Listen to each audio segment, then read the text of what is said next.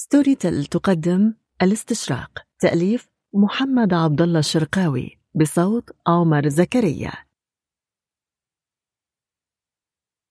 تمهيد.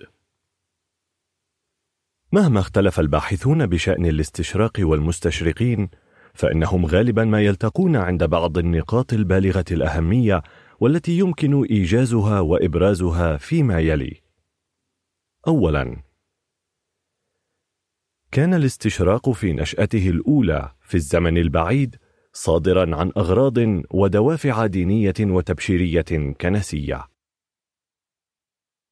ثانيا كما أن خدمة الاستعمار كانت وراء انطلاقة الاستشراق النشطة في القرن الثامن عشر وما تلاه. ثالثا أثر المستشرقون أعمق تأثير وأخطره في صياغة التصورات الغربية عن الإسلام. ومن ثم كانت لهم اليد الطولى في تشكيل موقف الغرب إزاء الإسلام والمسلمين على مدى قرون عديدة وحتى اليوم. رابعا يثبت الواقع أن للمؤسسة الاستشراقية تأثيراتها العميقة الفاعلة في الفكر الإسلامي الحديث. فقد أثر المستشرقون إلى أبعد حدود التأثير في بناء بعض العقول الإسلامية النشطة وصياغة رؤيتها الخاصة عن الإسلام ذاته مع التمكين لها وإذاعة فكرها ونشره على أوسع نطاق. خامسا هناك علاقات تبادل فريد وعجيب بين فهم الاستشراق من ناحية وفهم العلاقات التاريخية بين الغرب والشرق من ناحية أخرى. سادسا وتعتبر ظاهرة الاستشراق فريدة غير مسبوقة في تاريخ الحضارات كلها، فلم تقم حضارة بمثل هذا الجهد الشامل لدراسة حضارة أخرى من جميع وجوهها لتحقيق غايات محددة مرسومة سلفا. وهذا يوضح لنا خطورة موضوع الاستشراق ويؤكد الحاجة إلى دراسات علمية فاحصة متعمقة لمسألة الاستشراق من جميع زواياها والوقوف على تفصيلاتها الدقيقة وتشعباتها المتعينة السافرة أو المحجبة غير المعلنة. وليس من شأن هذا البحث الوجيز أن يضع حلولا لمشكلات عويصة، لكن حسبه أن يشير ويقترح، كما أننا لا ندعي لأنفسنا فضلا أو علما، فإن هذا البحث من أوله إلى آخره لا يعد أن يكون دراسة لأقوال المستشرقين أنفسهم وتمحيصا لاعترافاتهم الكثيرة في هذا الصدد. وغني عن البيان أن نقول إن المستشرقين أورينتاليستس هم أولئك النفر من الباحثين الغربيين الذين تخصصوا في دراسة لغات الشرق بعامة وآدابه وعقائده ونعنى في بحثنا هذا من بينهم بأولئك النفر الذين تخصصوا في دراسة اللغة العربية والدين الإسلامي قرآنا وسنة وتشريعا وحضارة وفكرا وتصوفا وفلسفة وفنونا وآدابا وعادات وتقاليد. الاستشراق ودوره في صياغة العلاقة بين الغرب والإسلام. الاستشراق أورينتاليزم ظاهرة غربية مهمة، ذلك أن الإسلام قد احتك احتكاكا مباشرا بحضارات شرقية عديدة هندية وصينية لكن الحضارة الغربية وحدها هي التي أنتجت ظاهرة الاستشراق بمعنى أن يتخصص عدد كبير جدا من أبنائها في دراسة الإسلام عقيدة وشريعة وحضارة وتاريخا ولغة. إلى آخره. بكثافة وتركيز. منذ احتكاك الإسلام بالغرب وإلى اليوم. وإذا كان العالم العربي هو مركز العالم الإسلامي وإذا كانت أوروبا هي مركز الغرب فإن العلاقة بين العالم العربي وأوروبا أو بين شاطئي البحر المتوسط شماله وجنوبه قد نشأت قبل الإسلام.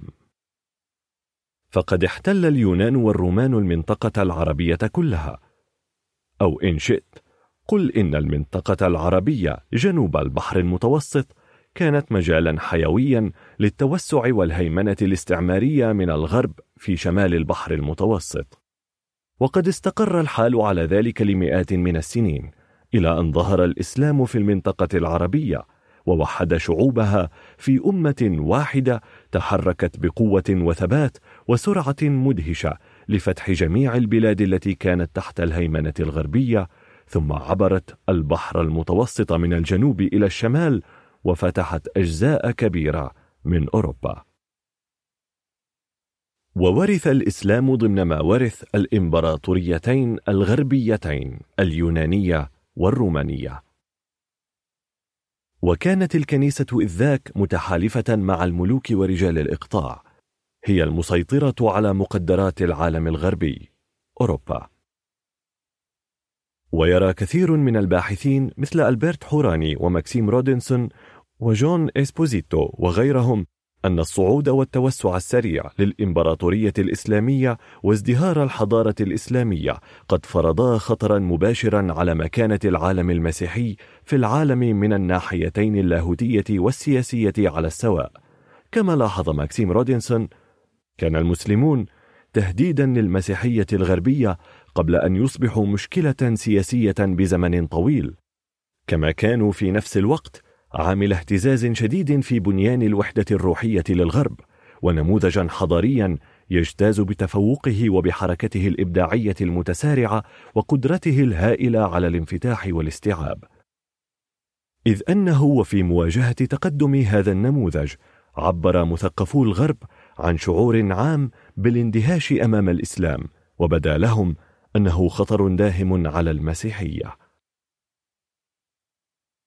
تصور الغرب إذن أن الإسلام يمثل خطرا ينبغي وضعه في الحسبان ومن هنا كانت استجابته كما يذكر جون إسبوزيتو دفاعية وذات صبغة حربية تجلت في إدانته واستبعاده باعتباره همجيا كافرا بدلا من فهمه. امتلأ الغربيون بالإحساس بالنقص إزاء الدين الإسلامي وحضارته المتفوقة المزدهرة ودفعهم شعورهم المتزايد بالخوف والمرارة بعد فشلهم المريع في حروبهم الصليبية إلى البحث عن خطط بديلة تحقق أهدافهم دون مواجهة عسكرية بحيث تؤدي إلى تشويه الإسلام في أعين الغربيين وتخويفهم منه بغية صرفهم عنه. أي القيام بعملية تزييف لوعي المواطن الغربي وحجب حقيقة الإسلام عنه أي أن الغرب قد تصرف إزاء الإسلام تصرفا ينسجم مع نزعته الاستعلائية العنصرية فراح ينسج لهذا الدين صورة مزيفة كالحة السواد ويسوق هذه الصورة البشعة المخيفة للمواطن الغربي بهدف تحصينه ضد الإسلام. ولقد احتمل رجال الكنيسة كبر هذا العمل وتحولت جماعة منهم إلى مستشرقين محترفين يدرسون الإسلام من كل جوانبه من أجل دحضه وتشويهه. بغية تسميم عقل الإنسان الغربي ووجدانه ضد الإسلام ورموزه ليصبح كارها له خائفا منه. وبذلك يبلغ الغرب هدفه في تحصين مواطنيه ضد هذا الدين. ولا يسعنا إلا أن نقر بأن المستشرقين قد أنجزوا مهمتهم بنجاح كبير واستطاعوا القيام بأكبر عملية تزييف وعي في التاريخ الإنساني حسب علمنا. لقد خان هؤلاء أمانتهم ولم يقدموا لذويهم في الغرب الحقيقة كما هي عليه في الواقع فأساءوا إلى مواطنيهم وأساءوا إلى الحقيقة وإلى الإنسانية كلها لأن أعمالهم تسببت في توتر دائم في العلاقات بين الغرب والعالم الإسلامي. لقد نجح هؤلاء في خلق صورة نمطية عن الإسلام أو قل إنهم نجحوا في خلق مزاج أو مناخ عقلي عام يسيطر عليه كما ذكرنا الكره والخوف من الإسلام إلى الحد الذي لم يفلت منه كثير من عباقرتهم وفلاسفتهم كما ورثت وسائل الإعلام الحديثة هذه الصورة النمطية وأعادت إنتاجها وتعميمها على أوسع نطاق مما كرس بدوره عمق الشعور العدائي وزاد من توتير العلاقات بين الغرب والعالم الإسلامي. معنى ذلك أن الصورة النمطية التي رسمها الاستشراق للإسلام وسوقها للمواطن الغربي في العصور الوسطى قد انتقلت مع تراكم في التشويه وتوظيف لأحدث الوسائل التقنية الإعلامية إلى المواطن الغربي في العصر الحديث. وللتعرف على ملامح صورة الإسلام في الغرب في العصور الوسطى يمكن الرجوع إلى بعض المصادر الغربية مثل The Influence of Islam on Medieval Europe للمستشرق الأب W. Montgomery Watt وكتاب Western View of Islam in the Middle Ages للمستشرق Southern والكتاب الوثيقة Rise and Progress of Mohammedanism للمؤلف الدكتور هنري ستاب. ويمكننا أن نقتبس نصا من الكتاب الأول يختصر فيه أم وات أبرز ملامح الصورة التي رسمت للإسلام والتي تمثلت في أن الدين الإسلامي أكذوبة وتشويه متعمد للحقيقة. كان مفهوم الأوروبيين في العصور الوسطى عن العالم والإنسان والرب شديد الارتباط بمفاهيم الكتاب المقدس. بحيث لم يكن في وسعهم أن يدركوا إن كان يمكن توفير صياغات بديلة للتعبير عن هذه المفاهيم. وبالتالي فإنه كلما اختلفت تعاليم الإسلام مع تعاليم المسيحية قيل إن الأولى زائفة بالضرورة. ويمكن أن نضرب مثلا للنبرة العامة في الفكر الأوروبي بصدد هذه النقطة فقرة واردة في كتاب القديس توما الأكويني ثم كونترا جنتيليس فالأكويني كان من بين أكثر مفكري القرن الثالث عشر اعتدالا ونبوغا فبعد أن تحدث عن الآيات والأدلة العديدة التي تؤكد صحة العقيدة المسيحية نجده يصر على أن هذه الأدلة مفتقرة لدى أمثال محمد ممن أسسوا ما أسماه توما بالفرق. بالإضافة إلى المتع الجسدية التي يبيحها الإسلام والتي تجذب الناس إليه إضافة إلى سذاجة الأدلة والحجج التي جاء بها محمد وخلطه الحق بقصص لا سند لها في التاريخ وتعاليمه الزائفة وافتقاره إلى المعجزات التي تؤيد زعمه أنه نبي. ثم وصف أتباعه الأول بأنهم لا علم لهم بالإلهيات وكانوا يعيشون في الصحراء حياة أقرب إلى الحيوانات. ثم يضيف إن هؤلاء الأتباع كانوا مع ذلك من الكثرة بحيث مكنوا محمدا من إجبار الآخرين بالقوة العسكرية على اعتناق الإسلام. وذكر أنه بالرغم من زعم محمد أن الكتاب المقدس تنبأ بظهوره فإن النظرة المدققة توضح أنه حرف كل شواهد العهدين. وفي حين قنع الأكويني والكثيرون غيره من الكتاب المسيحيين بأن محمدا خلط الحق بالباطل تمادى آخرون فادعوا أنه حيثما قال قولا سليما دس فيه السم الكفيل بإفساده. فإنه يمكن مقارنة أقواله الصادقة بالعسل الذي أضيف ليخفي السم تحته. أو على حد قول أحدهم لاحظ في الكتاب بأسره دهاءه الرائع المتمثل في أنه كلما أراد أن يقول شيئا شريرا أسرع بإضافة كلام عن الصوم أو عن الصلاة أو عن حمد الله وتمجيده. كان قصدهم من هذا الحديث في معرض رسمهم لصورة الإسلام بيان تناقض هذه الصورة مع الصورة المسيحية لأنهم ارتأوا أن الكتاب المقدس هو التعبير النقي الذي لا تشوبه شائبة عن الحقيقة الإلهية وأنه مطلق صالح لكل زمان ومكان. الإسلام دين العنف والسيف. يقول وات قد ذكرنا عرضا أنه حتى العلماء من أمثال توما الأكويني كانوا يحسبون أن محمدا إنما نشر الإسلام بالقوة العسكرية كما كانوا يخالون أنه من بين تعاليم دين العرب الدعوة إلى السرقة من أعداء الله ورسوله وأسرهم وقتلهم واضطهادهم وهدمهم بأي صورة من الصور والواقع أن الصورة الأوروبية للإسلام هي أبعد ما تكون للحقيقة. ويذكر وات أنه بين أن اليهود والنصارى وأتباع الديانات الأخرى التي يعترف الإسلام بها لم يخيروا بين الإسلام والسيف وأن الذين خيروا بينهما هم عبدة الأوثان وحدهم. ولم نسمع عن حدوث هذا خارج جزيرة العرب. أما النشاط الحربي للمسلمين فإنما أدى إلى توسع سياسي وجاء اعتناق الإسلام نتيجة للدعوة إليه أو نتيجة الضغط الاجتماعي. في تلك الصورة للإسلام باعتباره دين عنف ما يراد به الإيحاء بأنه على النقيض من المسيحية باعتبارها دين سلام انتشر عن طريق الإقناع. الإسلام دين يطلق لشهوات المرء العنان. نظر الأوروبيون في القرون الوسطى للإسلام على أنه دين شهواني. وكثيرا ما كانوا يحسبون أنه لا حدود لعدد الزوجات التي يمكن للمسلم الزواج بهن إن تيسر له الإنفاق الاقتصادي. ويذكر وات أن بعض الكتاب المسيحيين كان يعلم أن الإسلام يحرم الزواج بأكثر من أربع زوجات وكتب مع ذلك يقول إن الحد الأقصى هو سبع أو عشر. وكثيرا ما ترجموا آيات قرآنية بحيث توحي بمعنى جنسي منفر والآيات بريئة من ذلك. بل وجد بعض الكتاب آية قرآنية زعم أنها تبيح الزنا إلى غير ذلك. أن محمدا هو المسيح الدجال.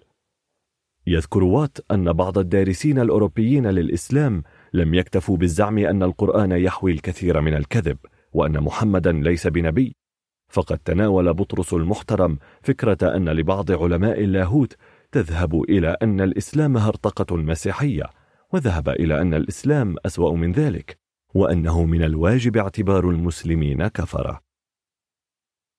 وكان جوهر التفكير المسيحي في هذا الصدد أن محمدا ليس بنبي وأنه كان أداة للشيطان وبهذا جعلوا الإسلام والمسيحية على طرفي نقيض. نشأة الاستشراق وعلاقته بالكنيسة. نشأ الاستشراق أول مرة في أحضان الكنيسة خدمة للهدف الاستراتيجي الذي حدده بطرس المحترم رئيس رهبان دير كلاني في إسبانيا المتمثل في دراسة الإسلام من أجل دحضه وإبطاله. وبطرس المحترم هذا قد درس في الأندلس وأشرف على ترجمة القرآن الكريم لأول مرة إلى اللغة اللاتينية. تلك الترجمة التي أنجزت في إسبانيا عام 1143 وقد كان من أبرز المتحمسين الذين دعوا إلى تعلم لغة المسلمين بغرض تنصيرهم. روجر بيكون 1293 فقد كان يرى أن التنصير هو الطريقة الوحيدة التي يمكن بها توسيع العالم المسيحي في الشرق ولبلوغ هذا الهدف لابد من توافر شروط ثلاثة. هي أولا معرفة اللغات الإسلامية. ثانيا دراسة أنواع الكفر وتمييز بعضها عن بعض. أي دراسة الأديان. ثالثا دراسة الحجج المضادة حتى يمكن دحضها لقد شارك بيكون في طموحاته هذه. آرلول عام 1316 الذي كانت له جهود كبيرة.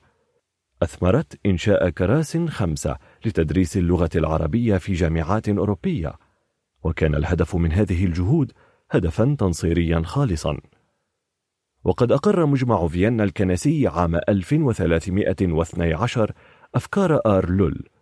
ومن قبله بيكون بشأن وجوب تدريس اللغات الإسلامية في الغرب.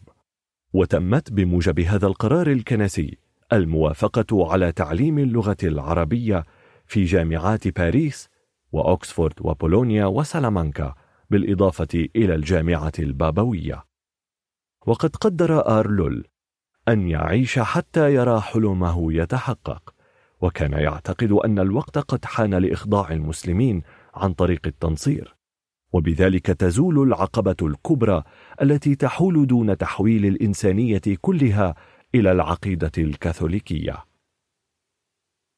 وبرغم الاجتهادات العديدة الرامية إلى تحديد بداية نشأة الاستشراق فإني أرى أنه قد بدأ بداية حقيقية منظمة بعد صدور قرار مجمع فيينا سنة 1312 وقد توسعت أوروبا بعد ذلك في فتح أقسام جديدة وإنشاء كراس أستاذية في عدد من الجامعات. ففي سنة 1587 بدأ تدريس اللغة العربية بصورة منظمة في كوليج دو فرانس في باريس وفي سنة 1613 في جامعة لايدن بهولندا. وفي كامبريدج سنة 1639 وأنشئ كرسي أستاذية للعربية والدراسات الإسلامية في أكسفورد سنة 1634 ويرى الدكتور ألبرت حوراني أنه منذ ذلك الوقت بدأت دراسات مهمة ومكثفة للمصادر العربية. ثم توسعت أوروبا في دراسة الإسلام والمسلمين توسعا كبيرا في عصر الإمبراطوريات الاستعمارية الحديثة كما سنذكر فيما بعد. وننقل هنا عن المستشرق الإنجليزي اي جي آربري ما جاء في المذكرة التي رفعها جمع من العلماء إلى المسؤولين في جامعة كامبريدج والتي سوغوا بها طلبهم إنشاء كرسي للدراسات العربية والإسلامية بالجامعة. يضع المركز نصب عينيه خدمة مصالح الملك والدولة وذلك بالعمل من أجل ازدهار تجارتنا مع الشرق وتوسيع حدود الكنيسة في الوقت المناسب ونشر هدي الدين المسيحي بين أولئك الذين لا يزالون يتخبطون في ظلمات الجهالة. الاستشراق في الحقبة الأمريكية بعد انتهاء الحرب العالمية الثانية تحول مركز الثقل وقيادة العالم من أوروبا إلى أمريكا.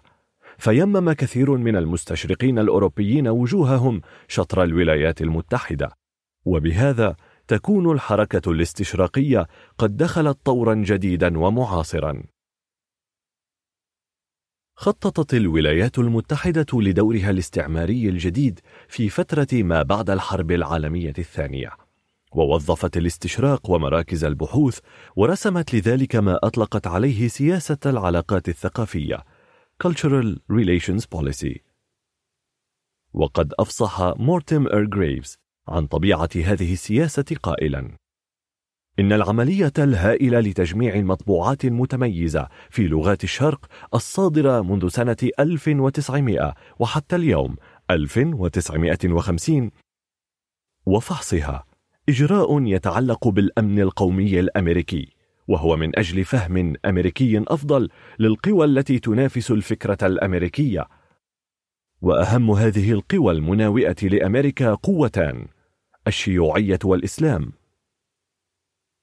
وهذه عبارته was the need for much better American understanding of the forces which are contending with the American ideas for acceptance by the Near East. The principles of these are, of course, communism and Islam.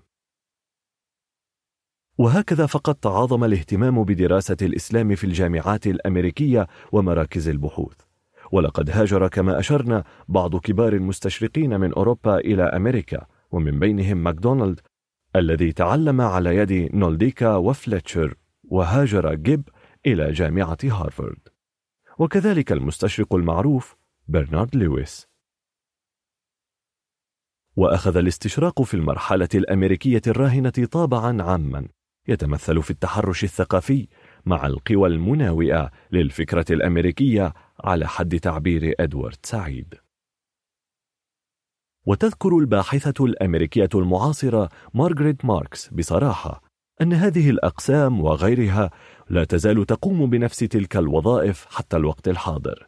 تقول إن المستشرقين العلماء والسياسيين الغربيين الدهاة واعون جيدا لهذه الحقائق.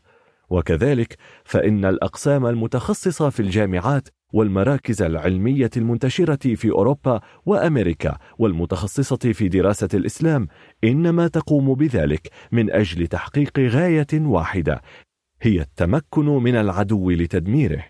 وتلك المعاهد ومراكز البحوث مشغولة اليوم بتكوين أتباع للغرب في قطر إسلامي تلو الآخر وهدفهم من وراء ذلك إجهاض القضية الإسلامية من داخلها وإحباط أي محاولة لبعث إسلامي حقيقي. الاستشراق في خدمة الاستعمار. أشرنا إلى أن العلاقة بين الغرب والعالم الإسلامي علاقة معقدة وتراكمية ولطالما وظف الاستشراق في خدمة خطط الغرب الاستراتيجية في التعامل مع العالم الإسلامي. منذ رأي الغرب أن ظهور الإسلام وتوحيده لشعوب الشرق يعد مشكلة خطيرة عليه أن يتعامل معها. وكان تحصين المواطن الغربي وإكسابه مناعة فعالة ضد الإسلام والمسلمين عن طريق تسميم عقله وتلويث مشاعره ضد الإسلام والمسلمين أحد هذه الخطط الاستراتيجية التي جند الغرب لها جيشا جرارا من المستشرقين. وأنا أقر هنا بأن هذه الخطة قد نجحت في هدفها وأكسبت الإنسان الغربي مناعة فجعلته كما قلنا كارها للإسلام خائفا منه في كثير من الأحوال. ولعل النجاح الذي تحقق قد أغراهم في مواصلة العمل بهذه الاستراتيجية حتى اليوم بعد تحديث أساليبها وتطوير آلياتها وبعد تحالف بعض المستشرقين مع خبراء مراكز البحوث ورجال الإعلام. وكما وضع كبار المستشرقين أنفسهم في خدمة الكنيسة وأغراضها وضعوا أنفسهم إلى جانب ذلك في خدمة حكوماتهم الاستعمارية أي أن الاستشراق قد أدى دورا كبيرا وأسهم بفاعلية في التهيئة لاستعمار العالم الإسلامي في القرن التاسع عشر. ولما تم للغرب ما أراد وسيطر على الشرق الإسلامي عسكريا وسياسيا وثقافيا هب الاستشراق للعمل على إضعاف المقاومة الروحية والمعنوية وبث الوهن والارتباك في التفكير وذلك عن طريق التشكيك فيما بأيدينا من تراث. وما عندنا من عقيدة وقيم إنسانية عليا. حتى نفقد ثقتنا بأنفسنا ونستسلم للهيمنة الغربية المتجبرة. نجح المستعمرون إذن في توظيف المؤسسة الاستشراقية لخدمة أغراضهم الاستعمارية وتمكين سلطانهم في بلاد المسلمين أي أن رباطا غير مقدس قد نشأ بين هاتين المؤسستين. مؤسسة الاستعمار ومؤسسة الاستشراق. وقد خاض في هذا كثير من المستشرقين الذين ارتضوا لأنفسهم أن يكون عملهم وسيلة لإذلال المسلمين وأضعاف شأن الإسلام وقيمه. وهذا عمل يشعر إزاءه بعض المستشرقين الموضوعيين بالخجل والعار. يقول المستشرق ستيفان ويلد الأقبح من كل ذلك أنه توجد جماعة يسمون أنفسهم مستشرقين سخروا معلوماتهم عن الإسلام وتاريخه في خدمة مكافحة الإسلام والمسلمين. وهذا واقع مؤلم لابد أن يعترف به المستشرقون المخلصون لرسالتهم بكل صراحة.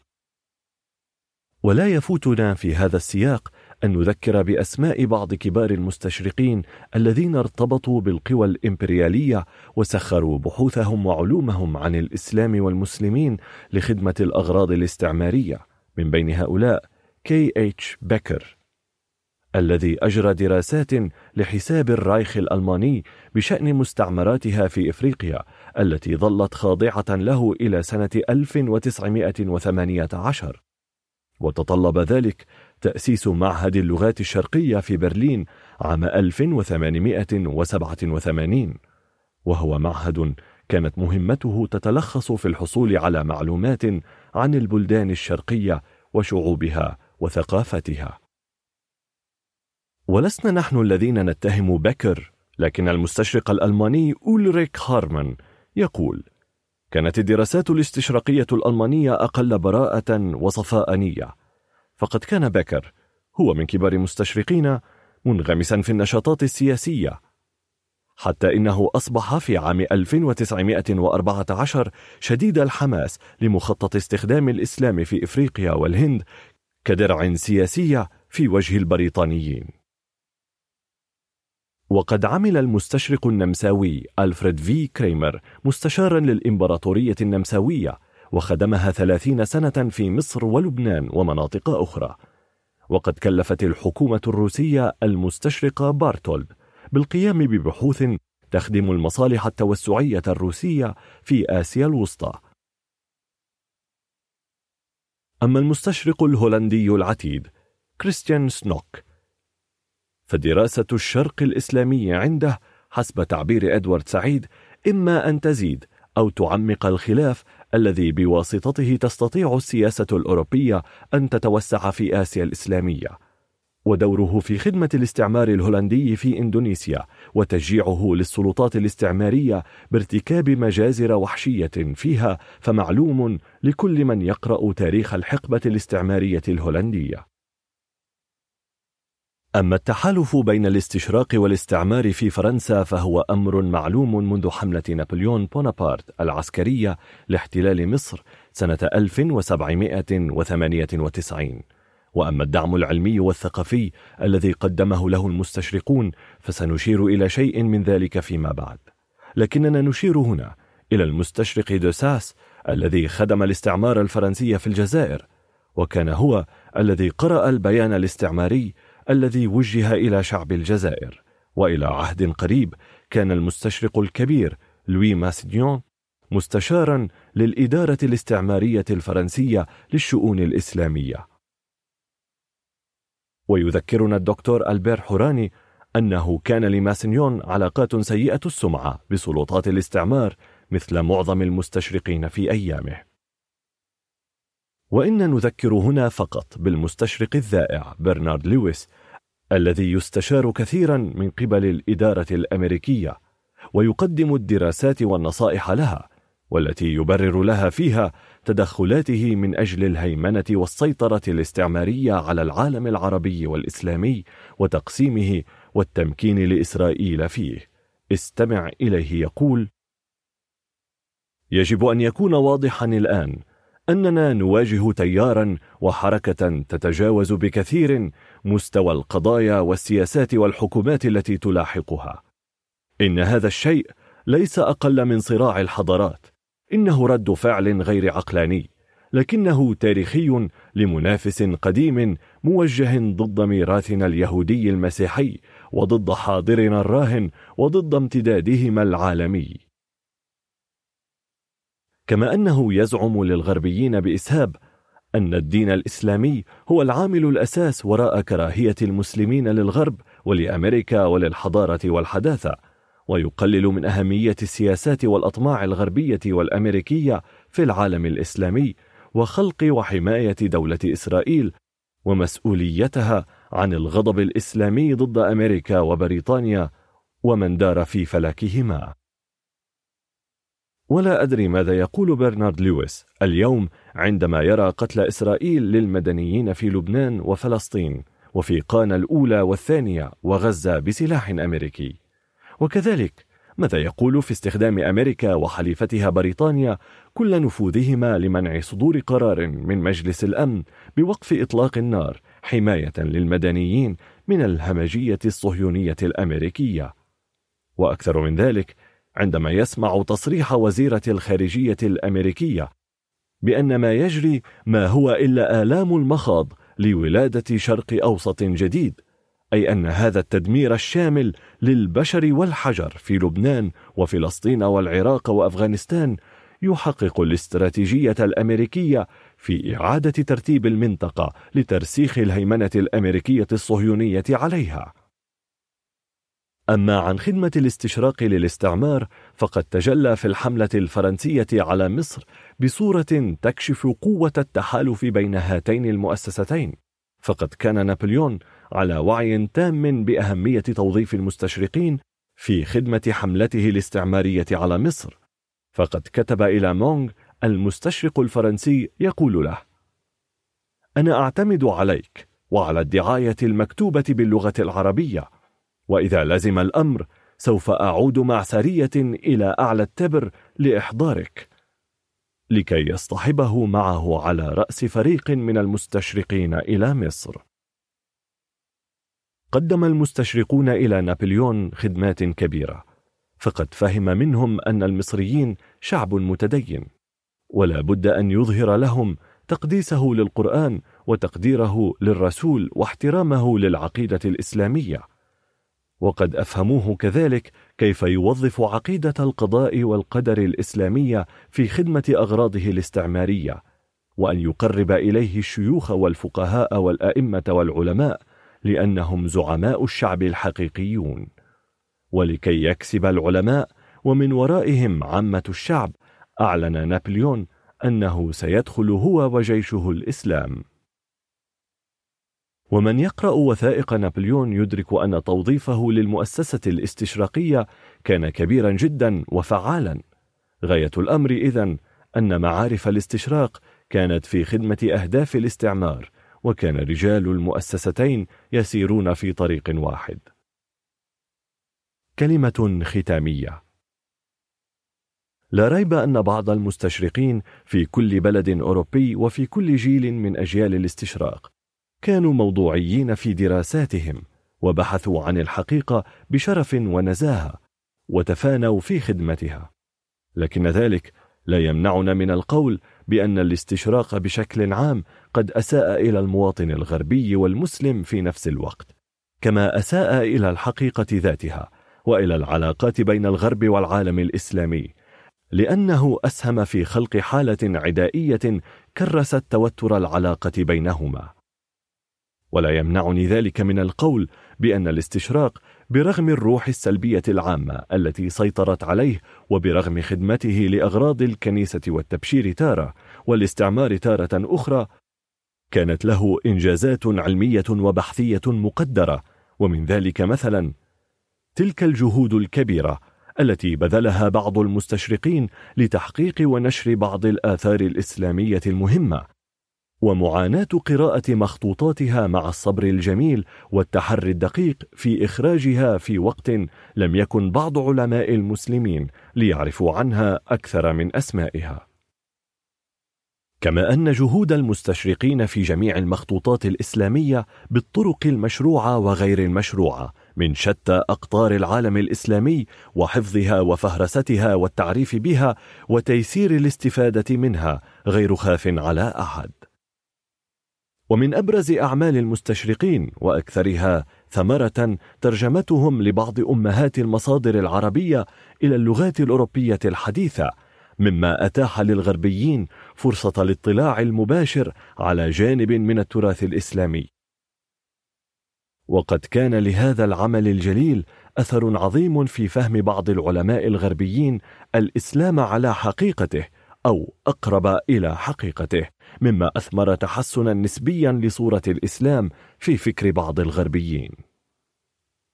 ومن آثارهم المهمة وضع المعاجم والقواميس وتيسير اللغة العربية لغير الناطقين باللسان العربي.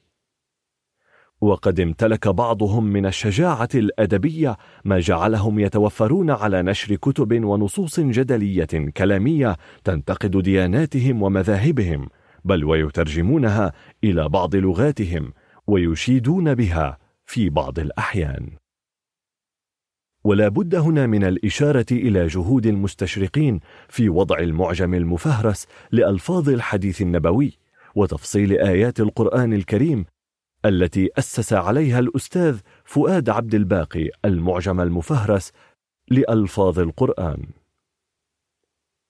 ونشير هنا إلى أن هذا الكم الهائل من المعلومات والبيانات الذي جمعه المستشرقون وحشدوه في دائرة المعارف الإسلامية ومع تحفظنا على منهجهم في التحليل والتفسير والاستنباط الذي يجعل الباحث المسلم يعجز عن إنجاز بحثه دون الرجوع إليها غالبا كما أن المؤسسات العلمية والبحثية الإسلامية ينبغي أن تشعر بحرج لأنها لم تنتج مثل هذه الموسوعة. ومما يستحق الإشارة تلك البحوث التي كتبها بعض المستشرقين وتدخل في باب النقد الذاتي للاستشراق. هنالك إذا جوانب مثمرة للاستشراق ليس من همنا هنا إحصاؤها جميعا. إن هذه الإيجابيات قد تحققت عرضا وإلى جانب ما حققه الاستشراق من نجاح فائق في خلق صورة مشوهة للإسلام والمسلمين وغرسها في عقل ومشاعر الإنسان الغربي وتوارثتها الأجيال في الغرب حتى اليوم. تلك الصورة النمطية التي جعلت الإنسان الغربي العادي كارها للإسلام خائفا منه. كل ذلك أسهم في استمرار التوتر في العلاقات الغربية الإسلامية.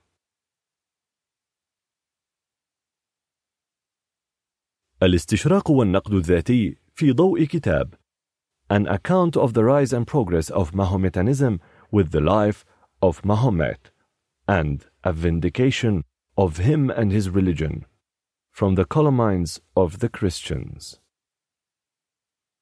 القسم الأول توطئة لا ريب أن مؤسسة الاستشراق قد نشأت في سياق موقف التحدي الذي وقفه الغرب إزاء الإسلام ثم أصبح مسؤولا فيما بعد عن تشكيل موقف الغرب من الإسلام والمسلمين. إنه ظاهرة معقدة تختلط فيها الإيجابيات بالسلبيات والحسنات بالسيئات. لا ريب أن الاستشراق قد حقق كثيرا من الأغراض التي قام من أجلها ولا ريب كذلك فإن الاستشراق بمعنى أن يتخصص آلاف من أبناء الحضارة الغربية في دراسة الإسلام وحضارته من جميع جوانبها كلياتها وتفاصيلها فكرها وواقعها يعد ظاهرة فريدة في تاريخ الحضارات والثقافات الإنسانية.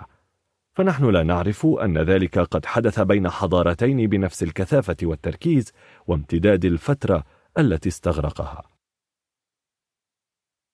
يشرح ألبرت حوراني الأستاذ في أكسفورد في كتابه Islam in European Thought كامبريدج 1991 إن الإسلام قد شكل تحديا هائلا للغرب منذ أيامه الأولى.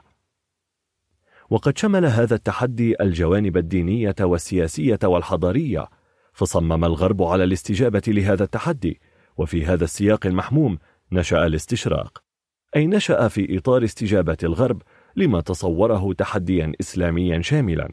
تلك الاستجابة الغربية التي اعتمدت حتمية الصراع مع الإسلام استراتيجية عامة ومطلقة. لقد كان الغرض الأساسي للاستشراق منذ البداية تحصين المواطن الغربي ضد الإسلام وذلك عن طريق نسج صورة سوداء بشعة للإسلام تجعل المواطن الغربي خائفا منه كارها له أي عن طريق تسميم عقله ووجدانه تجاه الإسلام والمسلمين. ومع ذلك منذ البدء ومرورا ببطرس المبجل Venerable Peter وترجمته لمعاني القرآن الكريم ورهبان دير كلوني في جنوب فرنسا وقد كان بطرس نفسه رئيسا له ثم ترأسه من بعد ريموند لول. إلى قرار مجمع فيينا الكنسي عام 1312 بإنشاء خمسة أقسام علمية أكاديمية لتدريس اللغة العربية رسميا في جامعات الغرب الكبرى في ذلك الوقت القرن الرابع عشر أي منذ سبعة قرون. بما فيها جامعة الفاتيكان نفسها. أي أن الاستشراق قد نشأ رسميا بقرار من مجمع الكنيسة لأغراض حمائية وتبشيرية ثم التقت هذه الأغراض في القرن التاسع عشر مع الاستراتيجيات والخطط الاستعمارية الكولونيالية الغربية لإخضاع العالم الإسلامي لهيمنة الغرب. وفي سبيل ذلك سخر الغرب آلاف الباحثين لدراسة الشرق أورينت الإسلامي العربي دراسة مستوعبة شاملة وقد تمخض هذا الجهد الهائل المتواصل عن آلاف البحوث والدراسات والكتب والمؤتمرات والمجلات التي استطاعت بنجاح كبير أن توجه العقل الغربي وأن تشكل الشعور والمزاج العام في الغرب تجاه الإسلام والمسلمين. وقد تجلى ذلك في توتر العلاقات بين الغرب والشرق الإسلامي العربي في كل مراحلها التاريخية والمعاصرة. ولقد نفذ المستشرقون بنجاح يغبطون عليه أكبر عملية غسل مخ أو تزييف وعي لمواطنيهم عرفها التاريخ الإنساني. وإن رمت الدقة قلت إنها عملية إكراه ثقافي أو إخضاع فكري للمواطن الغربي. وقد اقتضى ذلك اقتحام مجالات بحثية وعلمية مهمة مثل تحقيق المخطوطات الإسلامية وترجمتها إلى اللغات الأوروبية ودراستها ونشرها ومثل جمع المخطوطات وفهرستها وحفظها. ومثل تأليف المعجمات اللغوية الحديثة وإنجاز دائرة للمعارف الإسلامية ومعجم مفهرس لموضوعات القرآن الكريم ومثل اصطناع مناهج بحثية نقدية في دراسة التراث الإسلامي ومثل الإشراف على الأطروحات الأكاديمية التي تتعلق بالثقافة الإسلامية وكذلك تدريس الفكر الإسلامي في الجامعات العربية والإسلامية ومثل عقد سلسلة من المؤتمرات ونشر عدد من المجلات الاستشراقية إلى آخره.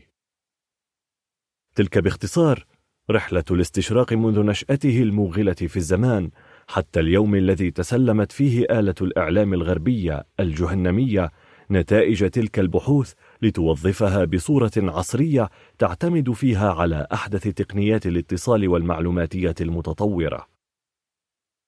ومما تجدر الإشارة إليه أن كثيرا من كبار المستشرقين بعد الحرب العالمية الثانية وتوسد الولايات المتحدة الأمريكية سدة الزعامة في العالم قد يمموا وجوههم شطر أمريكا وبدأوا هنالك مرحلة جديدة.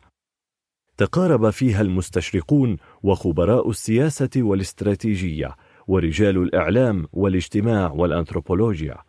وتخفف المستشرقون من الدراسات الأكاديمية للإسلام ومن تحقيق نصوصه وترجماتها دراسة نظرية وانشغلوا في نوع من الدراسات الميدانية. أو ما أطلق عليه في أمريكا Area Studies.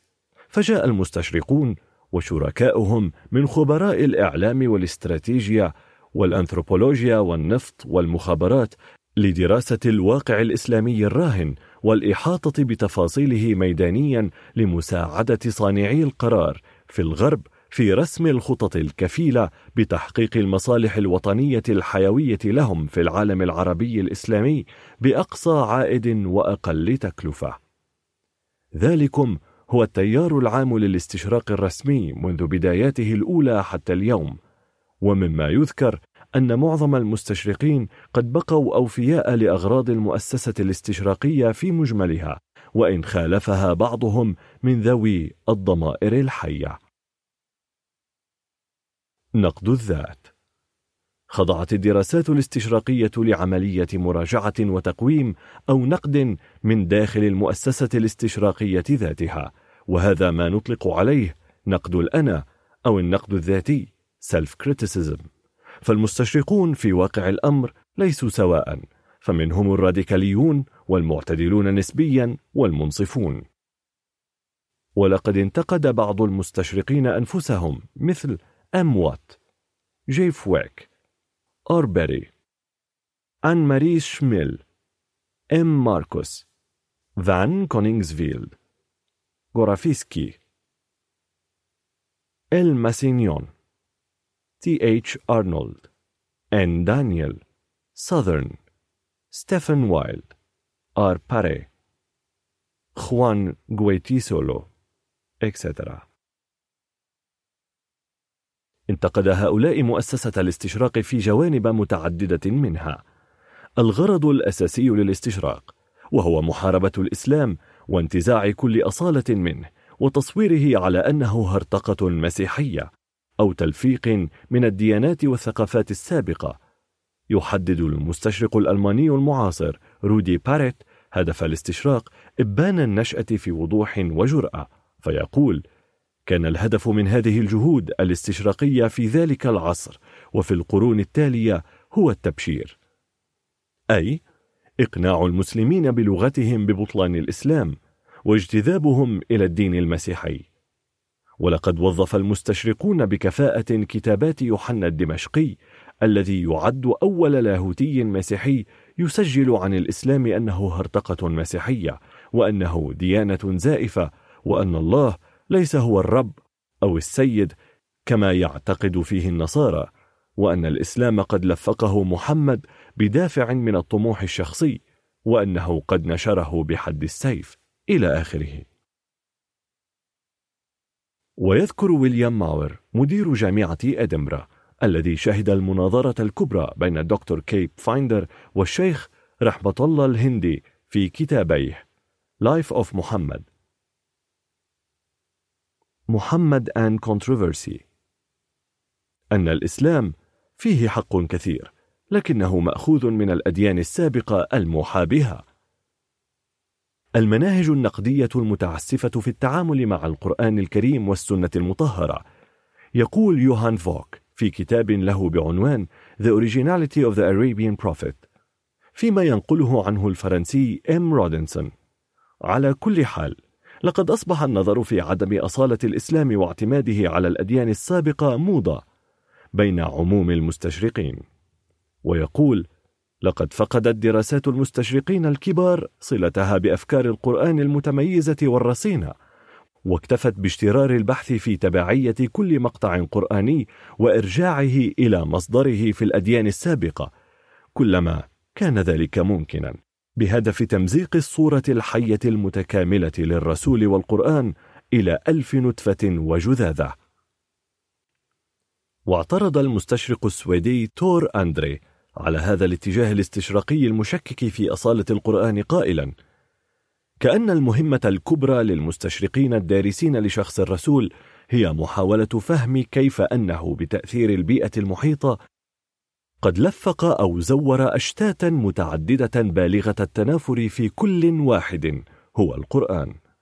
لقد بذل المستشرقون اليهود أكبر الجهد في محاولة الطعن في أصالة القرآن الكريم. ولا ننسى الراباي أبراهام جوجر وتوروي اللذين لم يريا في محمد إلا التلميذ المتلقي في معبد اليهود. ثم جويتن الذي يؤكد على أن الإسلام إنما هو مستمد من صميم لحم وعظم اليهودية. ولقد غلا هنري لامانس اليسوعي في دراسته عن القرآن غلوا شديدا أثار عليه المستشرق اليهودي جولدزايهر نفسه. فانتقده فيما يذكر ماكسيم رودنسون. لقد شعر كثيرون من بينهم أنا شخصيا بنفس الشعور الذي عبر عنه جولدزايهر نفسه ورواه لي الراحل ماسينيون في خطابه المؤرخ في السابع من آب عام 1964 قائلا فيه.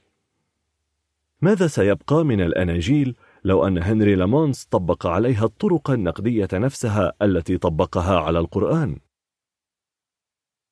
خدمته للاستعمار ووضع الاستشراق كل خبراته ودراساته في خدمة وزارات المستعمرات الغربية وعمل المستشرقون في تلك الدوائر الاستعمارية كخبراء ومستشارين. إن أعداد المستشرقين الذين سخروا علومهم ومعارفهم لخدمة خطط المستعمرين يصعب حصرها وحسبنا أن نشير هنا إلى كل من ألفريد فون كريمر والروسي بارتولد وكارل هنريك بيكر. وسي اتش اتش سنوك وماسنيون ومستشاري نابليون.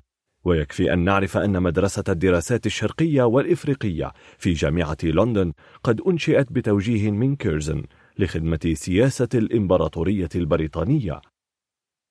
ولو قرأنا حيثيات قرار تأسيس قسم الدراسات العربية في جامعة كامبريدج التي نشرها اي جي آربري لعرفنا المزيد في هذا الصدد.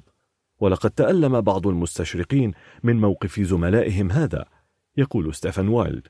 والأقبح من ذلك أنه توجد جماعة يسمون أنفسهم مستشرقين سخروا معلوماتهم عن الإسلام وتاريخه في سبيل مكافحة الإسلام والمسلمين. وهذا واقع مؤلم.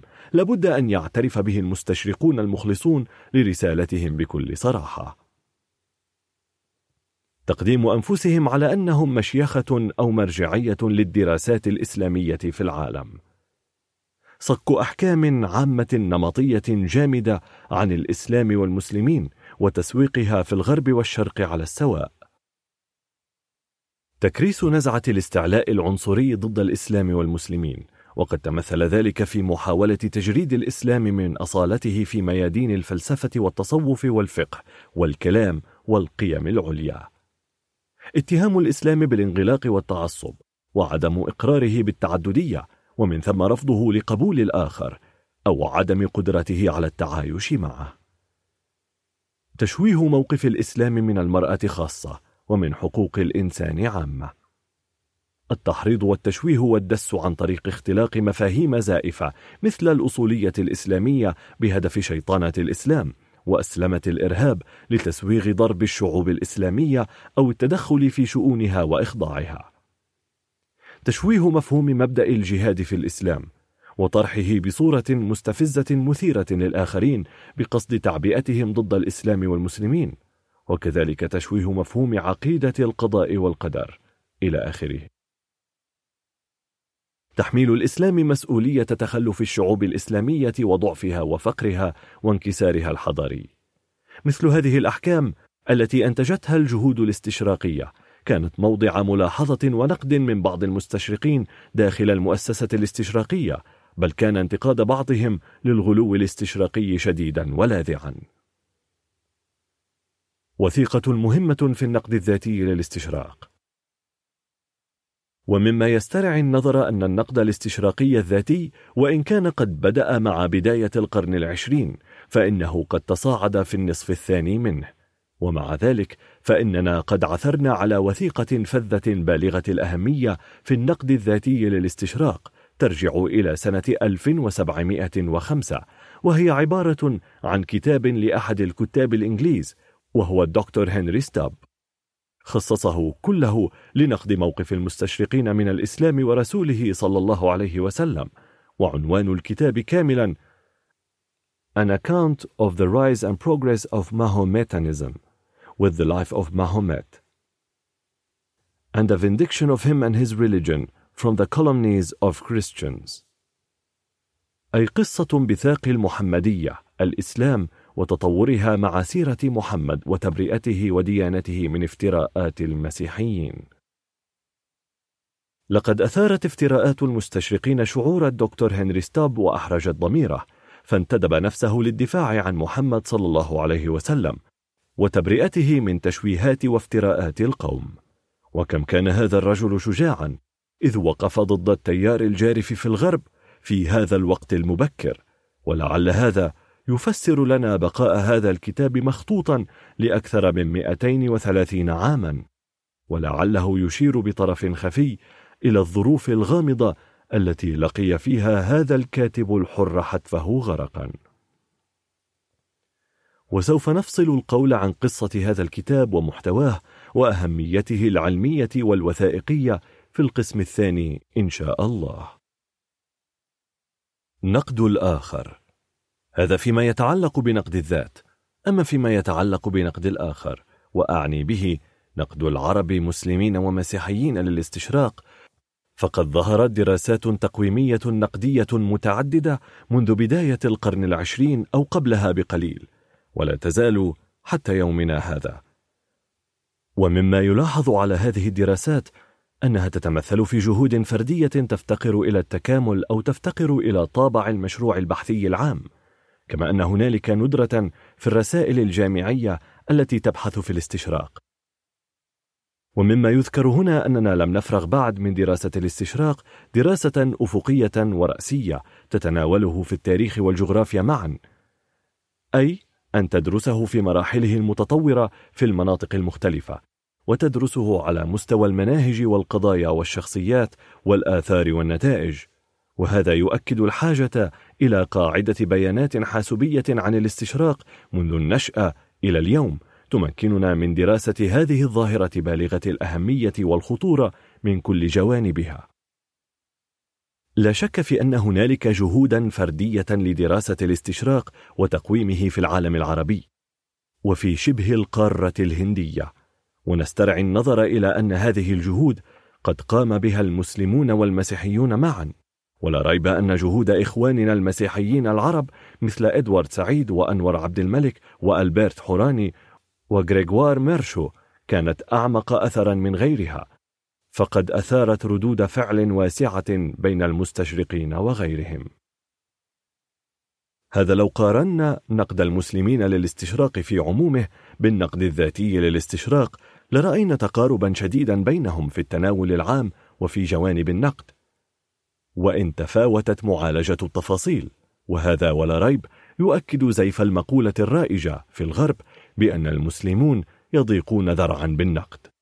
ومن ثم فإنهم يهاجمون الاستشراق والمستشرقين لا لشيء إلا لأنهم ينتقدون الإسلام والمسلمين. ولا ريب في أن هذه الدراسات التقويمية للاستشراق من الداخل والخارج من الأنا والآخر قد كان لها أثرها الإيجابي على موقف الاستشراق النمطي المغرض لأنها استرعت انتباه بعض المستشرقين إلى الغلو والشطط في بحوثهم وأحكامهم ومن ثم عمل بعضهم على مراجعة أحكامهم وخططهم ومناهجهم ومن ثم التراجع عنها وتصويبها. وعلى الرغم مما يمكن أن يقال عن سلبيات الاستشراق المعاصر وهو غير قليل فإن نزعة المراجعة والتقويم الذاتي داخل المؤسسة الاستشراقية في تنام ملحوظ. لا يعكرها سوى استدعاء وسائل الإعلام وبعض مراكز البحوث السياسية الغربية لتلك الصورة المزيفة التي رسمها الاستشراق للإسلام والمسلمين عبر مئات السنين وإعادة إنتاجها وتسويقها من جديد في سوق عالمي ينعم بالسماوات المفتوحة والطريق فائق السرعة للمعلوماتية المتعولمة أو المتأمركة. القسم الثاني الكاتب والكتاب أولا الكاتب لا يملك من يقرأ كتاب الدكتور هنري ستاب سواء أكان مسلما أم مسيحيا غربيا إلا أن يسأل نفسه أي نوع من الرجال كان هذا الرجل؟ وأي نفس كبيرة متمردة رافضة قد سكنت جسده وأنهكته بوقوفها ضد التيار العارم الصارم وخروجها على لغته وروحه وتوجيهاته ومسلماته فيما يتعلق بالإسلام ورسوله صلى الله عليه وسلم. لقد امتلأت روحه وعقله وضميره بالحرج أمام ركام الزيف من الخرافات والأساطير التي نسجها المسيحيون الغربيون حول الإسلام ورسوله وتوطنت عقول العامة والخاصة منهم وتجذرت في مشاعرهم ووجدانهم حتى كادت أن تتميز كرها وخوفا. ولد هنري ستاب لرجل دين مسيحي بروتستانتي صاحب رأي. فقد تمسك بعقيدة عدم وجوب تجديد العماد في بلده. وهاجر بسبب ذلك إلى إيرلندا مع أسرته. ثم عادت الأم وولداها هنري وأخوه إلى إنجلترا سنة 1641 حيث التحق مؤلفنا بمدرسة في ويستمنستر ولقي تشجيعا كبيرا من مديرها لما أظهره من نبوغ ومواهب. أما السياسي سير هنري فين الذي أعدم فيما بعد سنة 1662 فقد رعاه رعاية خاصة. وقد حصل الطالب هنري ستاب على منحة دراسية ملكية في أكسفورد نتيجة لتفوقه الملحوظ وتخرج سنة 1653 طمح إلى دخول البرلمان في اسكتلندا لكنه لم يفلح في مسعاه وحصل في أثناء ذلك على درجة الماجستير. وعين بها في وظيفة أمين مكتبة بودليان الشهيرة. حيث قضى بها ثلاث سنوات. ثم فصل منها بتحريض ووشاية من دكتور إي رينولد مدير المكتبة سنة 1659 الذي شنع بدفاع صاحبنا عن السير هنري فين في الكتاب الذي نشره بعنوان دفاع عن الفارس الحكيم المبجل السير هنري فين. نشر في لندن عام 1656 ضوء يلتمع من الغسق. وقد نظر إليه على أنه يشكل هجوما على رجال الدين الإكليروس والجامعات. بعد أن فصل من عمله بالمكتبة عمل طبيبا لحسابه الخاص. وسرعان ما حقق شهرة سافر على إثرها إلى جامايكا للعمل طبيبا للملك. ورجع إلى لندن سنة 1665 بعد أن لم يستطع البقاء هناك لاعتلال صحته وعدم قدرته على تحمل مناخ تلك البلاد. سرعان ما أعلن الحرب على علماء الجمعية الملكية البريطانية وأسهم علماء كثيرون كبار في تلك المجادلات القاسية المطولة التي أثرت أدبيات تلك الفترة وقد كتب سنة 1672 ردا على رسالة لأحد الكتاب الهولنديين بعنوان مسوغات الحرب الحالية ضد هولندا ثم كتب مبررات إضافية لتلك الحرب ومنح لذلك مكافأة مالية كبيرة من الملك.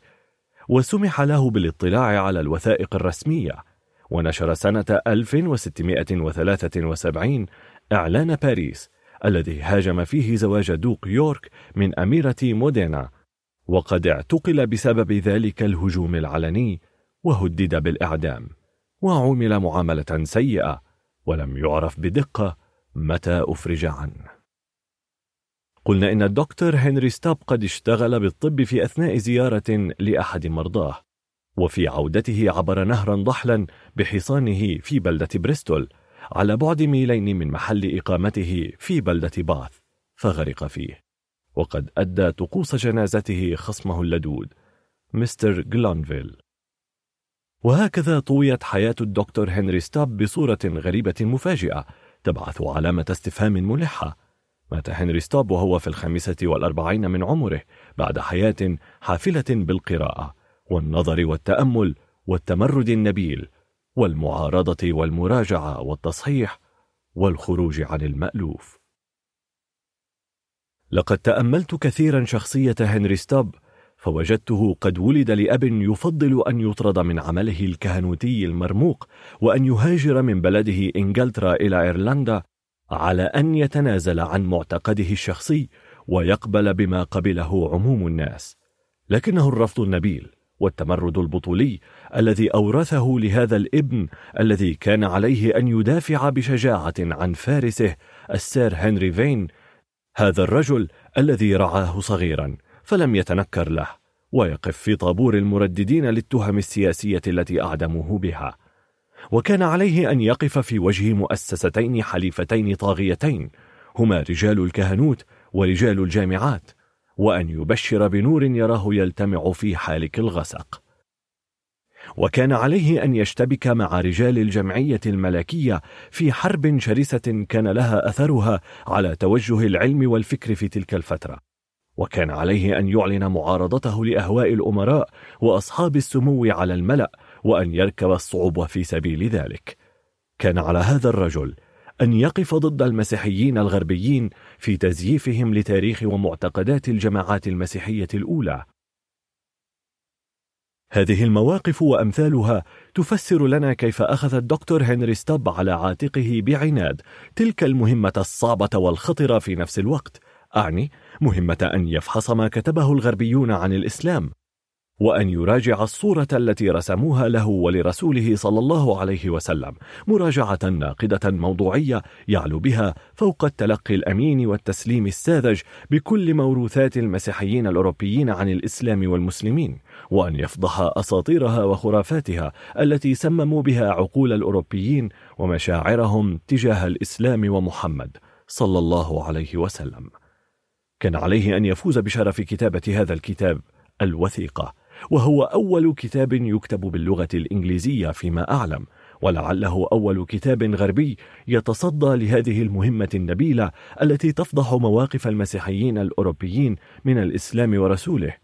وتجتهد في رسم الصورة الصحيحة الواقعية عن الإسلام ورسوله وأن يخرج عن السياق النمطي المألوف الذي انزلق إليه عباقرة كبار مثل دانتي وشيكسبير وفولتير وغيرهم.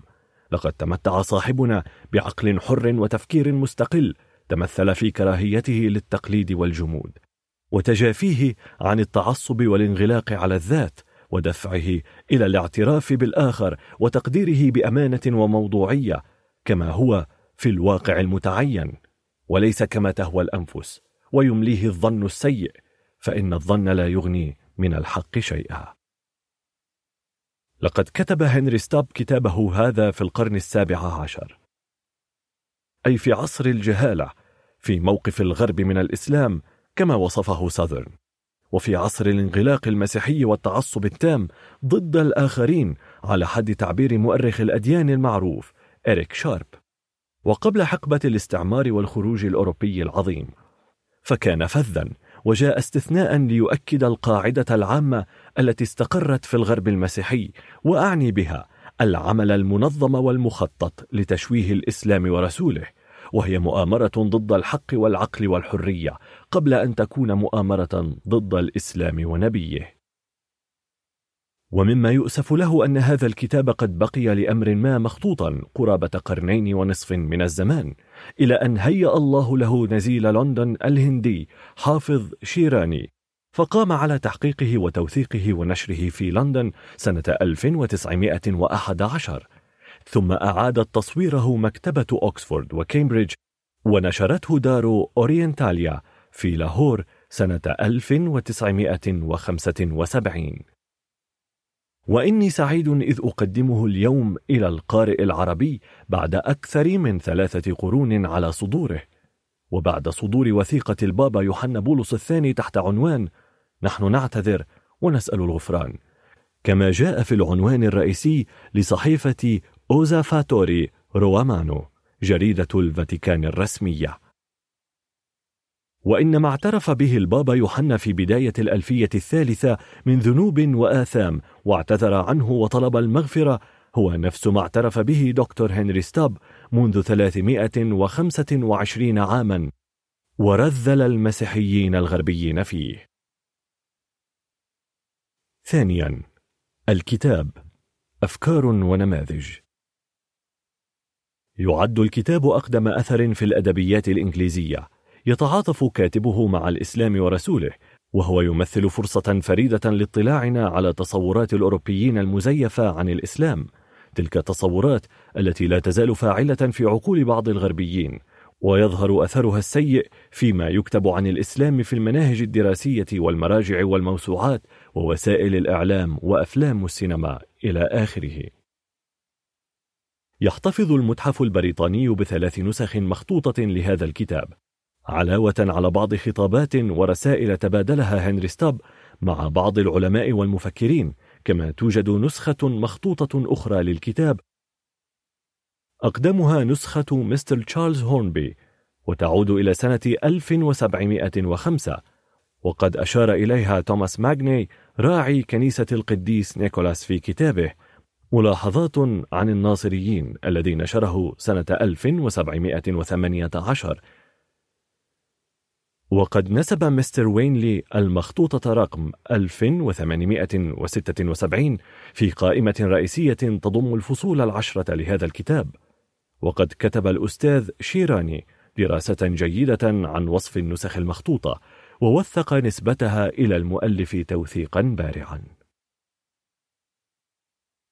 وعلى كل حال هنالك دراسة مفصلة عن الدكتور هنري ستاب وأعماله كتبها مستر أنتوني وود في الجزء الثاني من كتابه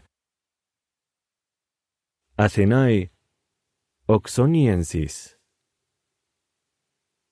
يتكون هذا الكتاب من عشرة فصول هي نظرة عامة إلى حالة اليهودية والمسيحية منذ عيسى المسيح إلى محمد. تقويم المؤلف للروايات السائدة عن تاريخ المسيحيين الأوائل وعقائدهم. تقرير موجز عن الجزيرة العربية والعرب ساراسنز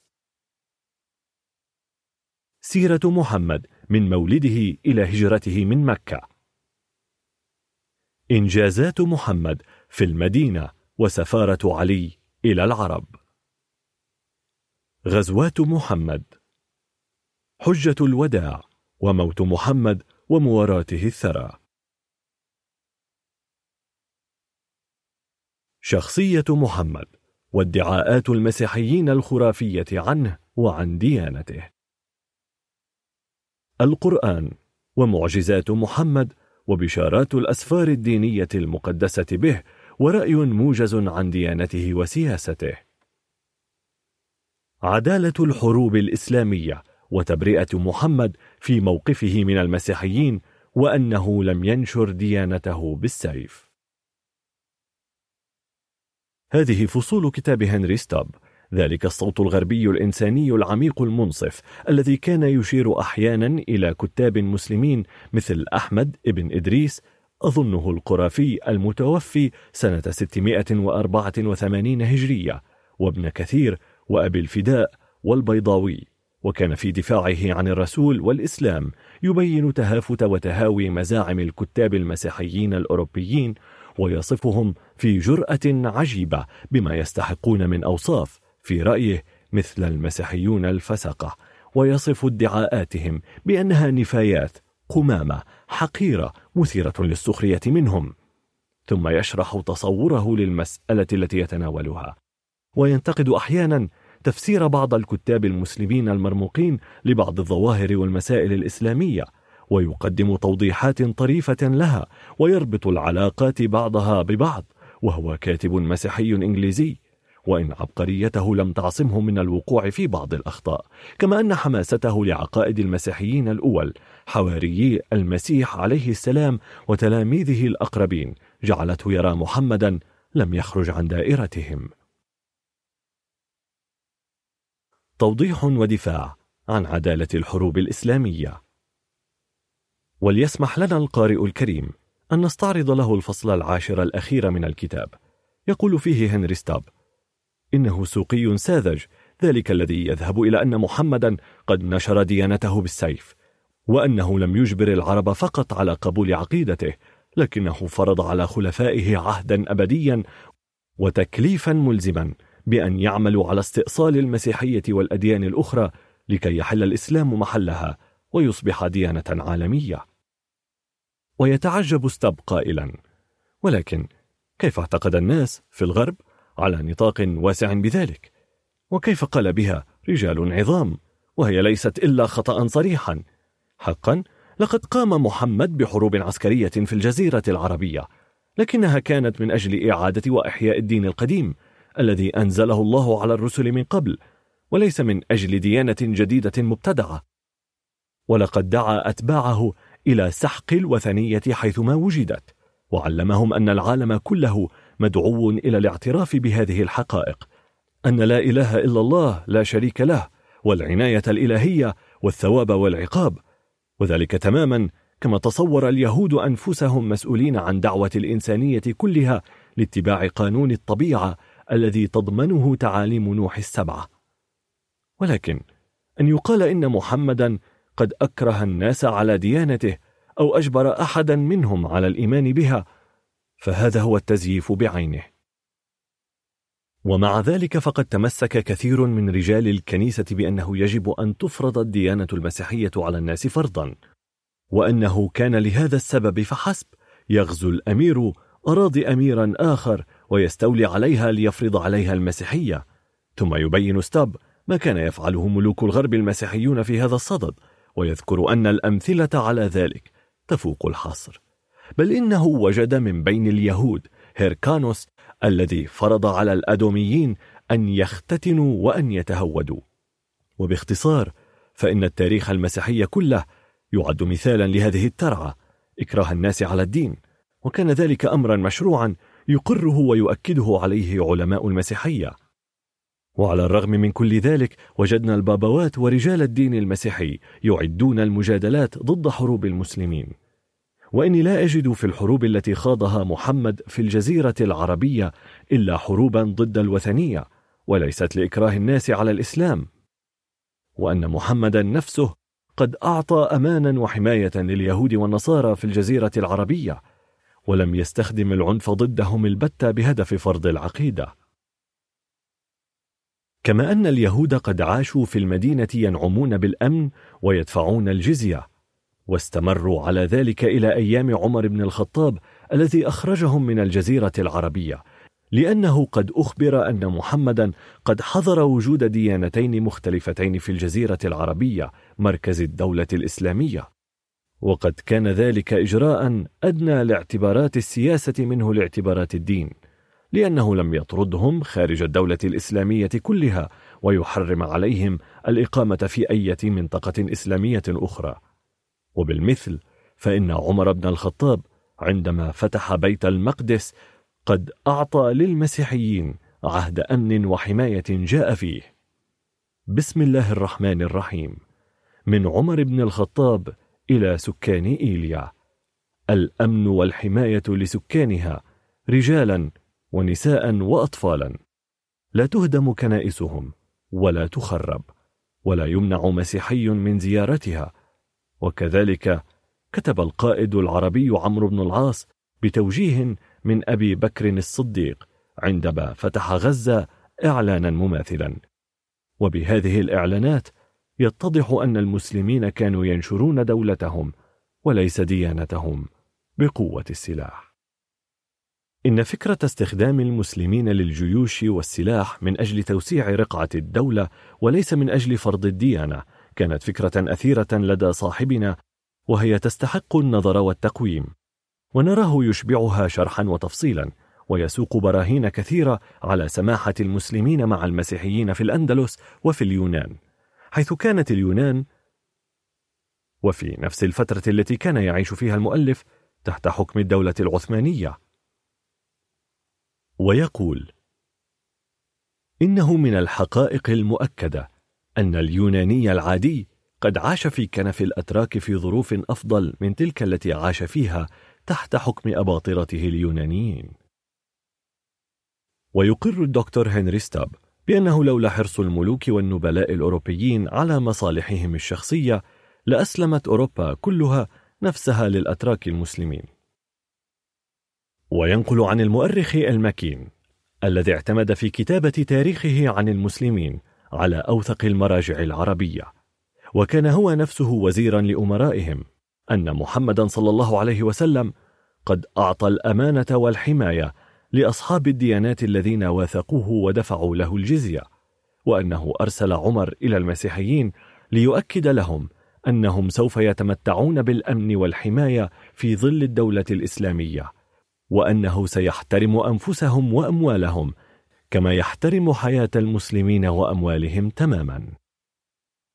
ويشير إلى أن بعض الكتاب المسيحيين قد ذكروا أنه قد جرى اتفاق أو تحالف بين محمد والمسيحيين ينص على أن دفع الجزية في مقابل منحهم حرية ممارسة عقائدهم أي أنهم قد اشتروا تلك الحرية بالأموال التي دفعوها للمسلمين. لكن بعض العلماء المسيحيين نظر إليه على أنه ليس إلا بعض تلفيقات المسيحيين. ونظر إليه هنري ستاب على أنه من الخرافات الأسطورية.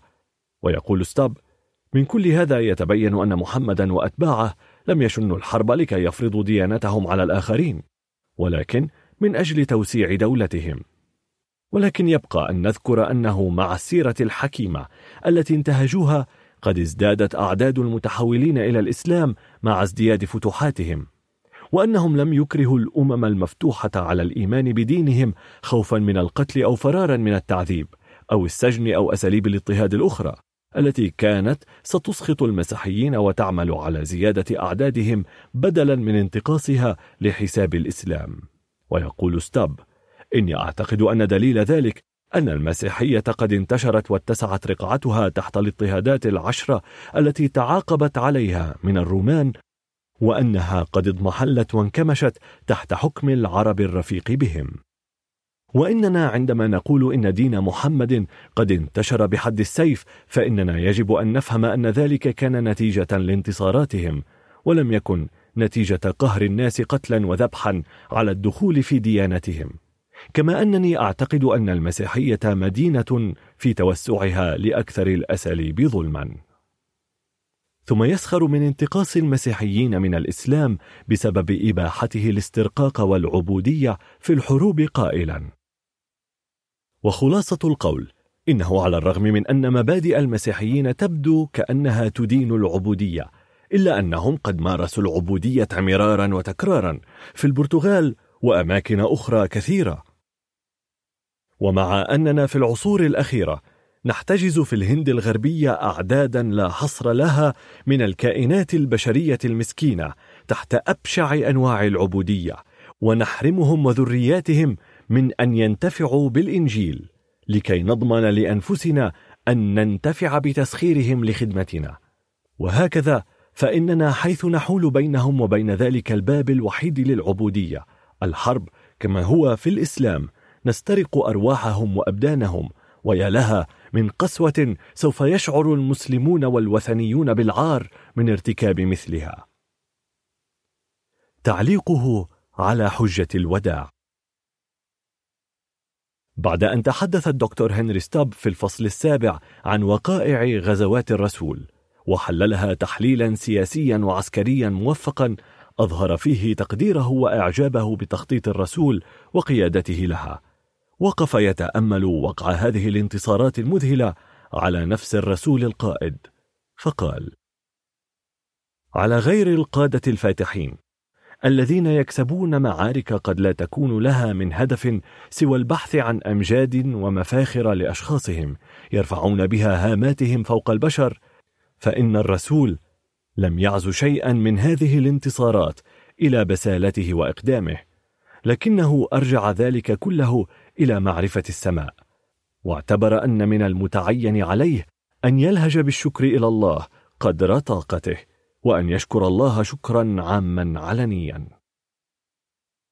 من أجل ذلك ومن أجل أن يشبع حنينه ويظهر توقيره للبيت الحرام ومن أجل أن يقدم القدوة للناس في أداء مناسك الحج لكي يؤدوا هذه الشعيرة على بصيرة غادر الرسول المدينة لأداء فريضة الحج مصحوبا باثنين وسبعين ألفا من الرجال والنساء الذين تجمعوا في موكب الحج مع الرسول. ونراه يجادل ابن الأثير المؤرخ المسلم الذي فسر مشقة بعض أعمال الحج بأن الرسول قد عمد إلى إقناع المشركين بأن أصحابه أصحاء أقوياء يقول هنري ستاب. أرى من جانبي أنه مع أن الحب الشديد والتقوى هما اللذان دفعا الرسول إلى أداء مناسك الحج فقد كان أمرا بالغ الحكمة أن يزور الرسول مكة بعد غياب طويل عنها. وليس من أجل أن يثير الحسد والأطماع التي قد تسبب قلاقل كما أنه أراد أن يظهر لأهل مكة بهذا الموكب المهيب أن إزالة الأصنام من البيت لم تقلل عدد قاصديه وحجاجه. ولم تنتقص من مكانة وشرف مكة التي تأكد كونها عاصمة جميع المسلمين. ويستطرد قائلا بعد أدائه الحج وإرشاده المسلمين عن كل ما يتعلق بدينهم وعبادتهم قفل الرسول راجعا إلى المدينة لكي يحتفظ رجاله بنظامهم السابق ولكي يظهر للعرب كافة أن الانتصارات العسكرية والسلطة لم تغير من نفسه وأنه لم يقلد نفسه صولجان الملك ولكنه احتفظ بما عرف عنه واشتهر به من أنه رسول الله ويقول إن احتقار الرسول لزخارف الملك لم ينتقص من نبله وجلاله إنه زهد في مظاهرها بينما تحمل تبعاتها ويرى هنري ستاب أن عودة الرسول إلى المدينة كانت أمرا حيويا توجبه الظروف الراهنة عندئذ شخصية الرسول ومزاعم المسيحيين الأسطورية ضده وضد ديانته. عقد المؤلف الفصل الأول من كتابه هذا لبيان حالة اليهودية والمسيحية منذ عيسى عليه السلام إلى زمان محمد صلى الله عليه وسلم. وقال مستهلا هذا الفصل لقد كان انبثاق الإسلام وتطوره واحدا من أعظم التحولات التي وقعت في العالم. لأن دينا جديدا قد ظهر منذ ألف عام ومكن لنفسه في استقلال تام عن الوثنية واليهودية والمسيحية وزاد من رقعته. ونشر أتباعه بسرعة فوق خمس العالم المعروف بصورة لم تعرفها الجماعات اليهودية وربما لم تعرفها المسيحية نفسها. ويقول قبل أن ندلف إلى سيرة هذا الرجل وشخصيته الذي استحق بأعماله تقدير واحترام جانب من العالم وملأ الجانب الآخر بالدهشة والتعجب ولسوف نحاول بكل ما لدينا من طاقة أن نكتشف الوسائل التي حقق بها تلك الأعمال المجيدة ثم نحاول دراسة أحوال صحابته وأتباعه. والتعرف إلى دوافعهم وراء هذا التحول العجيب ومناصرتهم للإسلام أو الثورة المذهلة. أما الفصل الثامن فيخصصه للحديث عن شخصية الرسول وتفنيد مزاعم المسيحيين الأوروبيين عنه فيبدأه برسم لوحة رائعة لبيان ملامحه الجسمية والنفسية فيبدأ مخاطبا قارئه قائلا له أنا لا أشك أنك الآن تتطلع إلى أن تتعرف إلى صورة هذا الرجل الفذ لقد سكنت نفسه العظيمة جسما ربعة. ثم يواصل حديثه المشوب بالإعجاب والتقدير إلى أن يقول وهكذا اجتمعت فيه كل المؤهلات التي يتطلبها تحقيق الأعمال الجليلة. كان مؤهلا للأعمال العسكرية كما كان مؤهلا للأعمال المدنية وسياسة الحكم. تلك التي كانت موضع افتراءات المسيحيين الأوروبيين ضده. ولسوف يتضح ذلك لكل متأمل من الروايات السابقة المعطاة عن حياته وأعماله. تلك التي اقتبسناها من أكثر الكتاب العرب وغير العرب موثوقية كما أننا قد عارضنا كلية ذلك الركام من الهراء النفايات الخرافية المثيرة للسخرية الذي حشيت به معظم الروايات التي نسجها المسيحيون الأوروبيون عنه. ويقول هنري ستاب إنك لو كلفت نفسك عن النظر في روايات الكتاب المسيحيين التي كتبوها عن محمد لوجدت أنها تفتقر إلى التماسك والرصانة كتلك التي لاحظناها من قبل. اللهم إلا بعض ما كتب عنه في القرن الأخير السابع عشر الذي شهد بعض التحسن في المعارف الشرقية. نعم لقد نشر المسيحيون عنه أباطيل كثيرة جدا. ثم ينتقل إلى مناقشة ودحض بعض مزاعم كتاب النصارى الأوروبيين عن الرسول فيقول لقد بات من المسلم به بعد التدقيق في المراجع العربية والمسيحية الموثوقة أن محمدا قد انحدر من أكرم قبائل العرب محتدا من جهة أبيه وأمه معا. ورغم ذلك نجد أن الكتاب المتعصبين يذهبون إلى أن محمدا لم يكن شريف النسب كريم المحتد. وذهبوا إلى ما هو أكثر من ذلك في غرابته فقالوا إن أباه كان حيثيا وأن أمه كانت يهودية. هذا على الرغم من أن الكتاب المسيحيين الذين عاشوا بين المسلمين مثل الماكين وآخرين قد بينوا ما يتمتع به محمد بين المسلمين من إجلال وتعظيم. كما أن بعض المسيحيين لا يزالون إلى اليوم يرددون أن محمدا كان عدوا للمسيح. وأنه قد استنبط اسمه بطريقة سرية من طلسم الرقم 666 ويعلق ستاب على ذلك قائلا لا شيء يثير السخرية مثل ذلك أليس من الحماقة أن يتهجى الإنسان اسم رجل بطريقة خاطئة ثم يتخيل أسرارا طلسمية في هذا؟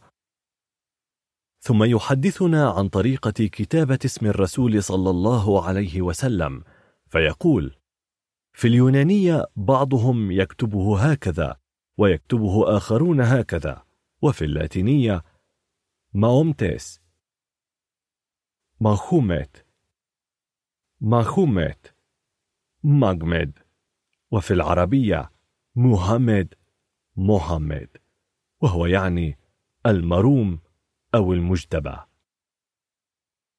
ثم ينتقل بنا المؤلف إلى نقطة أخرى مختلفة نشير إليها لطرافتها وجدتها بالنسبة للقارئ المسلم والأكثر طرافة هو أن صاحبنا يقرها ويراها حقيقة تاريخية وهي أن الرسول قد خرج في سرايا عسكرية إلى مصر وشمال إفريقيا وإسبانيا ويرى أنه أي الرسول قد تحاور مع المسيحيين بكل طوائفهم ويبدو أنه قد أحاط علما بجميع عقائدهم والأسس التي أقاموها عليها ولم تكن معرفته بالمبادئ اليهودية والتعاليم التلمودية أقل من ذلك وقد تجلى ذلك في القرآن الكريم. وقد كانت حال العرب موزعة بين اليهود ومتهودة المسيحيين ومتهودة العرب والآريوسية واليعقوبية والنسطورية ومثلثة النصارى والمانوية والمونتانية والصابئية وعبدة الأوثان. كل ذلك أعطى محمدا فرصة سانحة للاطلاع على هذه المذاهب والأديان. لكن المسيحيين الأوروبيين قد أعطوه مساعدين. أحدهما عبد الله وهو يهودي. وكان الآخر راهبا مسيحيا نسطوريا اسمه سيرجيوس. وأظهروا محمدا نفسه على أنه تابع جاهل لا يدري ما يبثه هذان الرجلان في عقله ووجدانه. وهذا في رأيهم سبب تلك الأخطاء التي وجدت في القرآن. ولم أجد بين أصحابه من يسمى سيرجيوس ولو كان له معلم نسطوري كما زعموا فلما لم يجذبه نحو النسطورية ويبشر بأن عيسى كان إلها حقا وإنسانا حقا في إطار شخصية مزدوجة أو طبيعة مزدوجة. ولماذا لم يذكر أسماء نسطور وتيودور موبسويستنسس أو ديودور تارسنسيس ويعترف بهم كقديسين ولماذا لم يشجب ويدين سيرل الإسكندراني؟ كما أني أعلم بأن أحدا من أتباعه لم يفعل شيئا من ذلك ونحن لا نجد في ديانتهم شيئا من النسطورية ولم تكن لمحمد علاقة ما بهذا الراهب المزعوم. ولم يكن هو الجامع أو المؤطر للإسلام كما افترى الأوروبيون ولم يكن محمد مهتما في يوم ما مثل بقية النصاطرة بتقوية علاقته بالفرس. وبعد أن يدحض الدكتور ستوب هذا الزعم يأتي إلى افترائهم بأن معلما يهوديا كان يرشده فيقول لم يتخذ محمدا مرشدا يهوديا مطلقا لأنه كان عظيم التقدير والإعجاب بعيسى عليه السلام وقد أعلن ذلك مرارا فقال إن عيسى كان سلفه في الرسالة وإنه يحمل نفس العقيدة التي بلغها عيسى للناس من قبل. كان هذا يعطي ذريعة للادعاء بأنه مسيحي وليس يهوديا. ويضيف الدكتور ستاب وأنا لا أعتقد البتة أن محمدا قد أحب يوما أو داهن اليهود ولم يمتدحهم في القرآن. وأنا أظن كذلك أن تغييره للقبلة من بيت المقدس إلى الكعبة جاء في سياق كراهته لأفعالهم كما أنه حرص على مخالفة عاداتهم في صيام عاشوراء مما يؤكد أنه لم يكن ليستجيب لمعلم يهودي. ثم يقول دعونا من تصديق هذه القصص الخرافية. لكن مؤلفنا قد التبس عليه التشابه الكبير بين الإسلام وعقيدة المسيحيين اليهود سواء في عدم الاعتراف بالتثليث أو النظر إلى عيسى على أنه بشر رسول أو نظم التقوى لديهم. فاستنتج من ذلك أن الرسول قد تمثل بهم أو أخذ عنهم خصوصا وأن هذه الطائفة كانت مضطهدة من قبل المسيحيين واليهود والرومان وكانت تختبئ في الجزيرة العربية. ويقول أرجو أن يكون فيما ذكرته كفاية لتوضيح أن ديانة محمد قد تشابه إلى حد كبير ما وجد لدى الناصريين والأريوسيين. ومع ذلك فإنني لا أعتقد أن واحدة منهما يمكن أن يكون لها أي يد في بناء القرآن الكريم لأنه لم يكن مؤلفا أو ملفقا كما أساءوا إلينا وأفهمون ذلك خطأ دفعة واحدة. قبل أن يبدأ محمد رسالته لكنه نزل بعد البعثة تبعا لأسباب النزول ونزل معظمه في المدينة وقد كانت أعين كثيرة تراقبه ولم يكن ليقبل أي معونة من أي جانب لأنه لم يكن بحاجة إليها. ثم ينتقل إلى رفض ما زعمه قومه على الرسول بأنه كان مريضا بالصرع. وهذا يأتي في إطار اتهامه بأسوأ أنواع الدجل والاحتيال في نفس الوقت الذي يصفونه بأنه كان من البله المعتوهين. ويسخر ستوب من قومه قائلا لقد اتهموه بأبشع أنواع الاحتيال والدجل غير مراعين أن مزاعمهم يناقض بعضها بعضا. لقد ذكروا لنا أنه كان يعاني من الصرع ويتظاهر بعد أن يفيق من نوباته بالشعور بالابتهاج والفرح ويردد عليهم البسملة ويكرر اسم الله الرحمن الرحيم ويتلو سورا من القرآن. ويعلق الدكتور ستاب على ذلك بقوله لقد رفضت هذه القصة لأنها لم تذكر في المراجع العربية كما أن المسلمين لم يذكروا عن رسولهم أي نوع من ذلك الوجد الصوفي. كما أضيف أن القرآن لم ينزل عليه بهذه الكيفية. ويضيف وليس أقل تفاهة من ذلك قصة الحمامة التي قالوا إن محمدا قد دربها على أن تلتقط الحب من حول أذنه فهي تحط على كتفه وتلتقط الحب فتبدو كأنها تحدثه أو توحي إليه بوصفها رمزا للروح ممثلا للروح القدس. ويناقش الدكتور ستاب هذا التخريف على حد وصفه مستنكرا إمكان حدوث ذلك عمليا. وكيف يقدم محمد على ما يزرع الشك في نفس أصحابه وأعدائه المتربصين به؟ ويطرح تساؤلات ينكر بها على المسيحيين الأوروبيين افتراءهم لها. ثم يخاطبهم قائلا. أود أن تخبروني على أي أساس بنيتم خرافاتكم هذه؟ إذا كان المسلمون لم يشيروا ولو مجرد إشارة إلى شيء من ذلك. ولم يذكرها أحد من المسيحيين العرب غير كاتب واحد كريتيوس الذي استفسر منه الدكتور بوكوك عن المصدر الذي استقى منه ذلك فكان جوابه أنه لم يستند في ذكرها إلى روايات المسلمين ولا إلى كتابات المسيحيين العرب. ولكن إلى كتابات المسيحيين الأوروبيين ولا سيما إلى سكاليغار في تعليقه على مانيليوس الذي ذكر قصة الحمامة وهذا كل ما يمكن أن يقال عن تلك القصة.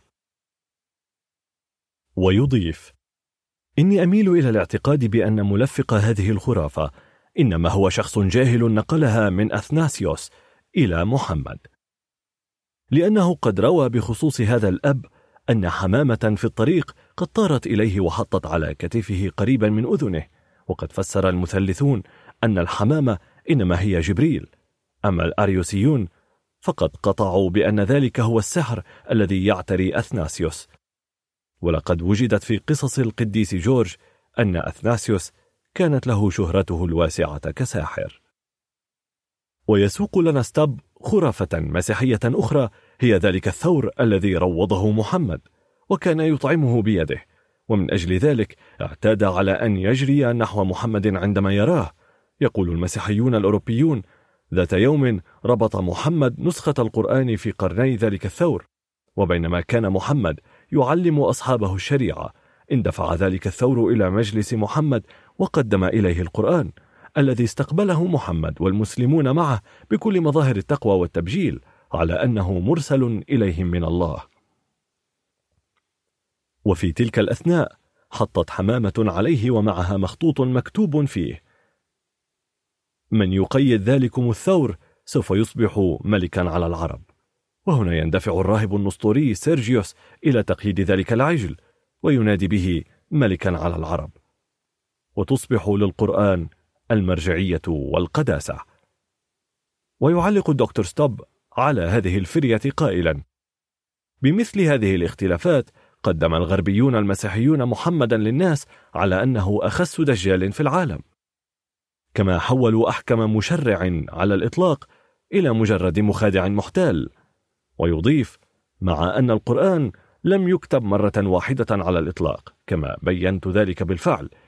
ولم يجمع في كتاب واحد في حياة محمد لأن أبا بكر وعثمان هما اللذان جمعاه في كتاب واحد كما أنه لا توجد إشارة إلى تلك المعجزات في التواريخ الإسلامية التي تذكر معجزات الرسول. ويطلعنا ستاب على زعم آخر قائلا ومن الخرافات التي لا تعقل قولهم إن محمدا قد وعد أهل مكة عندما طالبوه بمعجزة أن يدعو الجبل فيأتيه الجبل مسرعا واجتمع الناس ودعا محمد الجبل فلم يتحرك. فقال محمد بخفة إن لم يأتي الجبل إلى محمد فليذهب محمد إلى الجبل ويسترعي الدكتور هنري ستوب الانتباه في تعليقه على ذلكم إن نقطة جديرة بالملاحظة فيقول هل يمكننا أن نتخيل حماقة أشد من حماقة هؤلاء القوم؟ وتأمل سذاجة هؤلاء المسيحيين الذين ضللوا وسذاجة هؤلاء المسيحيين الذين ضللوا وسذاجة أولئك المضللين بمثل تلك التلفيقات الغبية. وفي التخاريف التي نسجوها حول قديسيهم مثل هذه الحكايات وعلى المرء ألا يتعجب إن هم لم يلفقوا لأعدائهم خرافات أفضل منها. ولم تحتمل نفس الدكتور ستوب المضي قدما في الحديث عن مزاعم المسيحيين الأوروبيين عن الرسول ورسالته فيصرخ قائلا إني مشمئز. مقروف من التقليب في مثل هذه الزبالة القمامة وخروجا عن ذلك يسرع الدكتور ستوب بالحديث عن قصتين أو ثلاث فقط فيقول أخبرنا بعضهم أن محمدا أمر واحدا من أتباعه أن يسبقه إلى بئر على الطريق وأن ينزل إلى أعماقها. وعندما يقترب منها محمد وأتباعه يصيح بأعلى صوته قائلا محمد حبيب الله محمد حبيب الله. وهنا يشكر محمد ربه لأنه شهد له بمحبته أمام هذا الجمع الغفير من الناس ويأمر الناس بردم البئر بالحجارة وبناء مسجد صغير عليها تخليدا لهذه المعجزة وبهذا دفن محمد صاحبه كي لا يكشف الخديعة ويسخر دكتور ستوب من وقاحة هؤلاء المفترين قائلا كان على هؤلاء أن يكدوا أنفسهم ليخبرونا عن موقف عامة المسلمين عندما عرفوا ظروف هذه الخدعة كما قصوها علينا. ويقص علينا خرافة أخرى فيقول أخبرونا أن محمدا قد وعد أصحابه أنه سوف يبعث ويقوم من رقدته بعد ثلاثة أيام. ولما كان أصحابه ينتظرونه وطال انتظارهم وبدأت رائحة الموت تنبعث ولم يعد إلى الحياة. وقد وضع جثمانه في تابوت حديدي وعلق في الهواء باستخدام قوة حجرين من المغناطيس. في حين أخبرنا آخرون أن الكلاب قد نهشت جثته وأن ما تبقى من عظامه هو الذي وضع في القبر. ويعلق على ذلك بقوله إن مثل هذه التلفيقات تثير ضحك المسلمين منها وتجعلهم يسخرون بالمسيحيين الذين يتحدثون بها. ويضيف قائلا إن الدكتور بوكوك دحضها غير مرة وها أنا أعيد كلماته التي ألقاها في جامعة أكسفورد عندما استجاش همم الأساتذة لدراسة اللغة العربية ويضيف إن العبارة الأخيرة للدكتور بوكوك قد ذكرتني ببعض التشويهات التي دأب المسيحيون الأوروبيون على انتقاص المسلمين بها ولا يزال المسيحيون إلى اليوم يلزمون المسلمين المتحولين إلى المسيحية بأن يلعنوا ويتبرأوا من شعائر وعبادات وثنية لم نعلم أنهم كانوا يقومون بها بل كانوا أبعد الناس عنها. لقد تجرأوا على المسلمين بقولهم إنهم يعبدون نجمة الصباح وفينوس بعد أن سموها كبار والتي تعني بالعربية الإلهة العظيمة. ويعجب كيف أن كتابا كبارا مثل إثيميوس زاجيبينيوس في التعليم الإسلامي الشفوي وسيدرينوس وآخرين مثل هوتينجر وبوكوك وسليدي يقعون في مثل هذا. وما هتاف المسلمين المشار على أنه عبادة لنجمة الصباح أو فينوس سوى كلمات الأذان الإسلامية المعروفة. وليس أقل بطلانا من ذلك ادعاؤهم أن المسلمين يعبدون فينوس تحت اسم براكثان وقد صوروا لها صورة يقدسونها. ويعلق ستاب على ذلك بقوله إن ذلك القول صريح البطلان وليس ما يتكلمون عنه غير الحجر الأسود الذي لا يعبده المسلمون ولكنهم يقبلونه تشريفا على أنه أثر من آثار الجنة أو لأسباب أخرى يذكرونها وربما يكون الناس قبل محمد قد عبدوه لكن محمدا وأتباعه لم يعبدوه بتاتا ولم يسموه براكثا وعلى كل حال فإن اللغويين لا يزالون يتساءلون في حيرة عن المصدر الذي اقتبس منه المسيحيون هذا الاسم. ويضيف ستاب ولأن المدعو إثيميوس زيغابينيوس. قد ذكر صنمين آخرين للمسلمين وهما ليس إلا الصفا والمروة اللتين يسعى بينهما الحجاج رجالا ونساء في مكة. ثم يختم الدكتور هنري ستوب هذا الفصل بتعليق طويل ضد زعم المسيحيين هذا قائلا هل يستحق مثل هؤلاء الكتاب المسيحيين الذين كتبوا هذا عن محمد وكان معظمهم من الكتاب اليونان واللاتين أي مصداقية؟ وهل لنا أن نلوم المسلمين حين يسخرون من تلك التلفيقات التي يضعها كتابنا عن رسولهم؟ ومهما تكن الأخطاء أو الحماقات التي اختلقوها ضد المسلمين فإن من المؤكد أن المسلمين أبعد الناس عن عبادة الأوثان والوثنيات. وإن محمدا قد قضى على عبادة الأصنام وإن بعض الشعائر القديمة التي أبقاها في ديانته إنما أبقاها لغرض آخر يختلف عما كان لها من قبل. ويقول ما أبعد هؤلاء المسلمين عن الوثنية وما أشد نفورهم من التماثيل والصور إلى درجة أنهم لا ينقشون على عملتهم أية صور ويستبدلون بذلك كتابة بعض العبارات الإيمانية. كان المسلمون كذلك ولا يزالون بل حتى إن الأتراك في أيامنا هذه لا يقبلون أية عملة مسيحية عليها نقوش آدمية أو حيوانية. إنهم أزالوا الأصنام والصور التي كان الناس يقدسونها حيثما وجدوها ووجدوا إلى ذلك سبيلا. ويجب أن نقر ونجهر بأنهم لم يعبدوا إلا الله الحق وإن كانوا قد ارتكبوا خطأ فهو خطأ في الوسيلة وليس في الهدف. ولقد وجد الإمبراطور مانويل كومينيوس غير سبب فيما يبدو لكي يغير صيغة القسم الذي كان يجبر من يتحول إلى المسيحية من المسلمين أن يتلوه. وكما يذكر الدكتور بوكوك في بحثه أنه كان يتضمن التبرؤ من إله محمد وسبه إلى صيغة أخرى. القرآن ومعجزات محمد.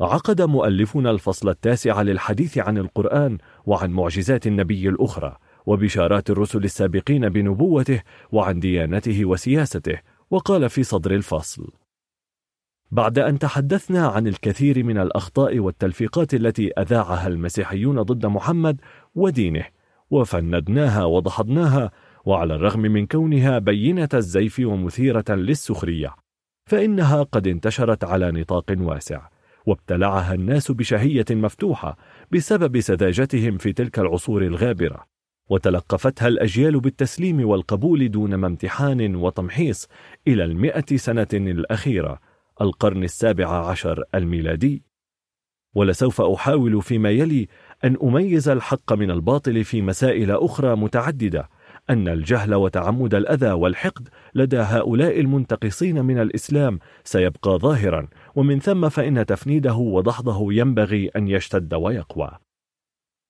ثم يقدم دراسة موجزة عن القرآن وكيفية نزوله وتلاوته وتدوينه والأدوات التي كان يكتب عليها وجمعه في مصحف واحد لأول مرة بأمر الخليفة الأول أبي بكر الصديق وحفظ هذه النسخة في بيت أم المؤمنين حفصة بنت عمر بن الخطاب. ثم جمع الخليفة الثالث عثمان الناس على هذه النسخة الواحدة وترك ما عداها مع بيان أن القرآن قد نزل منجما طبقا لحوادث معلومة.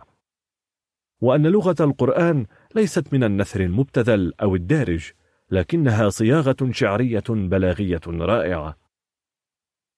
ثم يذكر أن محمدا نفسه قد ذكر مرارا وتكرارا أن هذا القرآن هو معجزته وبرهان صدقه في رسالته وأنه تحدى كل من يشك في ذلك أن يأتي بعشر سور مثله.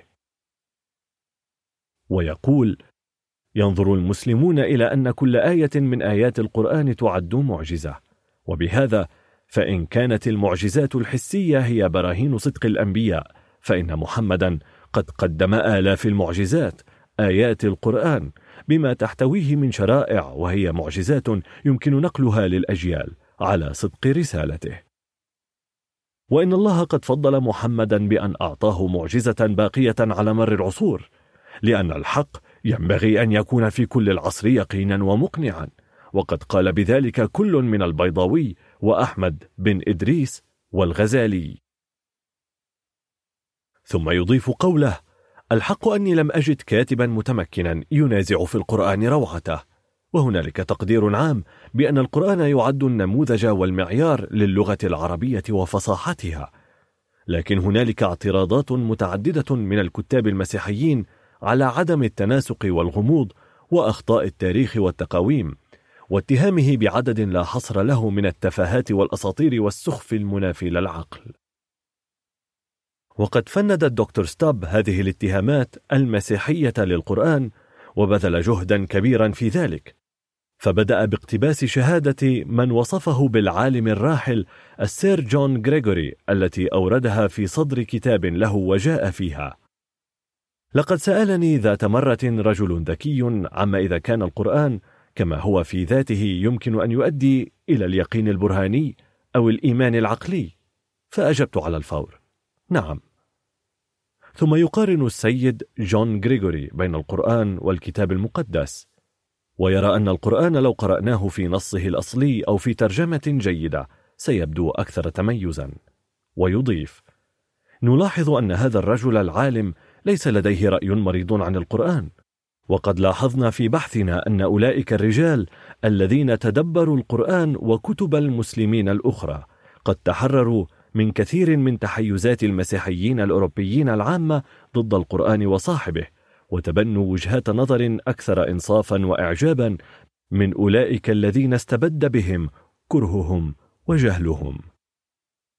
وينتهي إلى نتيجة واضحة فيقول إننا إذا نظرنا إلى القرآن كما ننظر إلى أي كتاب آخر دون ما تمييز أو تحيز. فسنجد القرآن أكثر تميزا من كتاب المسيحيين المقدس ثم يذكر دكتور ستوب بعض مزايا القرآن. وينتقل إلى الحديث عما أسموه أخطاء التاريخ والتقاويم فيقول ألسنا ندافع اليوم عن مثل تلك الأخطاء في أسفارنا المسيحية بقولنا إن روح الله التي أوحت إلى الأنبياء لم تكن حبيسة للقواعد اللغوية أو المناهج المألوفة. ويضيف إنها أخطاء لأنها تتفق مع ما جاء في أسفار الفرق المسيحية الأخرى التي اعتبرتها الكنيسة مزورة. ثم ينتقل إلى الحديث عن مسألة مهمة تتعلق بترجمات القرآن إلى الإنجليزية فيقول من الملاحظ بوضوح أن القرآن بصياغته الشعرية لا يمكن تقديره في ترجماته النثرية العادية التي نمتلكها. إن ترجماتنا الإنجليزية للقرآن تحذو حذو الترجمات الفرنسية وتلك الترجمات الفرنسية للقرآن بينت الفساد المتمثل في تغيير نصوص كثيرة وتبديلها وحذف نصوص كثيرة أخرى. وكان على مترجمين أن يستفيدوا من المفسرين العرب والفرس والأتراك لكنهم لا يعرفون تلك اللغات ولم يكن ذلك من همهم. وكل همهم في العالم هو إقحام تلك التلفيقات التي لم ينطق بها محمد في القرآن. ثم يختم الدكتور ستاب تعليقه قائلا لقد تأملت التحفظات التي أخذها المسيحيون على القرآن فوجدتها ليست شيئا غير تلك التي أثيرت بقوة ضد كتابنا المقدس وما سوف يدافع به المسيحيون عن أنفسهم يكون كافيا في الدفاع عن القرآن. لذلك فإني لن أعتذر عن الأخطاء التي أثاروها ضد محمد بمقارنتها بأخطاء التلمود وأخطاء تاريخنا الكنسي والأساطير البابوية أو الخرافات التي رويت عن آباء الكنيسة أو تلك التي آمن بها المسيحيون السذج وتحدث صاحبنا عن البشارات بنبوة محمد في الأسفار اليهودية والمسيحية. وانتقل إلى الحديث عن أركان الإسلام الخمسة وعقائده وآدابه وتشريعاته ونظمه وقدرها تقديرا عميقا عاليا. وقد دافع بقوة عن حكمة التشريعات الإسلامية في تحريم الخمر والزنا والربا ولحم الخنزير وإباحة تعدد الزوجات مع العدل والحاجة وفند مزاعم المسيحيين الأوروبيين وانتقاداتهم للإسلام في هذه المسائل. لعل هذه الورقة قد استطاعت أن تقدم للقارئ الكريم صورة واضحة القسمات عن نقد الذات الاستشراقية متمثلا في محتوى هذا الكتاب ذي القيمة العلمية والتاريخية الكبيرة. وأن تلفت في الوقت نفسه أذهان الباحثين والمهتمين بالقضية الاستشراقية إلى قراءته ودرسه بوصفه وثيقة في موضوعها ومنهجها وتاريخ تدوينها. طالما نسيت أو تنوسيت والكثير في غفلة من أمرها. بداية الاستشراق. هنالك اجتهادات متنوعة لتحديد بداية النشاط الاستشراقي في الغرب يقول المستشرق الألماني المعاصر رودي باريت مترجم معاني القرآن إلى اللغة الألمانية. إذا نظر المرء إلى الوراء إلى تاريخ تطور الاستشراق فإنه يستطيع أن يقول إن بداية الدراسات العربية والإسلامية في الغرب ترجع إلى القرن الثاني عشر. ففي عام 1143 تمت ترجمة القرآن لأول مرة إلى اللغة اللاتينية بتوجيه الراهب بطرس المحترم رئيس دير كلوني وكان ذلك على أرض إسبانية. وعلى الأرض الإسبانية وفي القرن الثاني عشر أيضا نشأ أول قاموس لاتيني عربي. وفي القرن الثالث عشر والرابع عشر بذل ريموند لول المولود في جزيرة مايوركا جهودا كبيرة لتدريس اللغة العربية وكان قد تعلم اللغة العربية على يد عبد عربي. وهناك آراء ترجع بداية الاستشراق إلى القرن العاشر الميلادي بدءا من الراهب الفرنسي غريبيردي أوراليك الذي قصد الأندلس وتتلمذ على أساتذة من المسلمين في إشبيليا وقرطبة حتى أصبح من أكثر علماء عصره إلماما بالثقافة العربية الإسلامية وقد اعتلى سدة كرسي البابوية في روما سنة 999 ميلادية. وتسمى باسم سليفيتر الثاني. كما يرجع بعض الباحثين بداية الاستشراق إلى بداية احتكاك المسلمين بالرومان في غزوة مؤتة وغزوة تبوك. ورأى فريق أن البداية الحقيقية للاستشراق كانت مع الحروب الصليبية حيث بدأ الاحتكاك السياسي والديني بين الإسلام والصليبية الغربية الغازية واستحكم العداء بين المسلمين والغرب الصليبي أيام نور الدين الزنكي وصلاح الدين الأيوبي. والملك العادل إثر الهزائم المتكررة التي ألحقها هؤلاء القادة العظام بالصليبيين. وكل هذا دفع الغرب إلى الانتقام بكل الوسائل. ومما يؤكد هذا ذلك الخبر الذي أورده ابن الأثير المؤرخ المعروف في كتابه الكامل ومفاده أن بطريرك بيت المقدس خرج مع كثير من مشهوري الصليبيين وفرسانهم حين فتح صلاح الدين بيت المقدس ولبسوا السواد وأظهروا الحزن على ذهاب بيت المقدس من بين أيديهم. ودخلوا بلاد الإفرنج يطوفونها ويستنجدون أهلها ويستجيرون بهم. ويحثوهم على الأخذ بالثأر بأرض بيت المقدس. وصوروا المسيح وجعلوا صورة رجل عربي أمامه والعربي يضرب المسيح. وقد جعلوا الدماء تسيل على صورة المسيح وقالوا لهم هذا المسيح يضربه محمد نبي المسلمين وقد جرحه وقتله. كما أن المؤرخ بهاء الدين بن شداد وهو معاصر للأحداث وقريب منها يروي أنهم صوروا قبر المسيح عليه السلام وصوروا على القبر فارسا مسلما وقد وطئ قبر المسيح عليه السلام وبال الفارس على القبر وأنهم أبدوا هذه الصورة وراء البحر في بلادهم في الأسواق والمجامع يحملها القسوس ورؤوسهم مكشوفة وعليهم المسوح وينادون بالويل والثبور. ويؤكد غاردنر أن دوافع هذه الحروب الصليبية التي تمخضت عنها الحركة الاستشراقية كانت سياسية توسعية وإن تسربلت بالمسوح الدينية. فيقول لقد فشل الصليبيون في انتزاع القدس من أيدي المسلمين بالسيف ليقيموا دولة مسيحية في قلب العالم الإسلامي. والحروب الصليبية لم تكن لإنقاذ هذه المدينة بقدر ما كانت لتدمير الإسلام. أما ليفونيان فيرى بحق أن الحروب الصليبية كانت أعظم مأساة نزلت بالصلات والعلاقات بين المسلمين والنصارى في الشرق. لقد فشل الصليبيون في إقامة مملكة في هذا العالم الإسلامي فزرعوا العداوة والبغضاء. ويقرر ريتشر أن دول أوروبا خابت في الحروب الصليبية الأولى عن طريق السيف. فأرادت أن تشن على المسلمين حربا صليبية جديدة عن طريق التبشير فاستخدمت لذلك الكنائس والمدارس والمستشفيات وفرقت المبشرين في العالم. وهنالك قسم آخر يرد نشأة الاستشراق إلى الحرب الدموية التي نشبت بين المسلمين في الأندلس ونصاراها خاصة بعد استيلاء ألفونسو السادس على طليطلة سنة 488 هجرية أي 1085 ميلادية.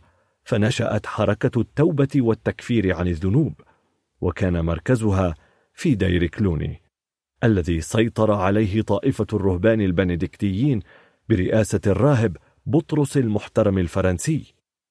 ومن هذا الدير انطلقت حركة تغيير النصرانية الإسبانية بكل كتبها وطقوسها وجعلها نصرانية كاثوليكية رومية صرف.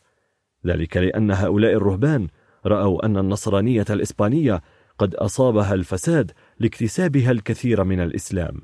لذا بدأوا حربهم الصليبية ضد نصرانية إسبانيا وإسلامها على السواء. وقد نشط هذا الدير في حشد القوى الغربية للاستيلاء على إسبانيا من أيدي المسلمين بكل الوسائل وكان أول أسقف على طليطلة بعد استيلاء النصارى عليها من رهبان هذا الدير دير كلوني. ومن هذا الدير انطلقت حركة إصلاح عامة النصرانية الأوروبية وجعل منه الرهبان بعد أن أووا إليه في القرن الثاني عشر مركزا خطيرا لدراسة الثقافة العربية. وقصد رئيس الدير نفسه بطرس المحترم الأندلس في من قصدها مستزيدا من علومها. ولما رجع إلى ديره طفق يصنف الكتب في الرد على علماء الجدل المسلمين. ومعروف أن هذا المحترم بطرس قد كلف اليهودي المتنصر بطرس أو بيدرو الفونسي أو العبري أو الطليطلي أن يترجم القرآن الكريم إلى اللغة اللاتينية.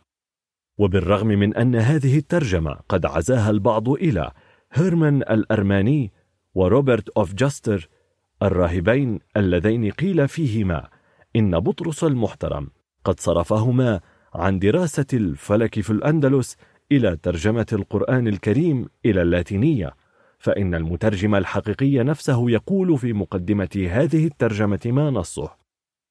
أنا بطرس الطليطلي الذي ترجمت هذا الكتاب من اللسان العربي إلى اللاتيني.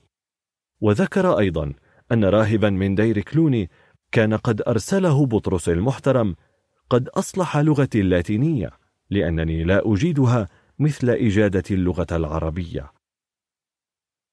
وبطرس الطليطلي هذا من عائلة يهودية نزحت من قرطبة حين استولى الموحدون عليها إلى طليطلة.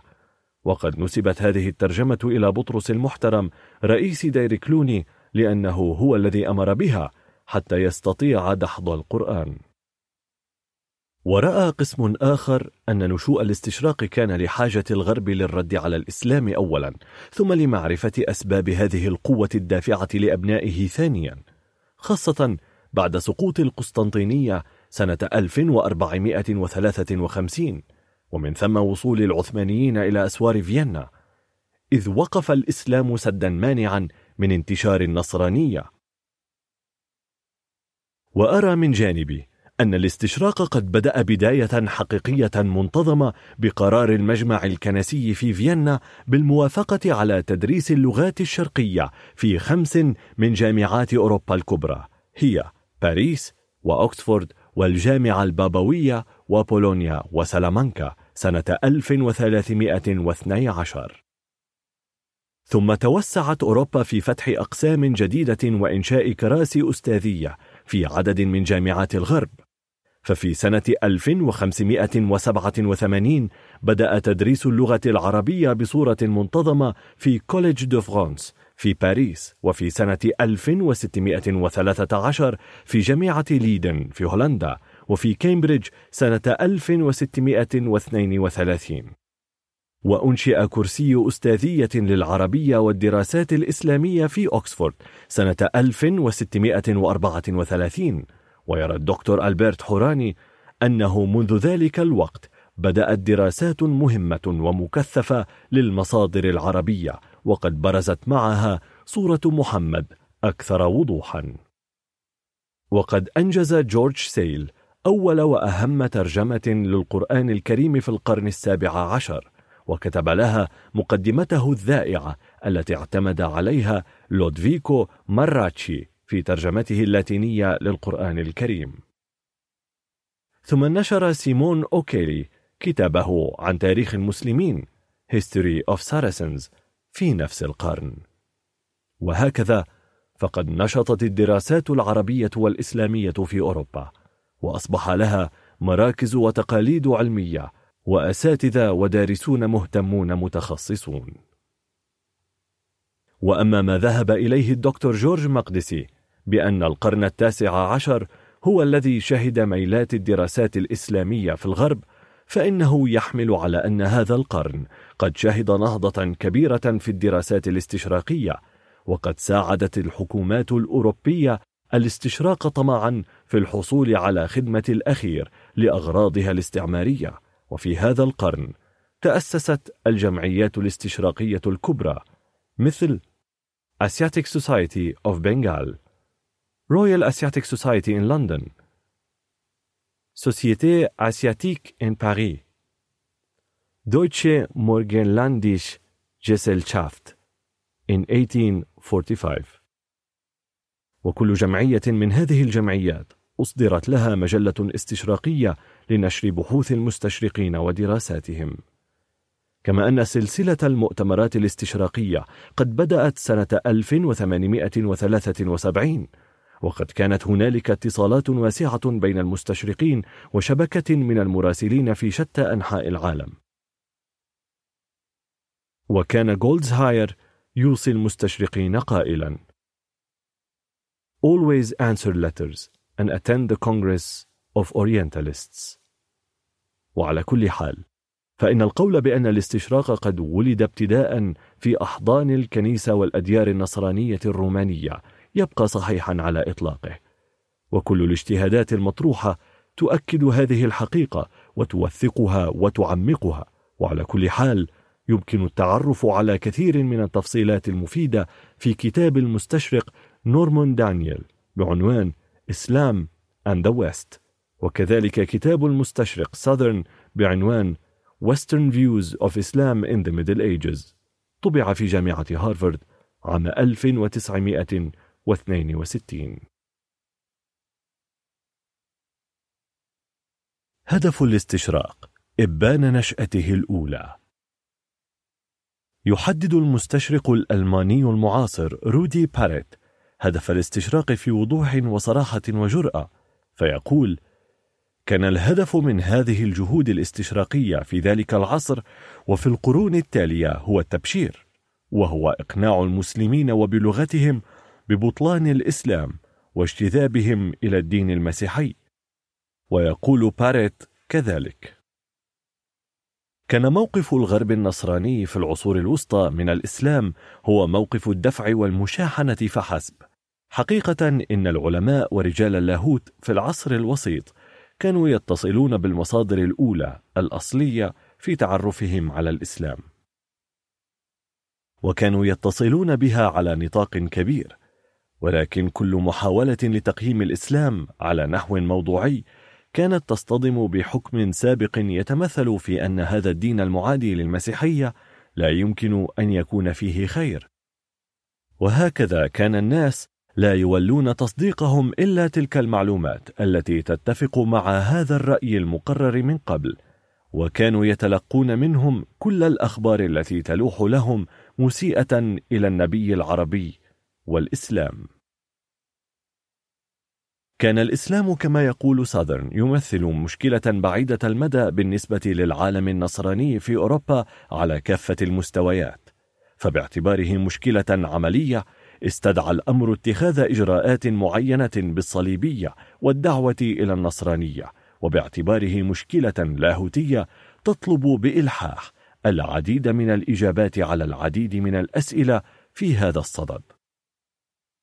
وذلك يقتضي معرفة الحقائق التي لم يكن من السهل معرفتها وهنا ظهرت مشكلة تاريخية صار من المتعذر حلها كما ندر إمكانية تناولها دون معرفة أدبية ولغوية يصعب اكتسابها وصارت المشكلة أكثر تعقيدا بسبب السرية والتعصب والرغبة القوية في عدم معرفتها خشية الدنس. وقد صور ماكسيم رودنسون بألفاظ مشابهة مقدار الهلع والخوف الذي اجتاح رجال الكنيسة في الغرب من الإسلام فقال كان المسلمون خطرا على الغرب قبل أن يصبحوا مشكلة كما كانوا في نفس الوقت عامل اهتزاز شديد في بنيان الوحدة الروحية للغرب وأنموذجا حضاريا يجتاز بتفوقه وبحركته الإبداعية المتسارعة وقدرته الهائلة على الانفتاح والاستيعاب. إذ أنه وفي مواجهة تقدم هذا الأنموذج عبر مثقفو الغرب عن شعور عام بالاندهاش أمام الإسلام وبدا ذلك لهم وكأنه خطر على المسيحية. امتلأ الغربيون بالإحساس بالنقص إزاء الدين الإسلامي وحضارته المتفوقة المزدهرة ودفعهم شعورهم المتزايد بالخوف والمرارة بعد فشلهم المريع في حروبهم الصليبية إلى البحث عن خطط بديلة تحقق أهداف الحروب الصليبية دون مواجهة عسكرية بحيث تؤدي إلى تشويه الإسلام في أعين الغربيين وصرفهم عنه كما تعمل في صمت وهدوء على تحقيق نصر على هذا الإسلام. ولقد أسهمت كتابات يوحنا الدمشقي الذي يعد اللاهوتي المسيحي الأول الذي يسجل عن الإسلام أنه هرطقة أي بدعة مسيحية وأن الإسلام ديانة زائفة وأن الله ليس هو الرب أو السيد كما يعتقد فيه النصارى وأن الإسلام قد اخترعه محمد بدوافع الطموح الشخصي وأنه قد نشره بحد السيف. وأسهم ذلك التشخيص المبكر في تشكيل صورة محمد في الغرب. وزادوا عليها أنه لم تبشر به الكتب السابقة ولم تجري المعجزات على يديه ولم يوحى إليه بالأسرار وأن أي إنسان يمكن أن يصنع ما صنعه محمد الذي سلك طريق النجاح الشخصي بينما عاش عيسى الرب من أجل الإنسانية. ولقد سيطرت هذه الصورة الغربية عن الإسلام على المستشرقين بحيث أصبحت هي القاعدة العامة وأمسى الخروج عليها أمرا استثنائيا.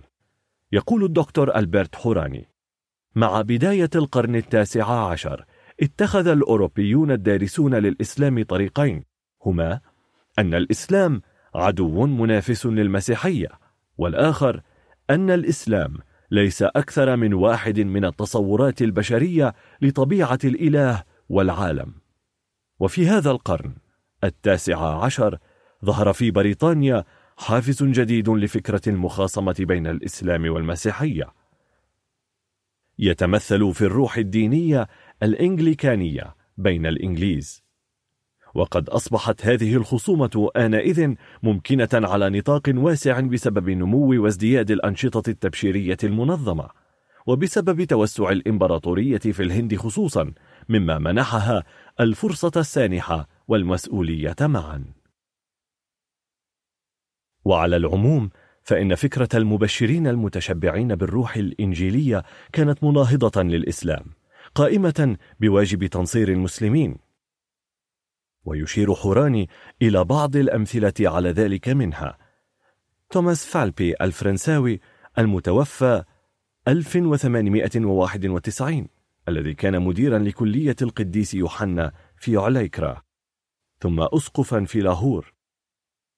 كان يعتقد أن الإسلام والمسيحية مختلفان اختلاف السماء والأرض. ثم استقال من منصبه الكبير ليطلع بواجبه نحو التبشير بالإنجيل في الجزيرة العربية ذاتها.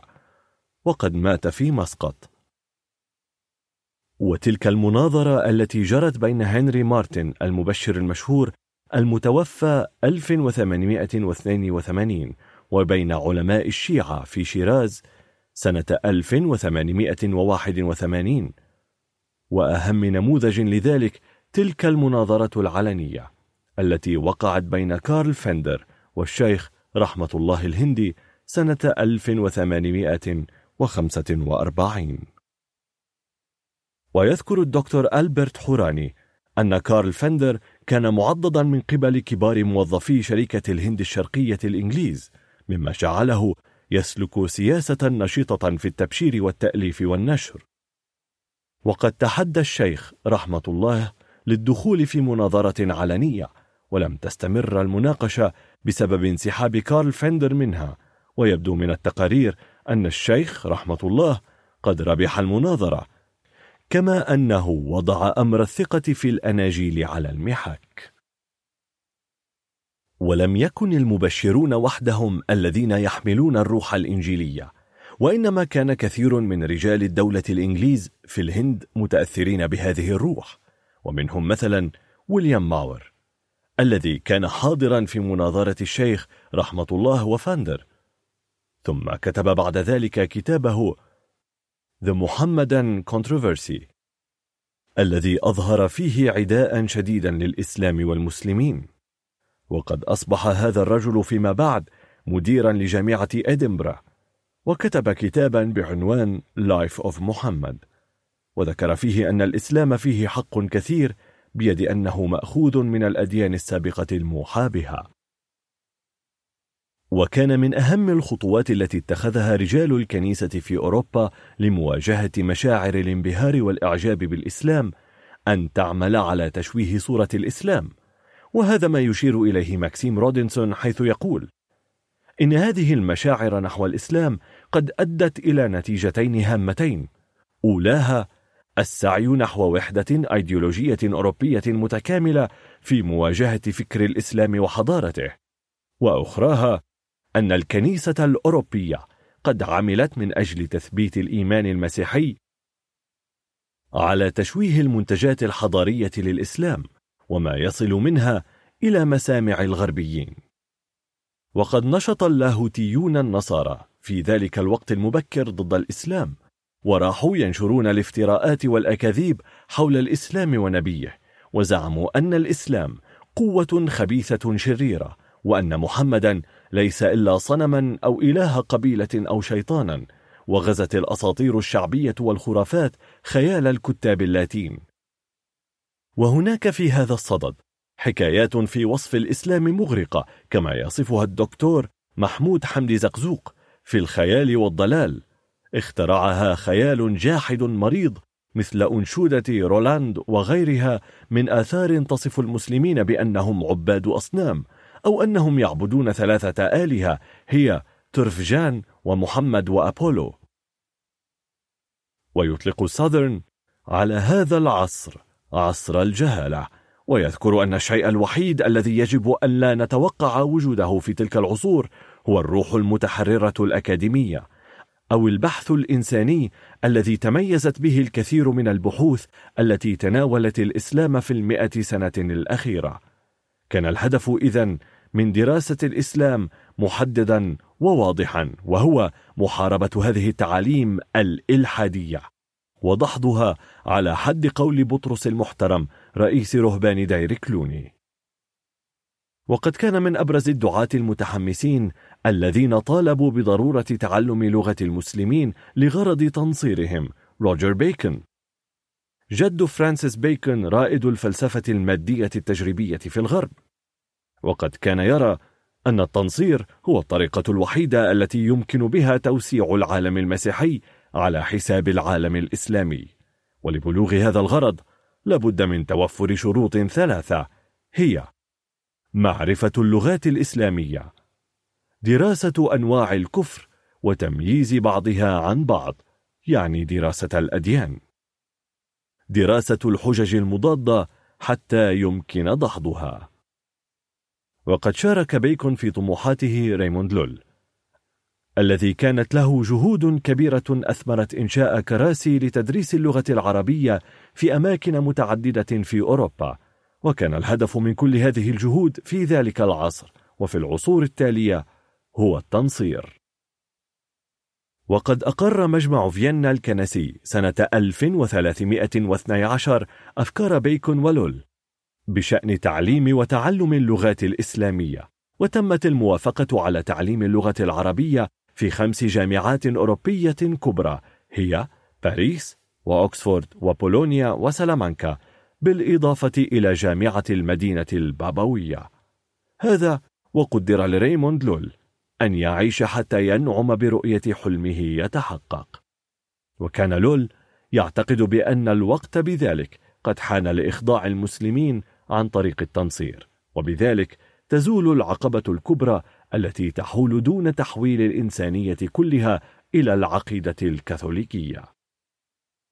ومن العجيب أن المستشرقة الأمريكية المعاصرة مارغريت ماركوس ترى بصراحة أن هذه الأقسام وغيرها لا تزال تقوم بهذه الوظائف في الوقت الحاضر.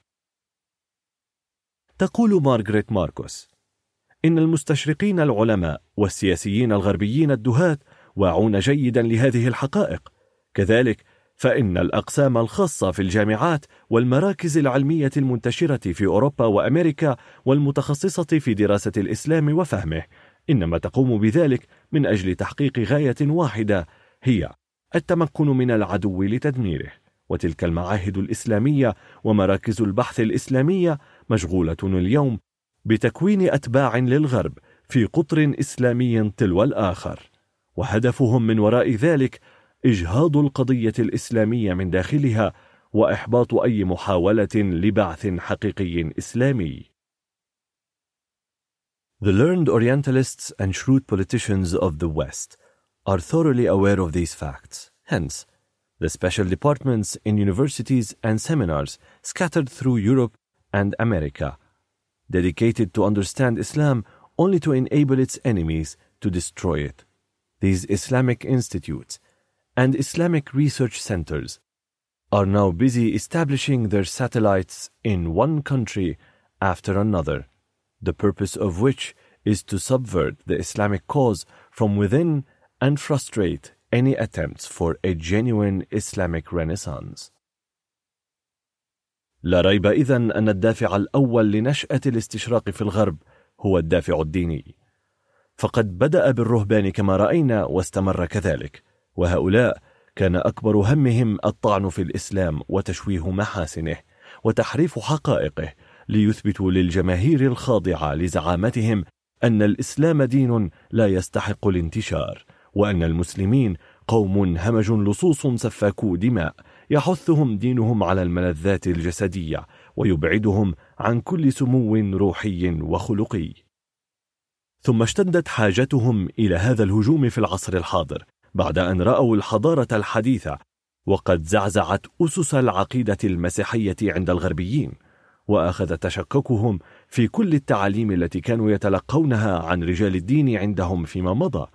فلم يجدوا خيرا من تشديد الهجوم على الإسلام لصرف أنظار الغربيين عن نقد ما عندهم من عقيدة وكتب مقدسة.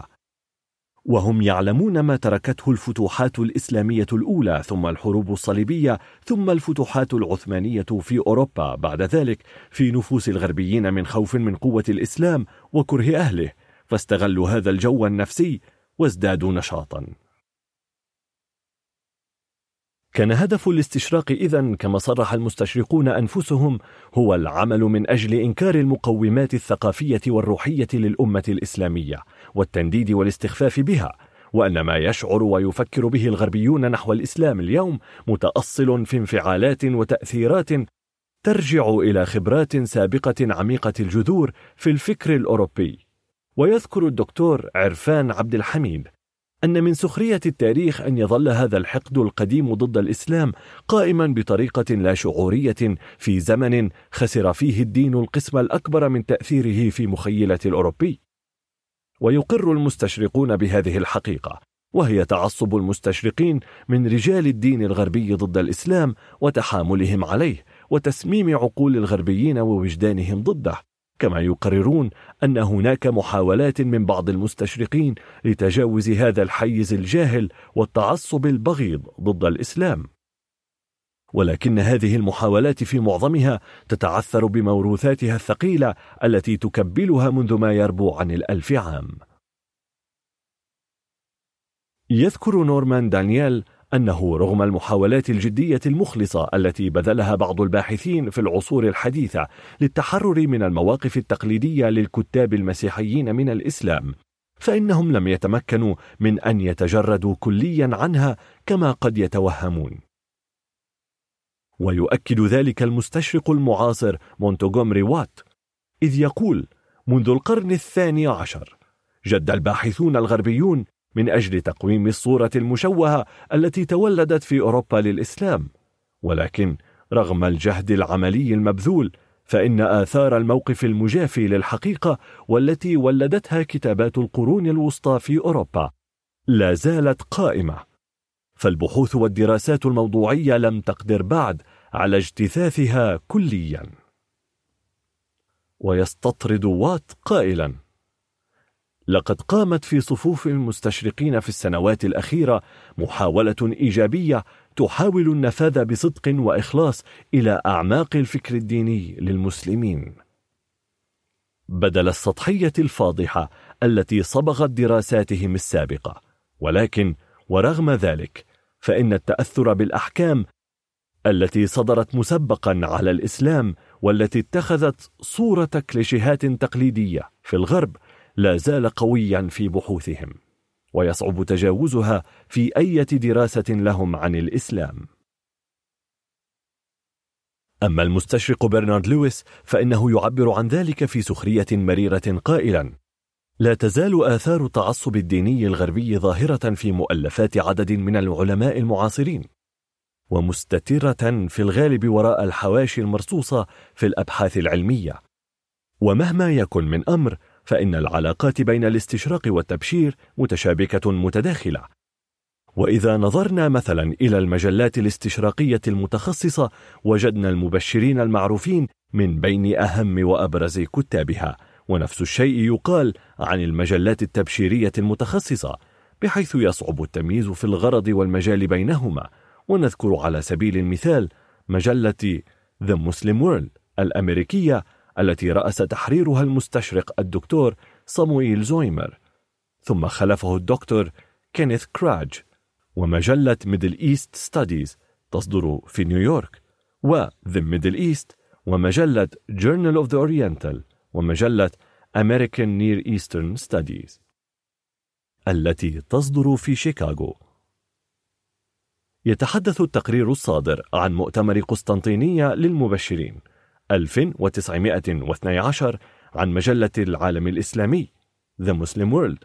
قائلا نحن نرجو أن تكون هذه المجلة المنبر العام للإرساليات التبشيرية إلى المسلمين. على الأقل تلك الإرساليات التي تتمركز في بلاد تستعمل اللغة الإنجليزية. وأي عجز في ميزانية طبع هذه الدورية تلتزم الإرساليات متضامنة بتغطيتها. We would urge that this quarterly be adopted as the common organ of missions to Muslims, at least of those whose home base uses English, as a means of communication of thought and methods and of announcements of literature prepared in other lands.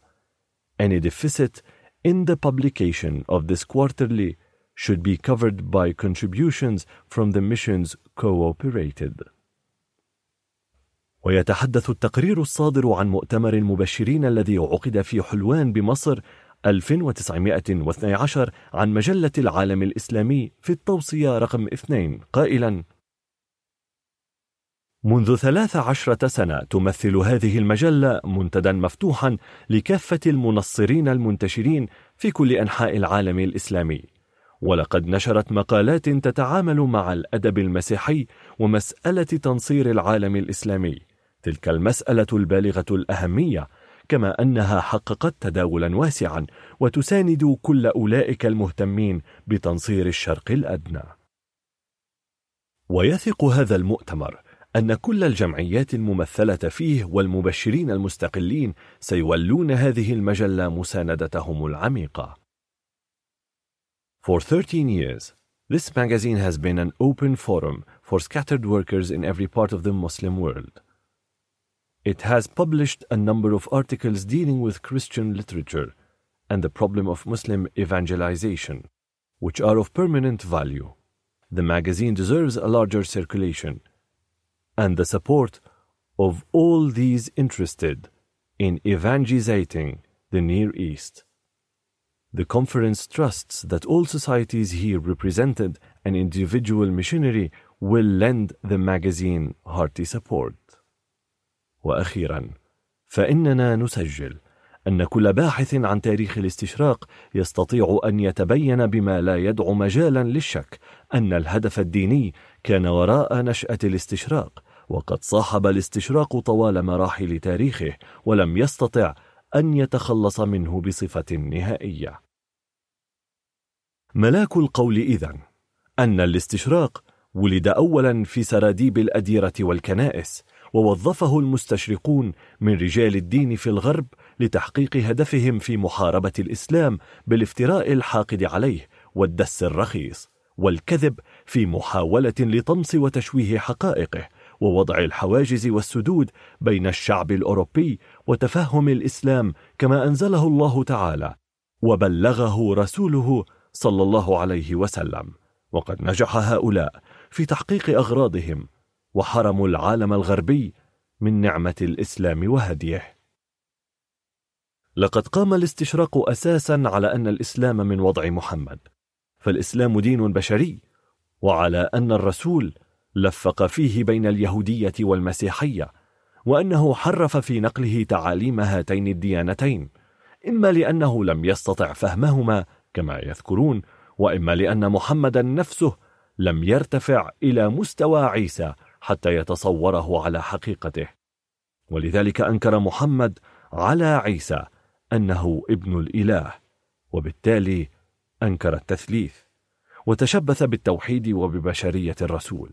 نعم قام الاستشراق على مثل هذا الأساس بشكل عام ولكن المستشرقين يختلفون فيما بينهم في تصوير آرائهم وفي تقرير شروحهم لمبادئ الإسلام وأشدهم حدة وعاطفة وهوى جامحا وحيدة عن أدب الكتابة. فضلا عن البعد عن الأسلوب العلمي في الدراسة والحكمة المستشرقون الكاثوليك في أوروبا وأمريكا. يقول كيمون المستشرق الفرنسي الكاثوليكي في كتابه باثولوجيا الإسلام إن الديانة المحمدية جذام تفشى بين الناس وأخذ يفتك بهم فتكا ذريعا. بل هي مرض مريع وشلل عام وجنون ذهولي يبعث الإنسان على الخمول والكسل ولا يستيقظ منه إلا لسفك الدماء ويدمن على معقرة الخمر ويجمح في القبائح وما قبر محمد إلا عمود كهربائي يبعث الجنون في رؤوس المسلمين ويلجئهم إلى الإتيان بمظاهر الصرع العامة والذهول العقلي وتكرار لفظة الله إلى ما لا نهاية والتعود على عادات تنقلب إلى طبائع أصيلة ككراهية لحم الخنزير والنبيذ والموسيقى وترتيب ما يستنبط منه من أفكار القسوة والفجور في اللذات. لا شك إذن أن أوائل المستشرقين يتحملون وزر تشكيل موقف العداء التقليدي الذي يقفه الغرب من الإسلام والشرق كما أنهم يتحملون كبر تأجيج هذا العداء وتأريثه وتغذيته والنفخ فيه. لجرم أن هؤلاء المستشرقين قد تسببوا في حرمان ذويهم ومواطنيهم من خير عميم كما تسببوا في حرمان الإنسانية الغرب والشرق من التنعم بالحب والسلام والإخاء قرونا طويلة. ولقد سأل الدكتور عبد الحليم محمود سؤالا معقولا فقال إن الإسلام واضح جلي وإن تعاليمه سهلة ميسورة تنسجم مع العقل والمنطق. فما السر في عدم أخذ الأوروبيين بهذا الدين وعدم اقتناعهم به في سرعة سريعة وكثرة هائلة؟ لا شك أن ما بذله المستشرقون المبشرون من جهود هائلة لتشويه حقيقة الإسلام أمام المواطن الغربي كانت من أهم الأسباب التي حالت دون ذلك. والملاحظ أن أساليب جديدة قد حلت اليوم محل الأساليب المعروفة السائدة. ونترك المجال للمستشرقة الأمريكية المعاصرة مارغريت ماركوس لتوضيح ذلك. فهي تقول إن العالم الغربي مستمر في حرب الإسلام بأكثر الأسلحة تطورا وعلى مستوى متقدم من الأستاذية إذ يوجد ما لا يقل عن ثماني مجلات دورية أمريكية وأوروبية مكرسة كليا لذلك. واثنتان مخصصتان بصورة جزئية للهجوم على الإسلام. وهذه المجلات هي العالم الإسلامي هارتفور كنتكت ودراسات الشرق الأوسط نيويورك و journal الشرق الأوسط واشنطن و journal جمعية الدراسات الشرقية نيو هيفن كونينيكت ودراسات الشرق الأدنى شيكاغو كما أن دور النشر الغربية تصدر فيضا من الأدبيات التي تتناول العالم الإسلامي. وما لم تكن الدراسة المنشورة تحقيقا لنص قديم لمؤلف مسلم أو ترجمة لكتاب إسلامي. فإنها تحمل ملامح التحيز والخصومة التي تميز النظرة الغربية تجاه الإسلام والتي تتمثل في أن القرآن الكريم من عمل أو اختلاق محمد وأن الحديث النبوي موضوع ومنحول وأن الإسلام ليس أكثر من حركة مقاومة سياسية اقتصادية للبدو المقهورين وليس حركة دينية وأن الإسلام قد استلب القوة الإبداعية الخلاقة للشعوب التي فتحها وأن الإسلام ليس شيئا أكثر من تلك الممارسات الراهنة للمسلمين المعاصرين. الخرافية الجبرية القديمة اللا علمية واللا عصرية والعائقة للتطور والتي هي بحاجة إلى إصلاح مثل ذلك الإصلاح البروتستانتي الذي اجتازته المسيحية. وأن أفضل ما في الإسلام ذلك التصوف الفردي المتحلل من أحكام الشريعة المؤكد على سقوط الإنسان وحاجته إلى مخلص علوي ورفضهم تهمة التهالك على الخوض في الحروب ومذهبهم السني المنغلق. وفوق كل ذلك فالإسلام يمثل أحط مستوى خلقي لتصوراته المادية الحسية عن الجنة ولتدني وضع المرأة في الإسلام. كما أن تحريمه للربا يمثل عقبة أمام التصنيع كما أن خلق العفة والابتعاد عن الخمر يقفان حائلا دون التحضر والحرية الحديثة وأن جموده العقيدي دوغماتيزم ضد التقدم وأن الإسلام يقود أتباعه البؤساء المغلوبين على أمرهم إلى الهوس العقلي بتعليمهم أن الله يقف معهم وأنه خالق كل شيء مؤلف أحداث التاريخ. كل هذه الأباطيل دائرة بصفة خاصة مع كل بحث غربي للدين أو الثقافة أو التاريخ أو الحضارة الإسلامية. ومن جانب آخر فإن الدراسات الغربية قد نشرت الأمراض القومية والعلمانية بتعليمها أن المسلم إنما هو عربي أو فارسي أو تركي أو هندي قبل أن يكون مسلما وأن تركيزهم الشديد على الدراسات الفارسية يرمي إلى فصل الشيعة عن السنة تماما ودفاعهم الحماسي المستميت عن الكمالية التركية وإبرازهم ضياء جو كيلب ومصطفى كمال أتاتورك على أنهم مصلحون. ومعارضتهم للباكستان يعطي درسا أنهم يريدون للمسلم أن يتخلى عن إرادة السيادة وأن يوطن نفسه على أن يعيش في أقلية مقهورة. ولقد أخذ الغرب يبشر حديثا بالعولمة ويزعم أن الإسلام لن يستطيع مشاركة الأديان الأخرى في الوجود ما لم يصلح نفسه. ولقد خضعت البلاد الإسلامية خلال فترة طويلة للحكم الأوروبي وخضعت نظمهم التربوية والعلمية تماما لسيطرة غزاتهم ومستعمريهم الذين اهتموا غاية الاهتمام بإقناع الأجيال الجديدة بالتفوق المطلق للحضارة الغربية الحديثة وتربيتهم على التخلي عن القيم والمثل التي جاء بها الإسلام. وقد نجح الأسياد الغربيون بهذه الطريقة في خلق أدوات لهم في كل بلد إسلامي. وعندما منحت الحرية السياسية لهذه المستعمرات أخيرا سلمت القيادة آليا لهذه الطبقة المستغربة. وبعد الحرب العالمية الثانية عدل المستشرقون والمبشرون خططهم في تغيير أفكار الأفراد المسلمين إلى وجهة نظرهم وأفكارهم إلى تغيير الإسلام نفسه بإعطاء تفسيرات له مختلفة تماما وشن حركة منظمة لإعادة بنائه من الداخل. وقد تبنت معظم كتابات المستشرقين المعاصرة هذا الطريق. ويؤكد الدكتور إدوارد سعيد في كتابه أورينتاليزم أن الصورة المشوهة للإسلام والعرب ما زالت مستمرة في الدراسات الاستشراقية وفي وسائل الإعلام في الغرب بوجه عام وفي أمريكا بوجه خاص. وقد استشهد على ذلك بأمثلة عديدة حفل بها كتابه وانتهى إلى التأكيد بأنه ما زالت تنشر الكتب والمقالات دون توقف عن الإسلام والعرب. وهي لا تختلف إطلاقا عن الجدل الخبيث المعادي للإسلام في القرون الوسطى وعصر النهضة. يقول هاري دورمان لن يكون تركيز المبشرين في السنوات القليلة القادمة على تغيير ديانة أفراد المسلمين مثل عنايته بتغيير الإسلام نفسه.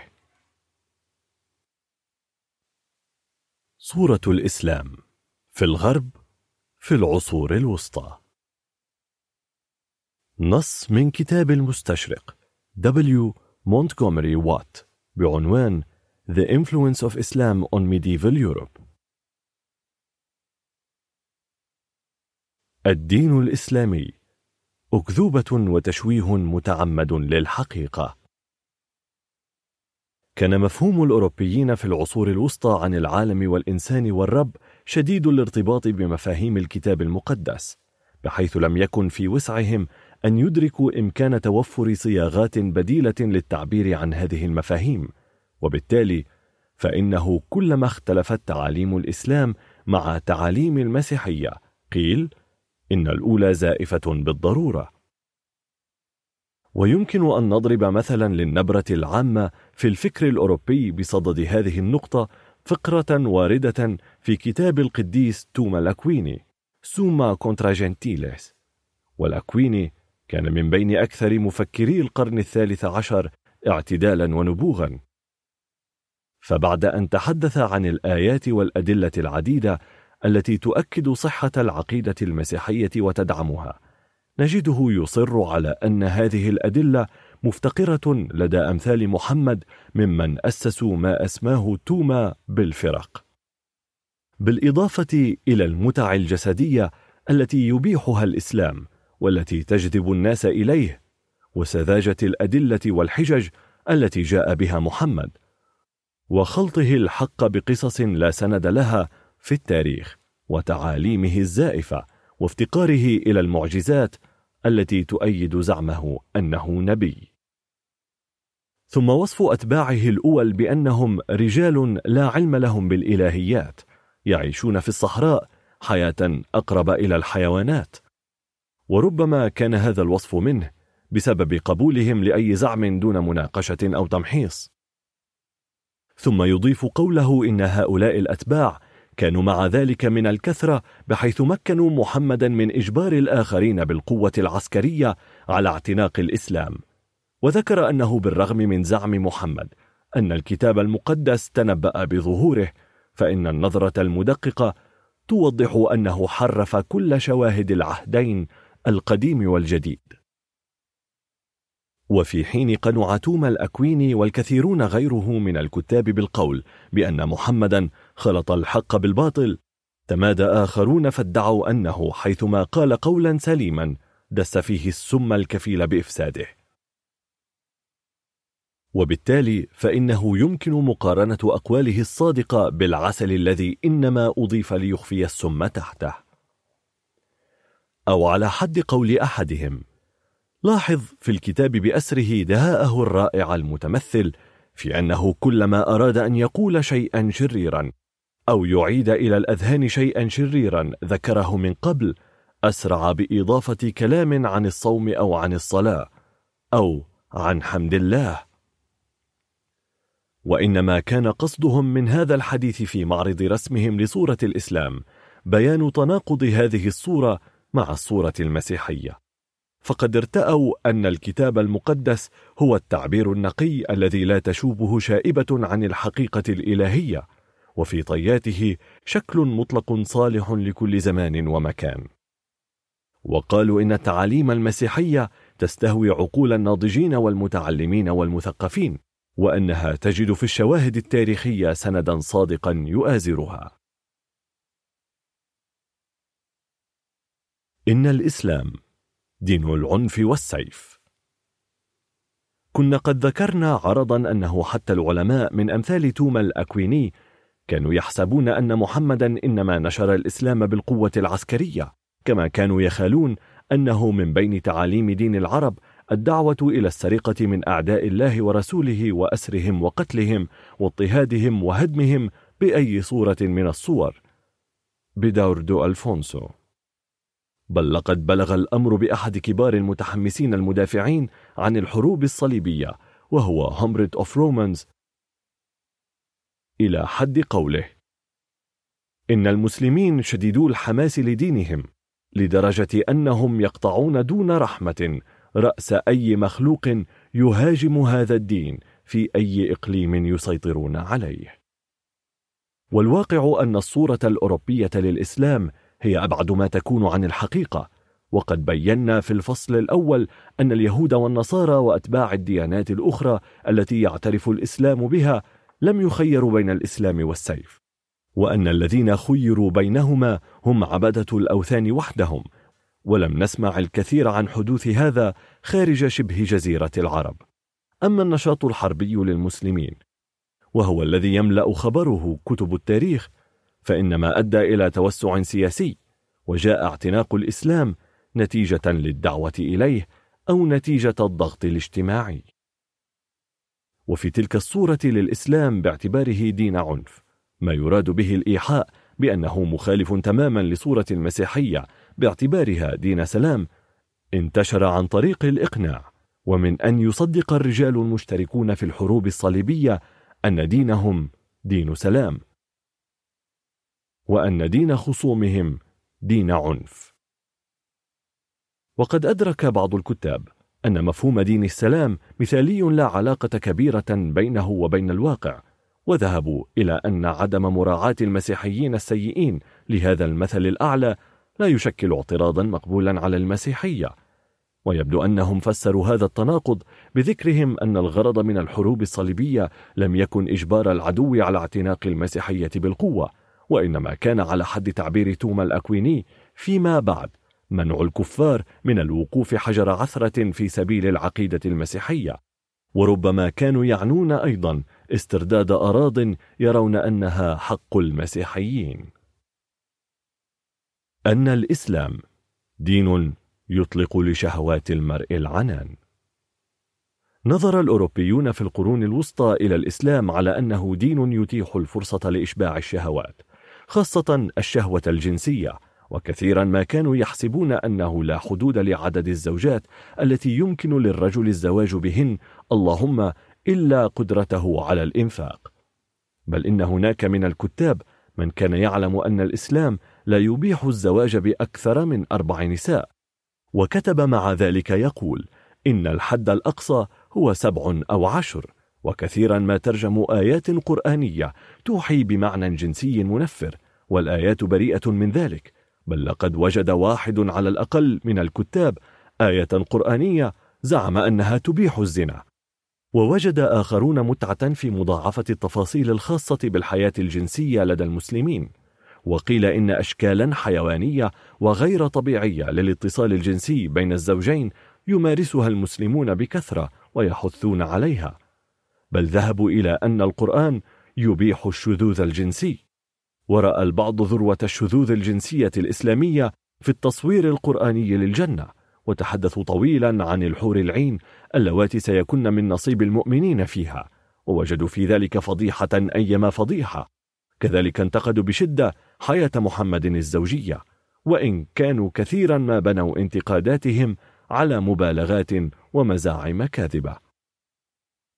ولبعض تفاصيل هذه الصورة التي رسمها أوروبيو العصور الوسطى أساس من الواقع. فللمسلم أن يتزوج من أربع نساء بالإضافة إلى التسري بمن ملكت يمينه وله أن يطلق امرأته دون أن يذكر السبب.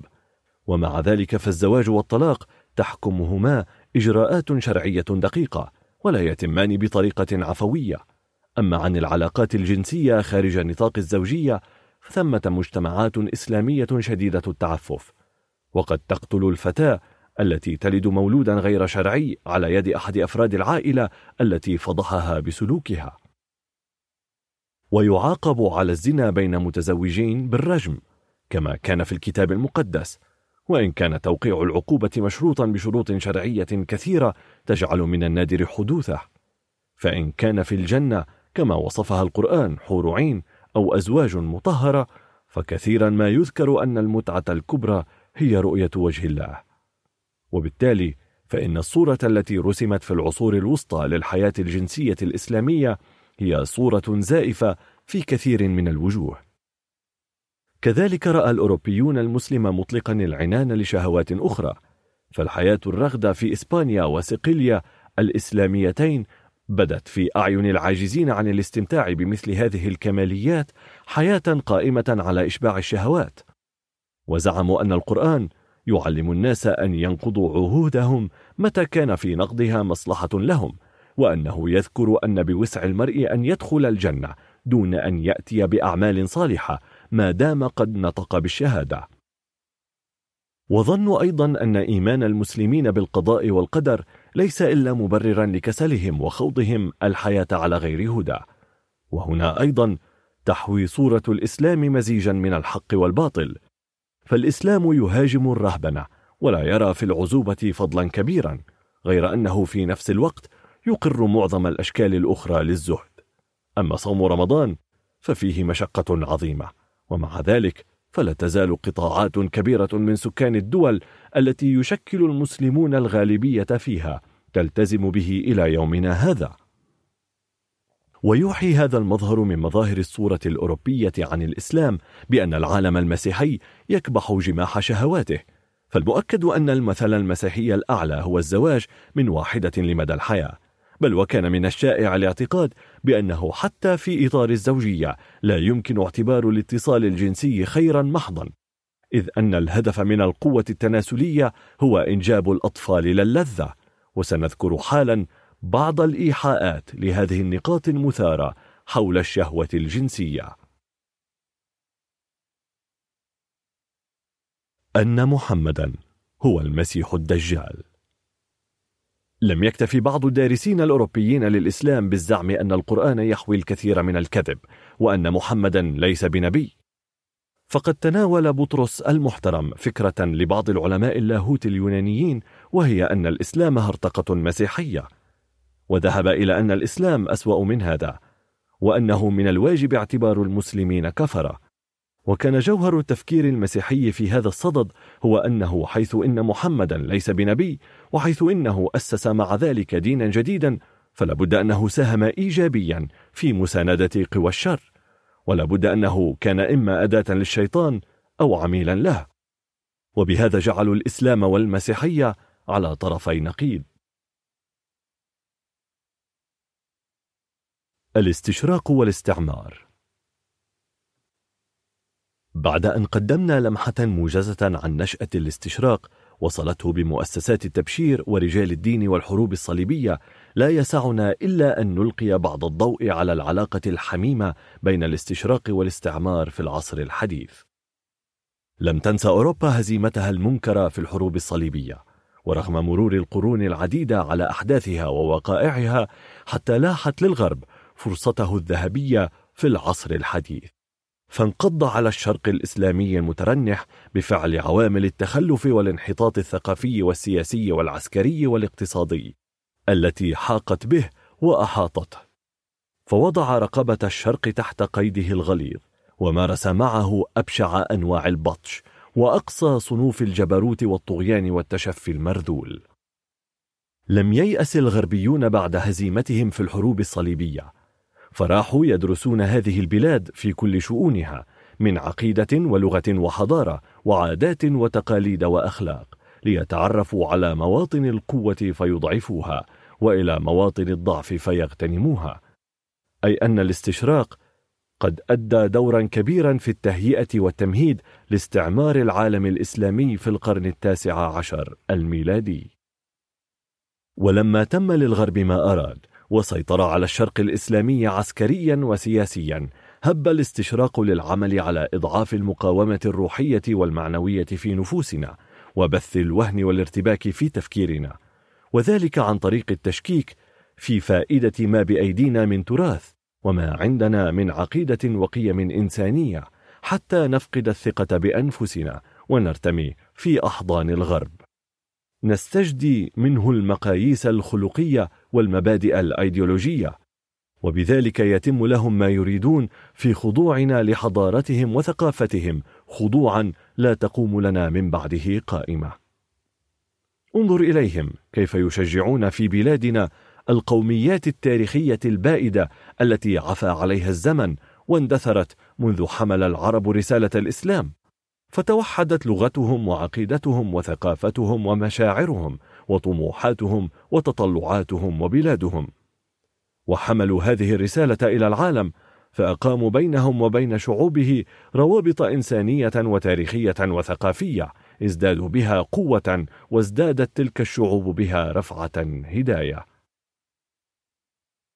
إنهم ما برحوا منذ نصف قرن أو يزيد يحاولون إحياء الفرعونية في مصر والفينيقية في سوريا ولبنان وفلسطين والآشورية والمندائية والحرنائية في العراق والبربرية في الشمال الإفريقي. وهكذا ليتسنى لهم تشتيت شملنا كأمة واحدة وليوقفوا قوة الاندفاع التحررية عن عملها في قوتنا وتحررنا وسيادتنا على أرضنا وثرواتنا وعودتنا من جديد إلى قيادة ركب الحضارة والتقائنا مع إخواننا في العقيدة والمثل العليا والتاريخ المشترك والمصالح المشتركة. وقد كان للسيطرة الغربية على الشرق الإسلامي دورها في تعزيز موقف الاستشراق.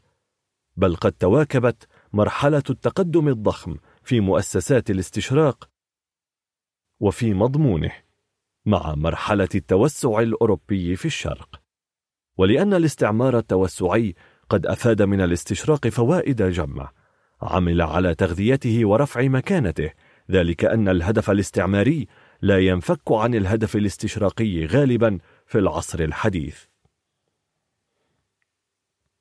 نجح المستعمرون في توظيف المؤسسة الاستشراقية الغربية في خدمة أغراضهم وتحقيق أهدافهم وتمكين سلطانهم في بلاد المسلمين.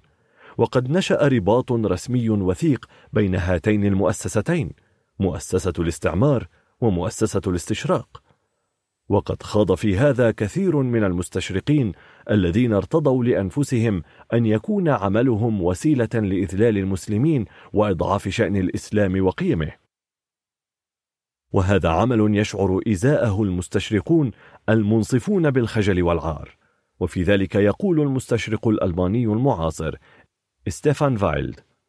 والأقبح من ذلك أنه توجد جماعة يسمون أنفسهم مستشرقين سخروا معلوماتهم عن الإسلام وتاريخه في سبيل مكافحة الإسلام والمسلمين. وهذا واقع مؤلم. لا بد أن يعترف به المستشرقون المخلصون لرسالتهم بكل صراحة. ولا ننسى في هذا الصدد مواقف كبار المستشرقين وارتباط عملهم.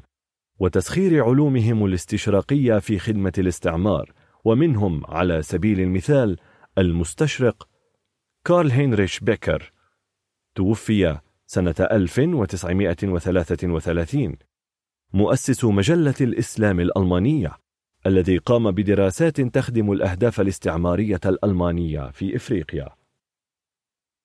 فقد حصل الرايخ الألماني في عام 1855 إلى 1886 على مستعمرات في إفريقيا تضم مناطق بعض سكانها من المسلمين وظلت تلك المناطق تحت السيادة الألمانية حتى عام 1918 وقد أدى ذلك إلى تأسيس معهد اللغات الشرقية في برلين عام 1887 وهو معهد كانت مهمته تتلخص في الحصول على معلومات عن البلدان الشرقية الحالية وعن شعوب هذه البلدان وثقافتها. هذا عن نشأة معهد اللغات الشرقية في برلين لخدمة الاستعمار. وقد ذكرنا من قبل إنشاء كراسي لتدريس اللغة العربية وآدابها في جامعات أكسفورد وباريس وسلامانكا وروما لخدمة الأغراض التبشيرية.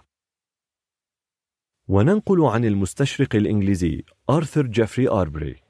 ما جاء في المذكرة التي رفعها جمع من العلماء سنة 1639 إلى المسؤولين في جامعة كامبريدج والتي طلبوا فيها إنشاء كرسي للدراسات العربية بالجامعة.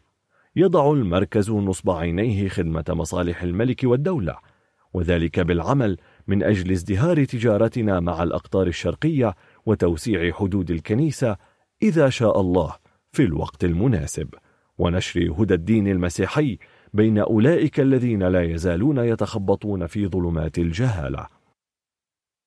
وهكذا تمتزج أهداف الاستشراق مع التبشير من جهة ومع الاستعمار من جهة أخرى. يقول المستشرق الألماني أولريتش هارمان كانت الدراسات الاستشراقية الألمانية حول العالم الإسلامي قبل عام 1919 أقل براءة وصفاء نية فقد كان كارل هنريتش بيكر وهو من كبار مستشرقين منغمسا في النشاطات السياسية حتى أنه أصبح في عام 1914 شديد الحماس لمخطط استخدام الإسلام في إفريقيا والهند كدرع سياسية في وجه البريطانيين.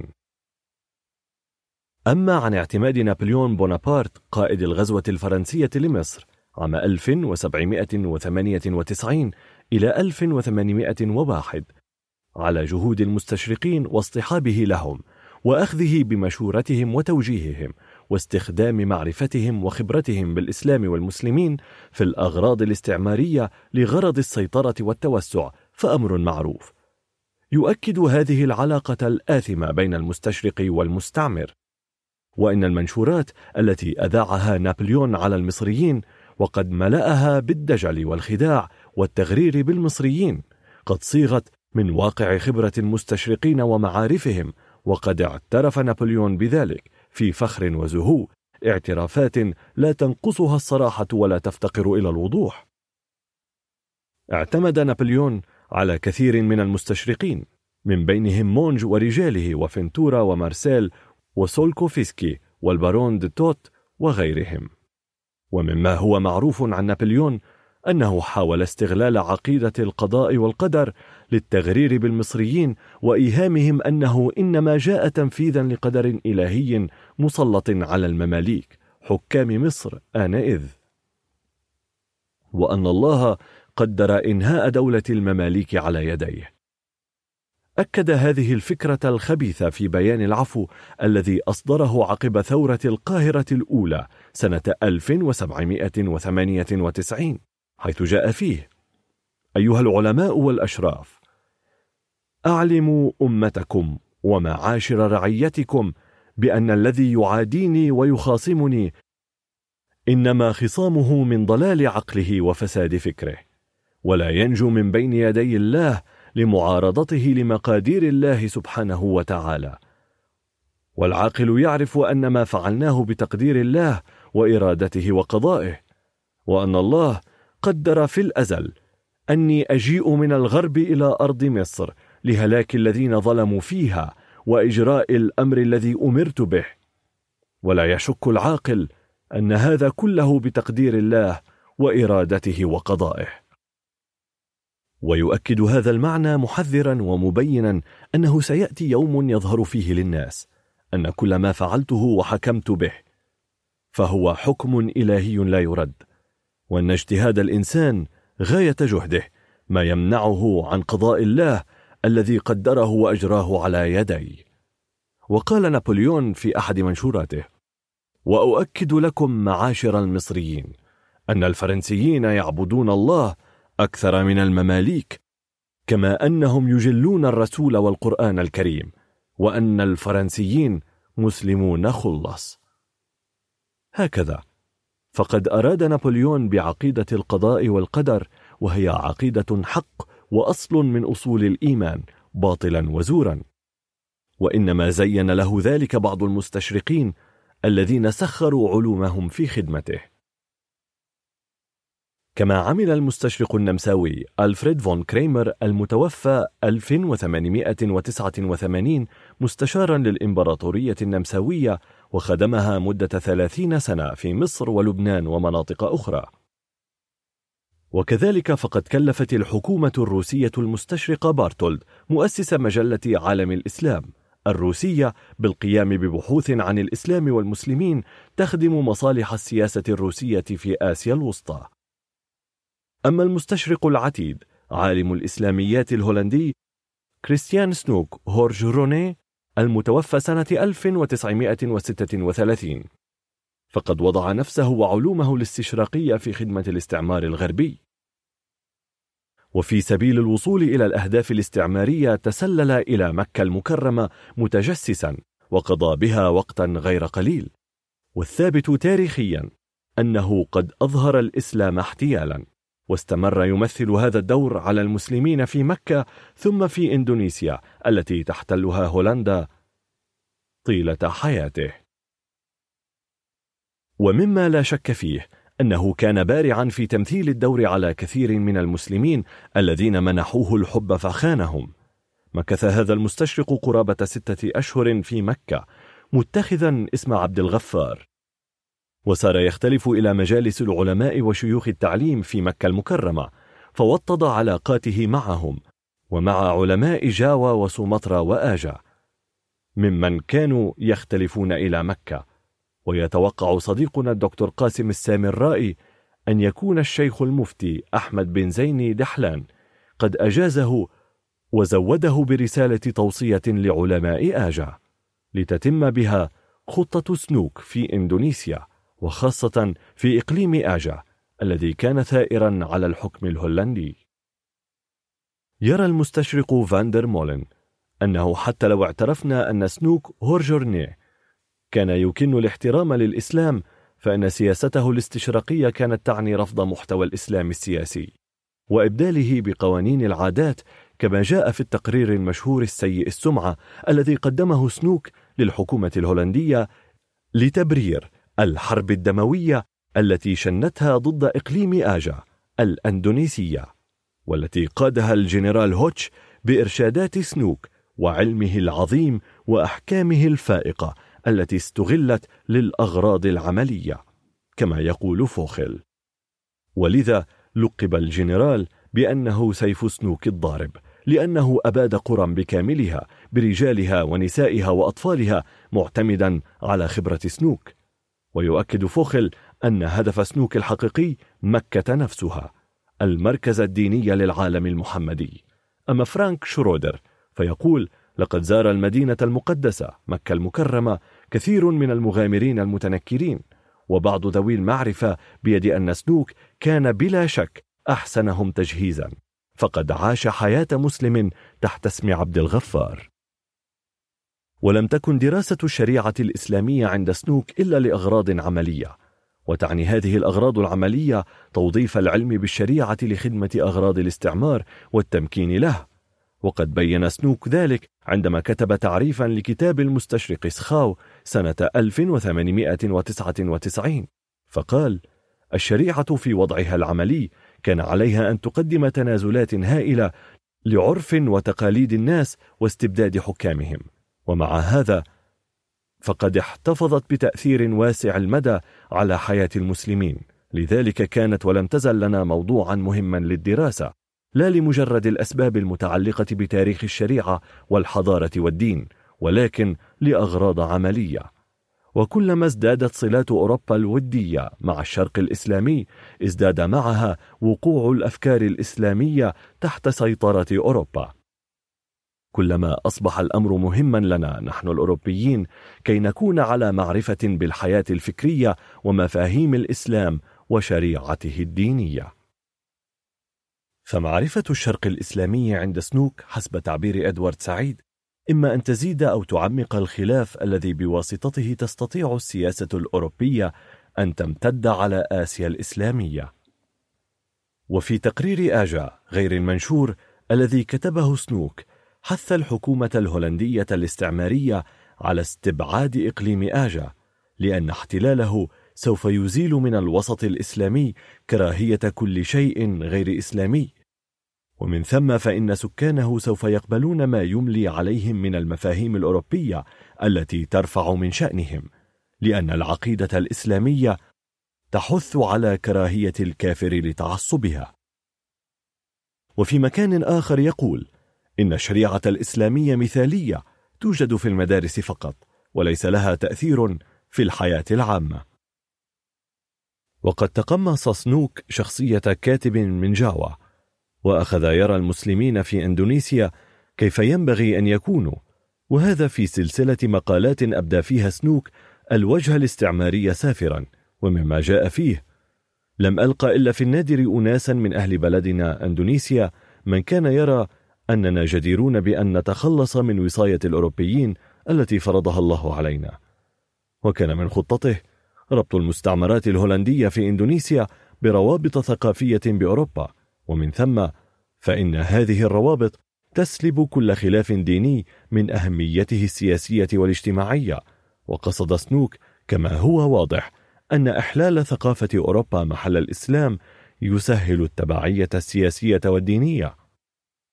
وهذا الإنكار لدور الشريعة السياسي والثقافي والاجتماعي نراه واضح المعالم في كتابات معظم المستشرقين وفي كتابات تلاميذهم الشرقيين. ومن المعروف أن سنوك هذا كان زميلا وصديقا حميما للمستشرق اليهودي إغناس هولزهاير 1850 إلى 1921 هذا ويؤكد المستشرق رودي باريت. ما ذكرناه بشأن وضع المستشرقين خبرتهم وعلومهم تحت تصرف السلطات الاستعمارية الغربية. فيذكر أن سنوك هورج روني قد شغل عدة مناصب قيادية في السلطنة الاستعمارية الهولندية. وأوتي بذلك فيما أوتي فرصة معرفة العرف السائر بين المسلمين هنالك معرفة وثيقة. وفي فرنسا كان زعماء المستشرقين مستشارين لوزارة المستعمرات الفرنسية في شؤون شمال إفريقيا. فقد شغل المستشرق المعروف دوساس منصب المستشار المقيم في وزارة الخارجية الفرنسية. وعندما غزا الفرنسيون الجزائر سنة 1830 كان دوساس هو الذي ترجم البيان الموجه إلى الشعب الجزائري. وكان يستشار بانتظام في جميع المسائل المتعلقة بالشرق من قبل وزيري الخارجية والحربية منذ 1805 وإلى عهد قريب كان المستشرق الذائع الصيت لويس ماسينيون مستشارا للإدارة الاستعمارية الفرنسية في الشؤون الإسلامية.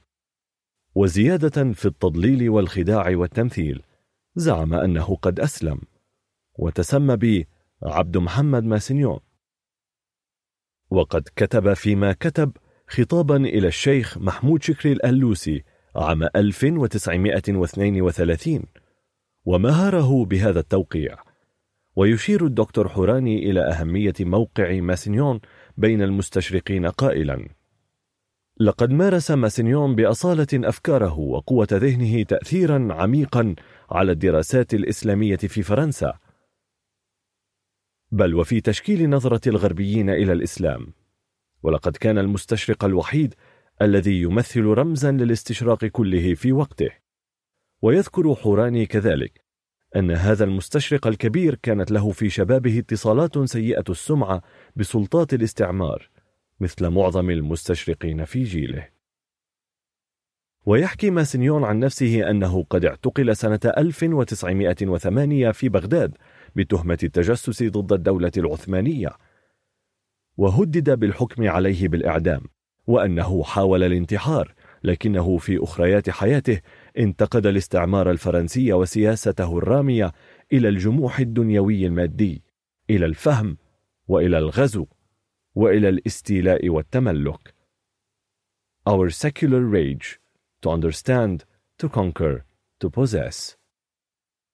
وفي مقال للمستشرق الفرنسي وزير الخارجية هانوتو توفي عام 1944 بعنوان.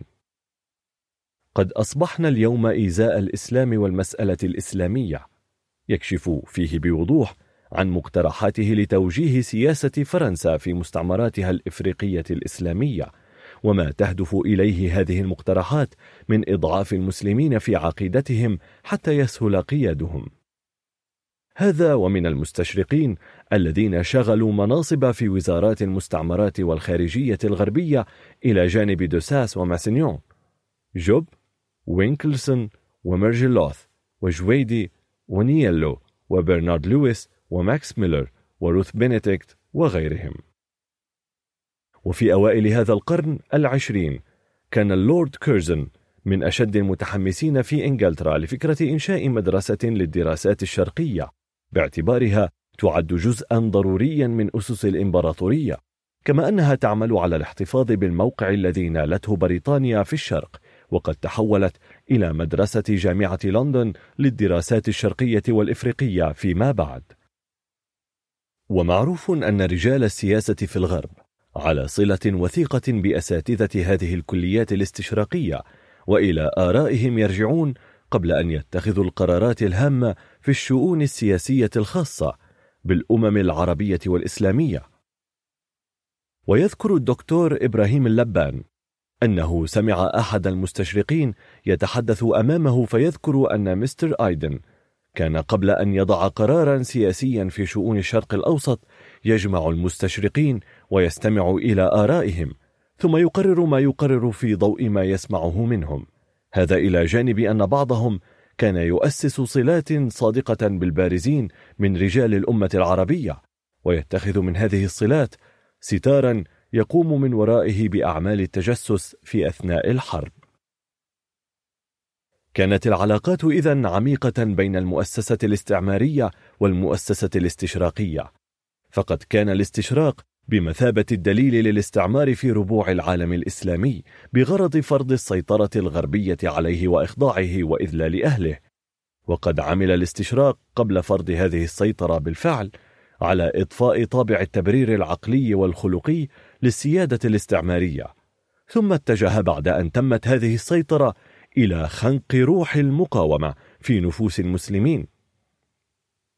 والعمل على تشكيكهم في عقيدتهم وتراثهم وإشعارهم بالتدني والانحطاط والافتقار حتى يتمكن الاستعمار من طمس الهوية الذاتية الإسلامية وإخضاع المسلمين نهائيا وكليا للثقافة والحضارة الغربية.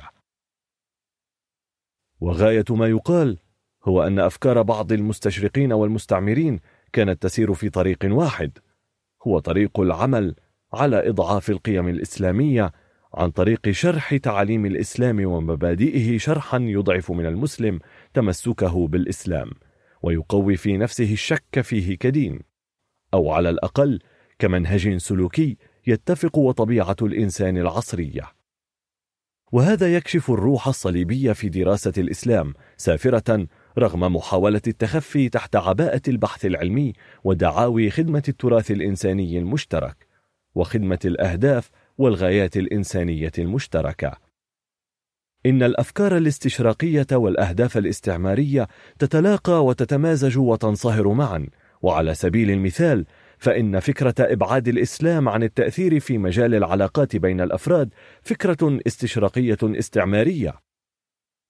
وإن فكرة توقيت الجهاد بعهد الرسول وعهد صحابته فحسب أو فكرة إلغائه اليوم فكرة استشراقية استعمارية وفكرة أن الظروف الدولية تدعو المسلم إلى الولاء لغير المسلم وفكرة أن الإسلام كدين يتعدد بتعدد شعوبه وأجناسه وبتعدد مصادره وفكرة أن الإسلام دين فردي شخصي لا يصح أن يتدخل في علاقات الناس والدول.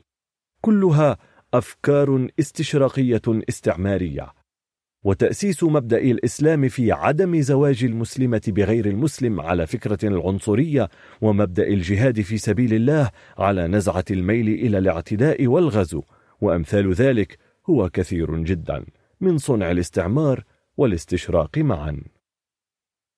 وقد عمل الغرب على إرسال رسله من المستشرقين ليبثوا هذه الأفكار ويقنعوا بها المسلمين عن طريق التدريس المباشر في المدارس والمعاهد والجامعات التي أسست في البلاد الإسلامية وعن طريق البحوث والدراسات والمقالات والكتب التي تنشر والمؤتمرات التي تعقد وفي وسائل الإعلام المختلفة.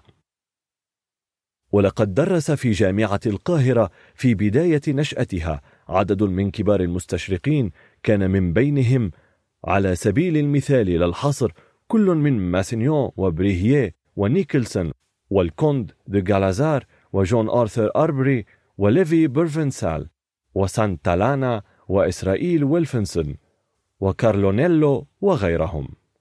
وقد نجح بعض المستشرقين مع وسائل أخرى في صياغة عقول ووجدانات بعض الباحثين الذين حملوا أفكارهم وتحمسوا لها وأشاعوها وربوا المريدين والتلاميذ على نشرها والاستماتة في الدفاع عنها. أعتقد أن أمر العلاقة الوثيقة بين الاستشراق والتبشير منذ النشأة الأولى ثم بين الاستشراق والاستعمار إبان الانطلاقة الكبرى في الأنشطة الاستشراقية أضحت بينة جلية موثقة بتواتر شهادات المستشرقين أنفسهم وباستقراء واقع الحال كما يقال.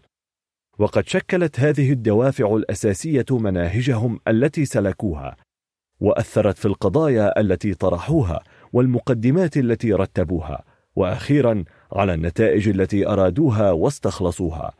ويسترعي إدوارد سعيد النظر إلى أن هذه العلاقة لم تنتهي بعد. بل كل ما هنالك أن المجال لم يعد حكرا على المستشرقين. بل ينافسهم فيه اليوم نظم وشركات ومصالح ومؤسسات تعليمية وتبشيرية ومراكز ومعاهد ومنظمات إلى آخره. وهي جميعا مكرسة لتأكيد شرعية عدد من الأفكار الأساسية غير المتغيرة حول الإسلام والشرق وعلاقته بالغرب. وتسهم هذه جميعا في تشويه صورة الشرق والعرب خاصة في أوروبا وأمريكا وتظهرهم في صورة بشعة يتصفون فيها بالخيانة والسادية والمتاجرة في الرقيق وأن العربي وغد لئيم شهواني خبيث عدواني إرهابي إلى آخره. المستشرقون والقرآن الكريم.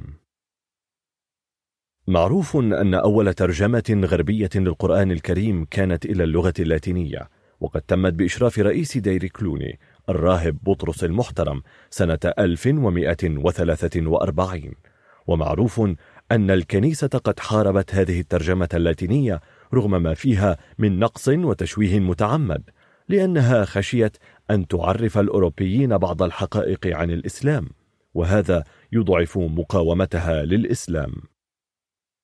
وقد أخفيت هذه الترجمة في دير كلوني بجنوب فرنسا إلى سنة 1543 حيث أظهرت وطبعها لأول مرة تيودور بلياندر ثم اعتمدت على أنها الأساس الذي يترجم عنه إلى اللغات الأوروبية. ثم عاودت الكنيسة تضييقها على هذه الترجمة وأمر البابا بولس الثالث بإتلاف الترجمة التي نقل عنها باجانيني. ولم تصرح الكنيسة بطبع ترجمة للقرآن إلا في عهد البابا ألكسندر السابع. ومما يذكر هنا أنه رغم ركاكة هذه الترجمات وبعد أصحابها عن الأمانة العلمية وتصرفهم في النصوص وتحريف الكلم عن مواضعه والقصور الفاضح في فقه اللغة العربية والجهل بأسرارها. نجد هؤلاء المستشرقين المبشرين يجيزون لأنفسهم إصدار أحكام على لغة القرآن وأسلوبه وبيانه ومعانيه. لم يقف المستشرقون عند هذا الحد لكنهم شككوا في مصدر القرآن الكريم وقدحوا في صحته ورموه بالتناقض والاضطراب والتحريف. ثم تكلموا في تفسيره وزادوا ونقصوا ورجحوا وافتعلوا. ومن الغريب أنهم مع ذلك حذروا الغرب من خطورة هذا القرآن على مصالحهم وديانتهم لأنه قادر على بعث النهضة الإسلامية الشاملة والوحدة الرائعة والعزة والمنعة بين المسلمين. مصدر القرآن بذل المستشرقون جهودا مضنية في محاولة إثبات أن مصدر القرآن لم يكن الوحي وأنه من تأليف محمد وأنه قد لفق مادة القرآن من عناصر الثقافة السائدة في البيئة العربية وقتئذ. كما أفاد من كتب اليهود والنصارى واستعان برهبان النصارى وأحبار اليهود في تأليفه وتلفيقه. يحدد المستشرق الألماني جاي فويك في بحث متميز على حد تعبير المستشرق الفرنسي إم رودنسون طبيعة المشكلة قائلا. على كل حال لقد أصبح النظر في عدم أصالة الإسلام واعتماده على الأديان السابقة موضة بين عموم المستشرقين. ويقول يوهان فوك لقد فقدت دراسات المستشرقين الكبار صلتها بأفكار القرآن المتميزة والرصينة. وارتضت باشترار البحث في تبعية كل جزئية قرآنية بصرف النظر عن كونها فكرة دينية أو تعبيرا أو مصطلحا أو حقيقة تشريعية أو قصة أو موضوعا أو كلمة مفردة أو أنماطا متنوعة من التراكيب وإرجاعها إلى مصادرها في الأديان السابقة كلما كان ذلك ممكنا بهدف شطر الصورة الحية المتكاملة للرسول والقرآن إلى ألف نتفة وجذاذة. ولقد اعترض المستشرق السويدي تور أندري على هذا الاتجاه الاستشراقي المتشكك في أصالة القرآن وقال في سخرية لاذعة كأن المهمة الكبرى للمستشرقين الدارسين لشخص الرسول هي محاولة فهم كيف أن الرسول بتأثير روح البيئة المحيطة قد لفق أو زور أشتاتا عديدة شديدة التنافر في كل واحد هو القرآن. ويؤكد جيف ويك على الأثر السلبي للمستشرقين فيما يتعلق بهذا الموضوع على تصور الغرب للإسلام وكتابه ورسوله قائلا.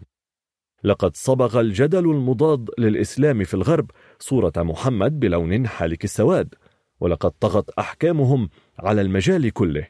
ولقد أضاف مستشرقو القرن التاسع عشر لحنا جديدا إلى عزف هذه الجوقة وذلك بتأكيدهم على تبعية الرسول محمد واعتماده على الأديان السابقة الموحى بها. ثم يشرح جيف ويك جهود مستشرقين في هذا الصدد.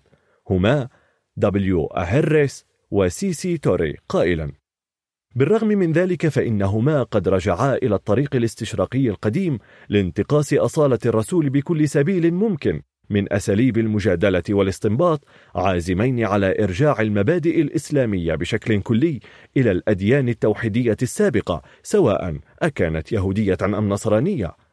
ولقد رأى توري أن محمدا لم يكن أكثر من تلميذ أو حواري في المجمع اليهودي.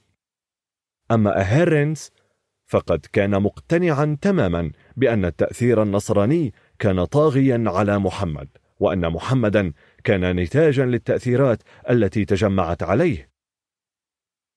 وقد خضع محمد للتأثير النصراني عليه منذ البداية وطوال الفترة المكية من الرسالة وما بعدها. ثم وافق على ترتيب نول ديكي للقرآن طبقا لنزوله وليس طبقا لما هو موجود في المصحف اليوم. يقول فوك عن أهيرنز إن موقفه كمجادل مسيحي ينساق وراء رد الفعل الغاضب مرة والآسف مرة أخرى ظاهر بوضوح. ولقد أثار كلاهما توري وأهيرنز مسألة غريبة هي أن الرسول قد غير بعد هجرته إلى المدينة ما كان قد بشر به في مكة وأنه بهذا غير مبادئه ويفسر توري ذلك بأنه أنانية لا يفهم حقيقة أسبابها. أما أهيرنس فيرى أن ذلك كان انتهازية سياسية تسمح بالحل الوسط من أجل المطامح الدنيوية. ويؤكد فوك رأيه قائلا هذه المحاولات تريد أن تمزق القرآن فيما يتعلق بأصوله ومصادره إلى عدد لا حصر له من أحجار الموزاييك الصغيرة والتي لا توجد رابطة داخلية تجمعها أبدا.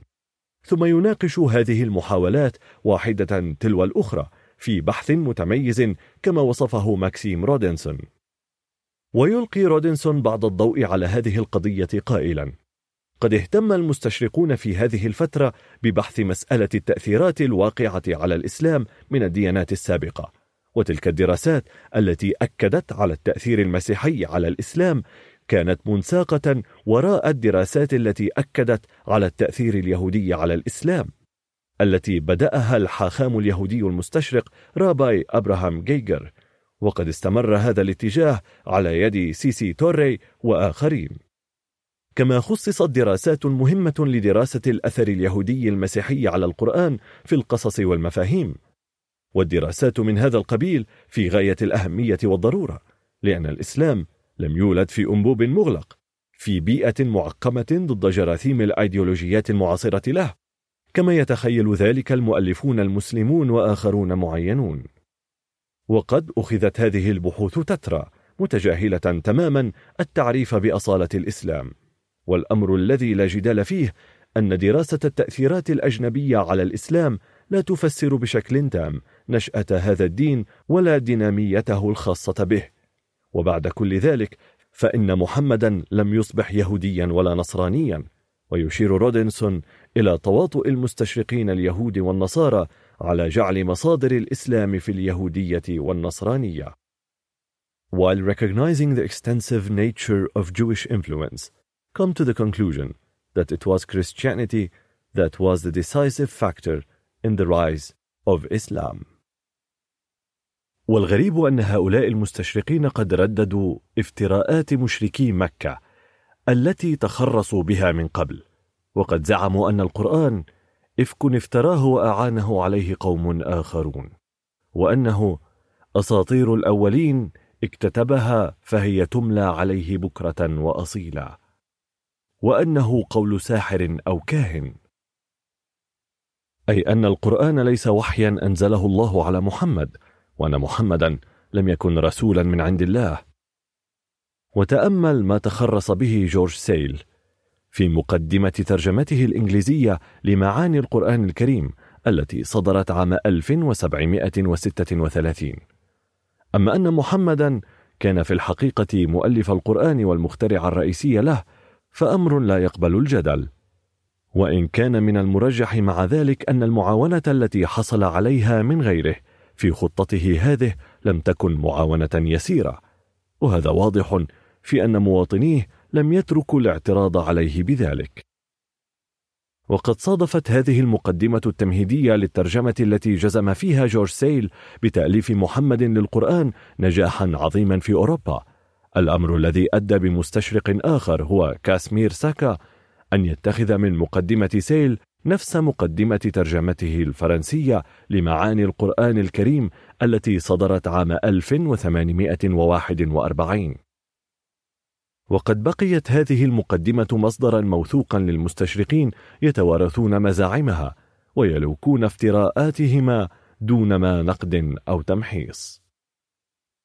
في الواقع إن المستشرقين أجهدوا أنفسهم في البحث عن مصدر مزعوم للقرآن الكريم. فقال أبراهام جيجر إن محمدا قد اطلع على كتب اليهود بالعربية والآرامية. وقال ريتشارد بيل مترجم معاني القرآن إن النبي قد اعتمد في كتابه على الكتاب المقدس أسفار العهد القديم في قسم القصص. فبعض قصص العقاب مثل قصص عاد وثمود مستمد من مصادر عربية.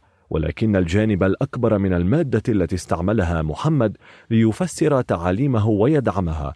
قد استمده من مصادر يهودية ونصرانية وقد كانت فرصته في المدينة للتعرف على ما في العهد القديم أفضل من وضعه السابق في مكة حيث كان على اتصال بالجاليات اليهودية في المدينة وعن طريقها حصل على قسط غير قليل من المعرفة بكتب موسى على الأقل. ولو راجعنا قائمة الكتب والبحوث التي أصدرها المستشرقون عن القرآن لرأينا على سبيل المثال العناوين التالية. وهي كافية لإبراز هذا الاتجاه الاستشراقي العدواني تجاه القرآن الكريم. راهب بحيرة والقرآن كراديفو 1898 السامريون في القرآن جوزيف هاليفي 1908 ترجمة القرآن وفقا لترتيب نزول الآيات تاريخيا. روديل 1876 أسماء الله الحسنى ومصادرها الشرقية في القرآن. السير أودوين أرنولد. 1884 التوراة في القرآن. فايل 1835 بحوث جديدة في ترتيب القرآن الكريم وتفسيره. هيرشفيلد 1902 عيسى في القرآن. جروهمان 1914 النصرانية واليهودية في القرآن. بومشتارك 1953 الألفاظ الأجنبية في القرآن. جيفري 1938 عناصر نصرانية في القرآن. أرنس 1935 القصص الكتابي في القرآن. شباير 1939 محمد والقرآن. وختندونك 1969 القرآن. الإنجيل المحمدي. ستيرستن 1918 من أبرز من اشتهر بدراسة القرآن وعلومه من المستشرقين نولدكه وبلاشير وجيفري وغولدزيهر وآربري ولقد تعمد أكثرهم إنكار المصدر الإلهي للوحي وقالوا إنه من تأليف محمد أو من تلفيقه. ولقد أظهروا جهلا فاضحا بحقيقة الوحي خارج الطرق الكسبية للعلم وفوق الإلهامات النفسية الذاتية وخلاف ما هو مقرر في علم النفس وسير الأبطال والعظماء. وبعيدا عن الأعراض الباثولوجية التي يصاب بها أفذاذ الرجال كما يزعم جولدزهاير وعن الهوس أو الجنون الذي يضرب بنوباته قادة الأمم العظام كما يذكر جوستاف لوبون أو اللاوعي الجمعي كما يرى ويليام مونتغومري وات.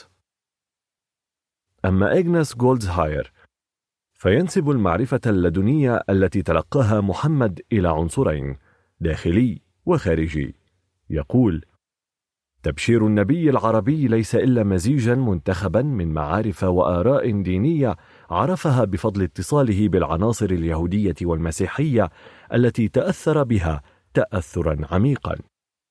والتي رآها جديرة بأن توقظ في بني وطنه عاطفة دينية صادقة. وهذه التعاليم التي أخذها عن تلك العناصر الأجنبية كانت في وجدانه ضرورية لإقرار لون من الحياة في اتجاه يريده الله. لقد تأثر بهذه الأفكار. تأثرا وصل إلى أعماق نفسه وأدركها بإيحاء قوة التأثيرات الخارجية، فصارت عقيدة انطوى عليها قلبه كما صار يعتبر هذه التعاليم وحيا إلهيا. ويصف الدكتور ألبرت حوراني إغناس جولدهاير بقوله ولربما كان المستشرق اليهودي المجري إغناس جولدهاير أعظم وأهم مستشرق أسهم في تكوين التصور الاستشراقي الغربي عن الإسلام وتطوره وطبيعته كنظام ديني وثقافي ويتحدث بلاشير عن مصدر القصص القرآني مشيرا إلى أن الأمر اللافت للنظر هو التشابه الحاصل بينه وبين هذا القصص اليهودي والمسيحي. ويرى أن التأثير المسيحي كان واضحا في السور المكية الأول إذ أن كثيرا ما تكشف مقارنته بالنصوص غير الرسمية كإنجيل الطفولة الذي كان سائدا في ذلك العهد عن شبه قوي ويعرض في هذا الصدد آراء بعض الباحثين مؤكدا رأيه فيما كان من علاقات وروابط بين مؤسس الإسلام والفقراء المسيحيين بمكة. وهذا يعني في التحليل الأخير أن مصدر القرآن والسنة هو الرسول. وإنا لنعجب مع الدكتور التهام النقرة ونقول لعل أول ما يبعث على التساؤل حول هذه الأفكار الرائجة في أوساط المستشرقين والغربيين عموما أن القرآن والحديث لو كان مصدرهما هو محمد فبما يفسرون ذلك الفرق الكبير والبون الشاسع بين القرآن الكريم والحديث في الصياغة وأسلوب العرض وطريقة الأداء ومنهج التعبير. ومن الخيال المريض الذي يؤدي إليه سوء الطوية وفساد الفطرة ما زعمه المستشرق كليمان هاور من أنه وجد مصدرا جديدا للقرآن غير ما ذكره أقرانه هو شعر أمية بن أبي الصلت. شاعر مخضرم كان يبشر بقرب ظهور نبي جديد ولما بعث محمد كفر به حسدا من عند نفسه وقال عنه الرسول آمن لسانه وكفر قلبه. قارن المستشرق هاور بين شعر أمية وآيات من القرآن الكريم محاولا أن يثبت فريته.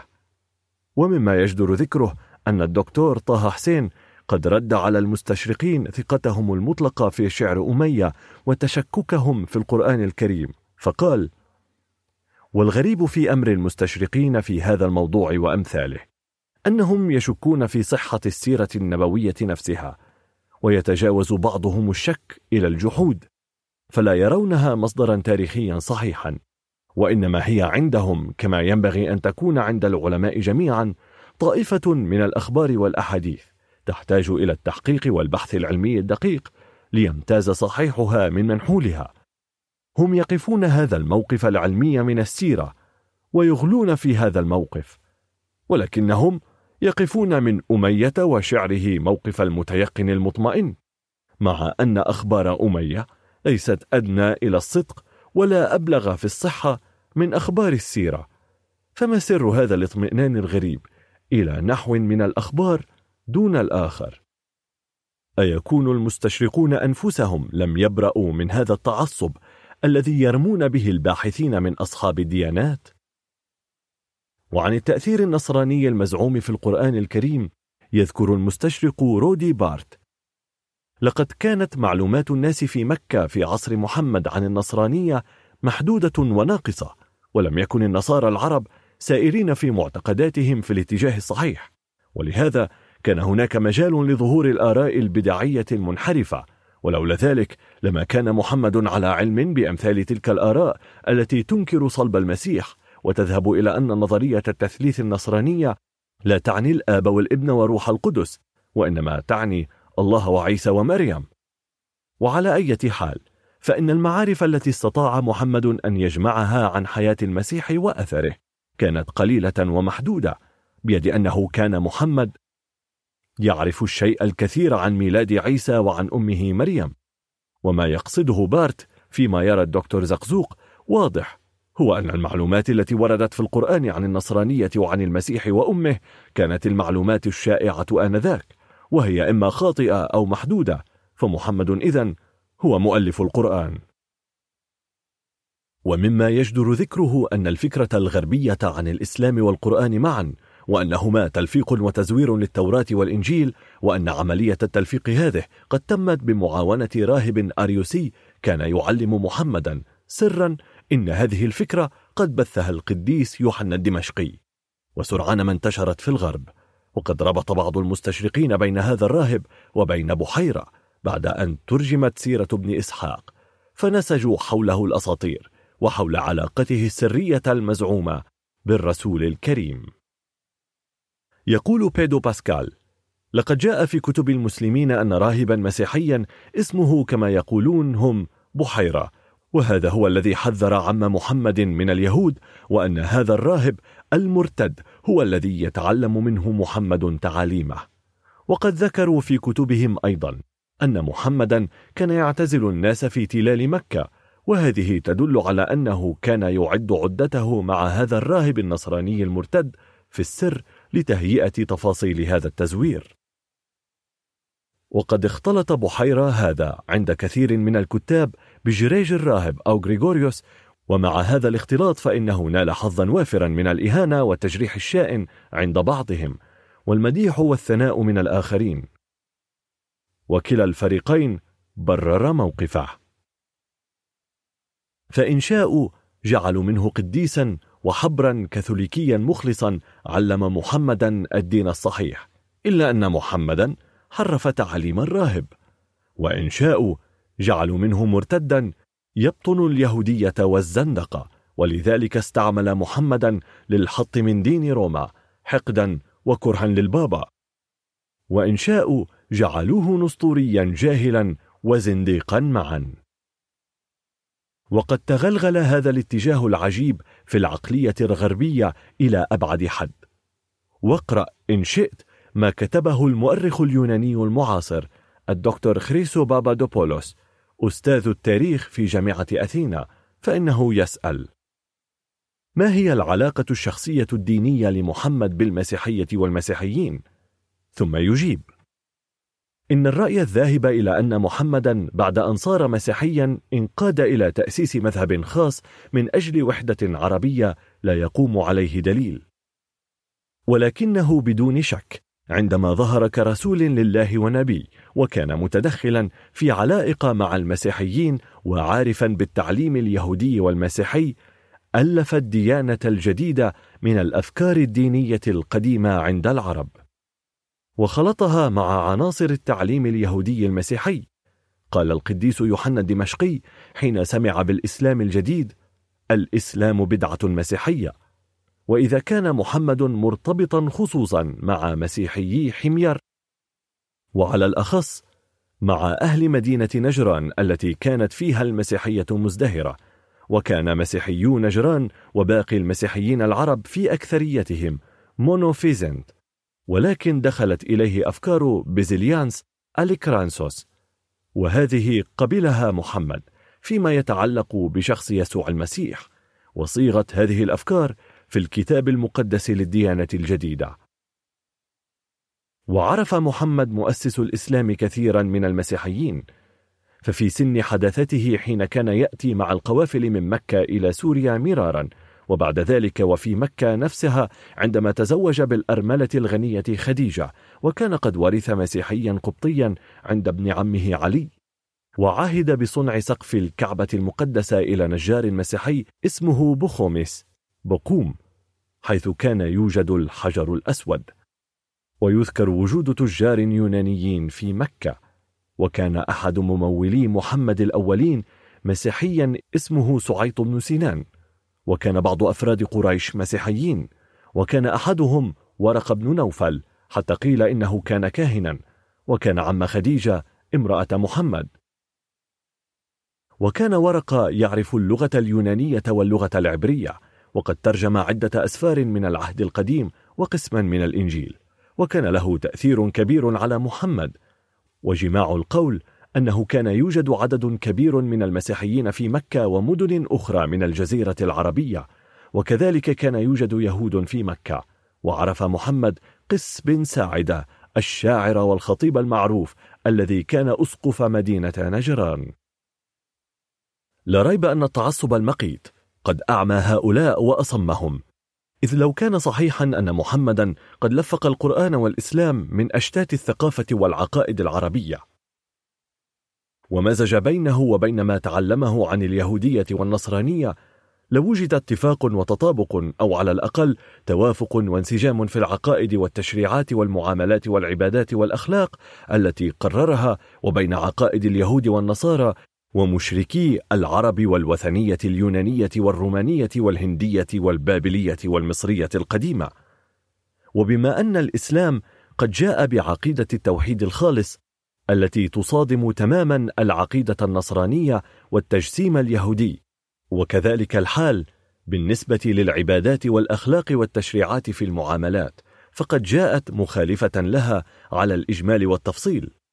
فلا مجال إذن لمثل هذه الدعوة المتهافتة الساقطة. كما أن مشركي العرب لم يوجهوا لمحمد تهمة استمداد القرآن من اليهود والنصارى ولو رأوا شيئا من ذلك ما قصروا في التشنيع والتشغيب لأنهم زعموا أن الذي يعلمه عبد رومي كان يصنع السيوف بمكة ولم يكن نصرانيا أو يهوديا ودحض القرآن زعمهم بقوله تعالى ولقد نعلم أنهم يقولون إنما يعلمه بشر لسان الذي يلحدون إليه أعجمي وهذا لسان عربي مبين. هذا ولم يكن محمد ولا قوم محمد يعلمون شيئا من هذه المعلومات التي قد يكون لها ذكر في أسفار اليهود والنصارى. يقول عز من قائل تلك من أنباء الغيب نوحيها إليك. ما كنت تعلمها أنت ولا قومك. ذلك من أنباء الغيب نوحيه إليك. وما كنت لديهم إذ أجمعوا أمرهم وهم يمكرون. ذلك من أنباء الغيب نوحيه إليك. وما كنت لديهم إذ يلقون أقلامهم أيهم يكفل مريم وما كنت لديهم إذ يختصمون. وحتى لا نطيل في هذا الأمر نقول إن كثيرا من المستشرقين متأثرين بدوافعهم الدينية والاستعمارية ومتجردين عن الموضوعية والحيادية والنزاهة العلمية قالوا إن مصدر القرآن لم يكن الوحي الإلهي ومن ثم فهو وضع بشري ألفه وزوره محمد من روافد يهودية ونصرانية أو من أخلاط الثقافة السائدة أو من شعر أمية وامرئ القيس إلى آخره. ومما يثير الأسف حقا أن أمثال هؤلاء المستشرقين قد أسهموا بمثل هذه المفتريات إسهاما فاعلا في تشكيل العقل الغربي وصياغة الشعور الغربي وإثارته وتعبئته ضد الإسلام والقرآن. مما تسبب في حرمان معظم الغربيين من نعمة النظر الحر والتدبر الصادق ورؤية الحق فيما يتعلق بالإسلام دون ما تأثر بهذه الموروثات الثقيلة. وننقل في هذا السياق اقتباسات من كتب بعض المستشرقين المعاصرين البارزين بألفاظها وحروفها. يسأل المستشرق اليهودي جوتاين عن المصادر التي تعلم منها الرسول القرآن الكريم ويذكر أن القرآن وقد أشار في أماكن عديدة إلى رجال كانوا يعلمون الرسول صلى الله عليه وسلم فمن هؤلاء المعلمون؟ ولماذا بقي من الصعب جدا أن نجد حلا لهذه المشكلة؟ ويذكر أسبابا لذلك منها أن القرآن يحتوي على نصوص وأفكار كثيرة يمكن أن يكون قد قلد فيها اليهود أو المسيحية كما أن موسى وقصته قد ذكرا في القرآن أكثر من مئة مرة بينما ذكر عيسى أربع مرات فقط في الفترة المكية من الرسالة ويلخص المستشرق جوتاين مسألة أصل الإسلام قائلا إنه من صميم لحم وعظم اليهودية Islam, however, is from the very flesh and bone of Judaism. ولإثبات ذلك يعقد مقارنة طويلة مفتعلة بين الإسلام واليهودية.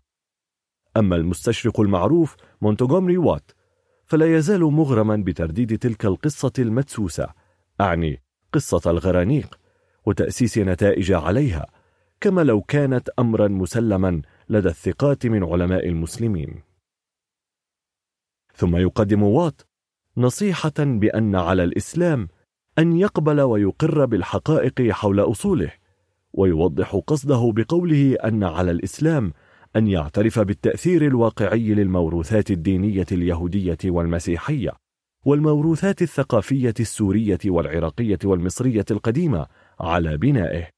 وفي هذه الحالة يقبله الغرب ولا يرفضه. ويتحدث فيليب حتي في كتابه Islam and the West An Historical Cultural Survey. فيلخص مسألة أصل الإسلام والقرآن بأنها يهودية مسيحية عربية حيثية ويحاول ما وسعته المحاولة أن يستدل على ذلك بحجج مفتعلة وأمور مختلفة. ويثير المستشرق جيب مسألة غريبة تتعلق بنقد القرآن وامتحانه في ضوء المقاييس النقدية المتطورة وفي رأيه أن المسلمين فعلوا ذلك بشأن الحديث النبوي بيد أنهم لم يطبقوا هذه المقاييس النقدية على القرآن الكريم ليستوثقوا حقا هذا القرآن هو كلام الله الموحى به يقول جيب In contrast to the hadith, the Quran itself has remained almost untouched by any other breath of evolutionary criticism.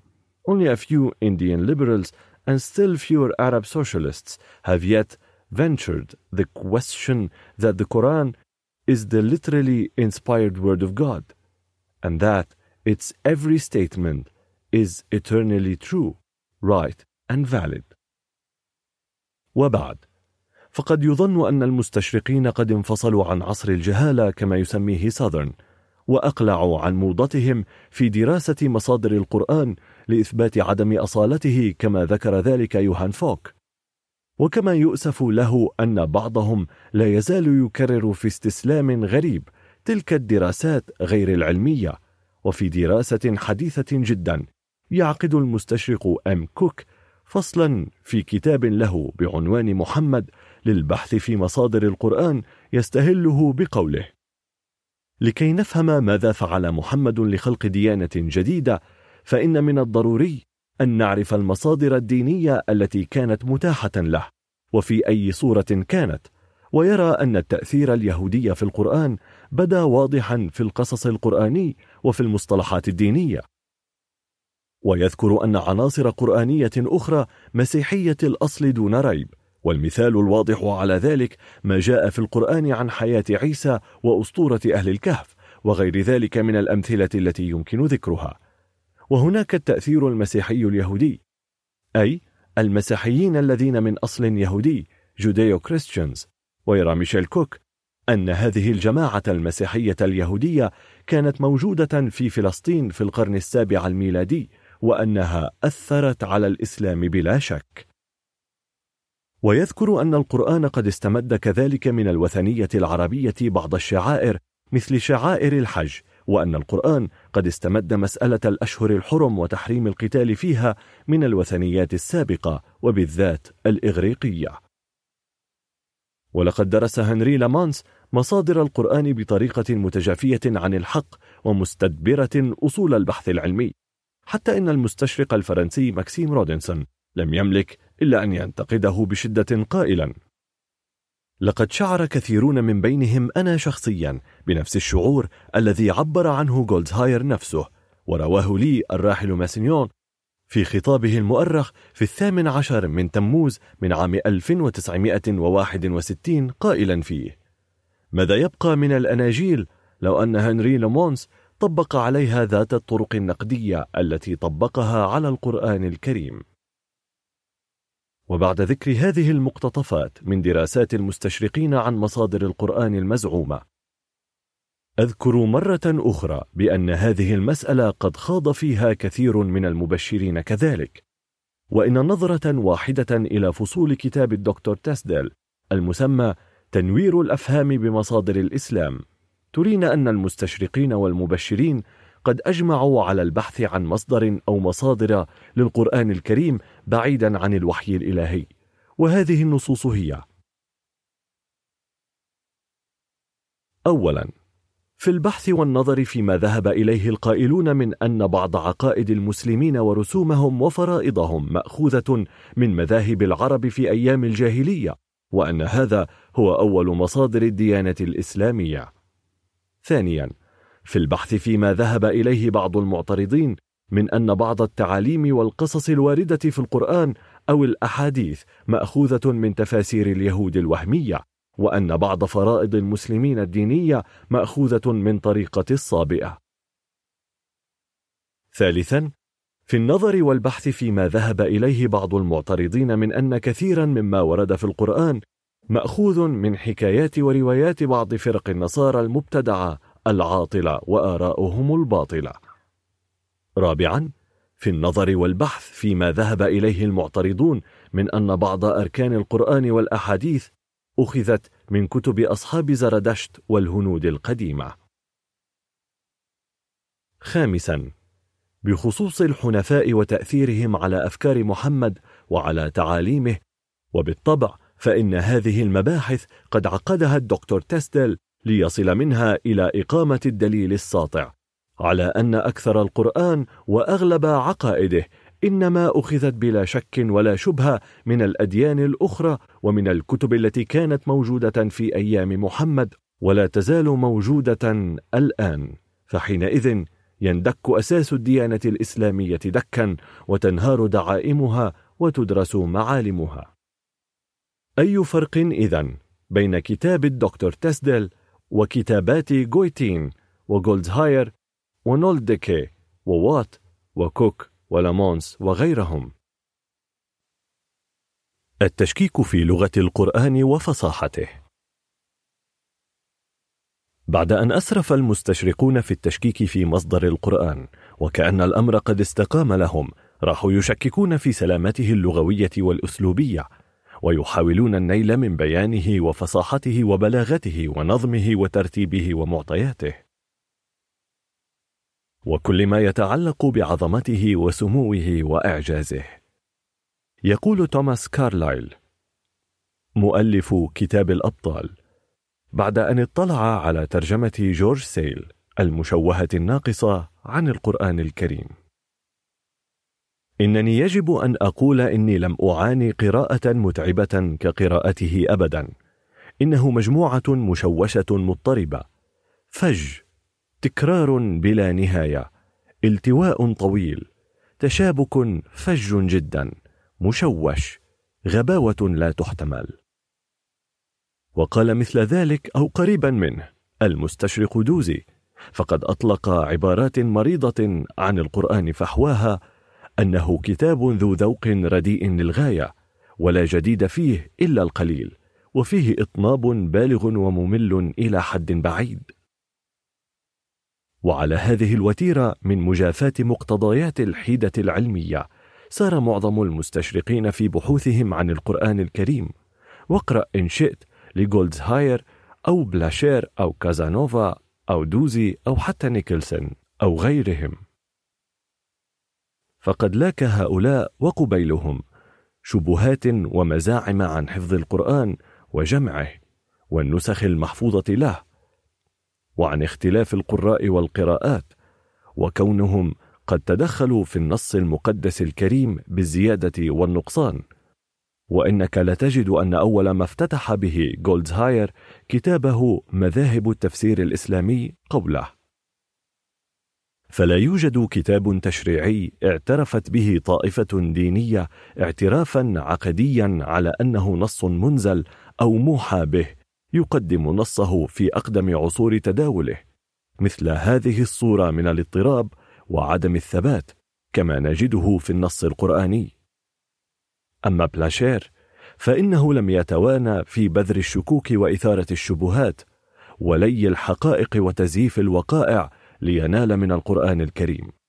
فقد شكك في حرص الرسول على كتابة الآيات حال نزولها وأن خوفه كان شديدا لما نزل عليه الوحي لأول مرة.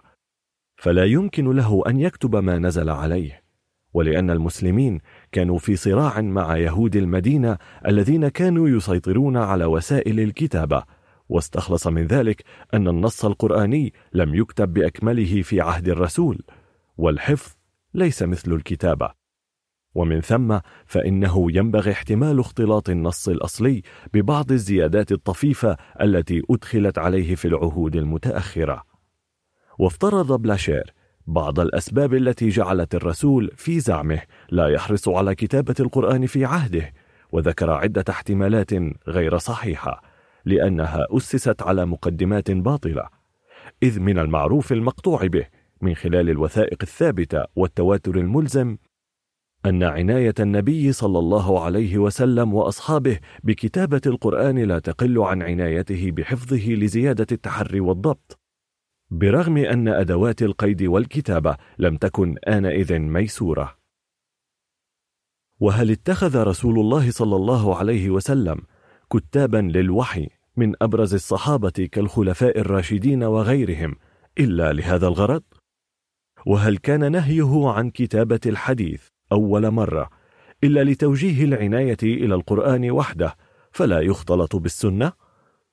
هذه مسألة مفروغ منها عند كافة المسلمين عامتهم وخاصتهم في جميع أزمانهم وأمصارهم وانظر إلى غرابة افتراض بلاشير لتعليل عدم كتابة القرآن في عهد الرسول كما يزعم فيقول إن ميل الرسول وأصحابه إلى ترك الأمور على ما هي عليه يؤيد ما اشتهر به العرب من أنهم لا يفكرون إلا في الحاضر ولا يهمهم أمر المستقبل. وهذا الميل يقف وراء عزوف المسلمين عن جمع القرآن في عهده.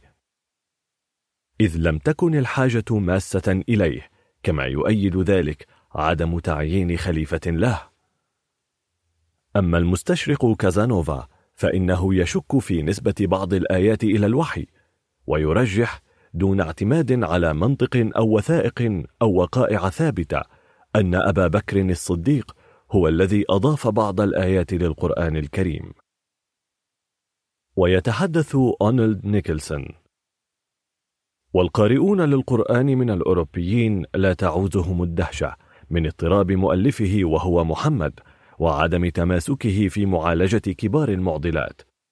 وهو نفسه لم يكن على علم بهذه المتعارضات كما لم تكن حجر عثرة في سبيل صحابته الذين نقل إيمانهم الساذج القرآن على أنه كلام الله.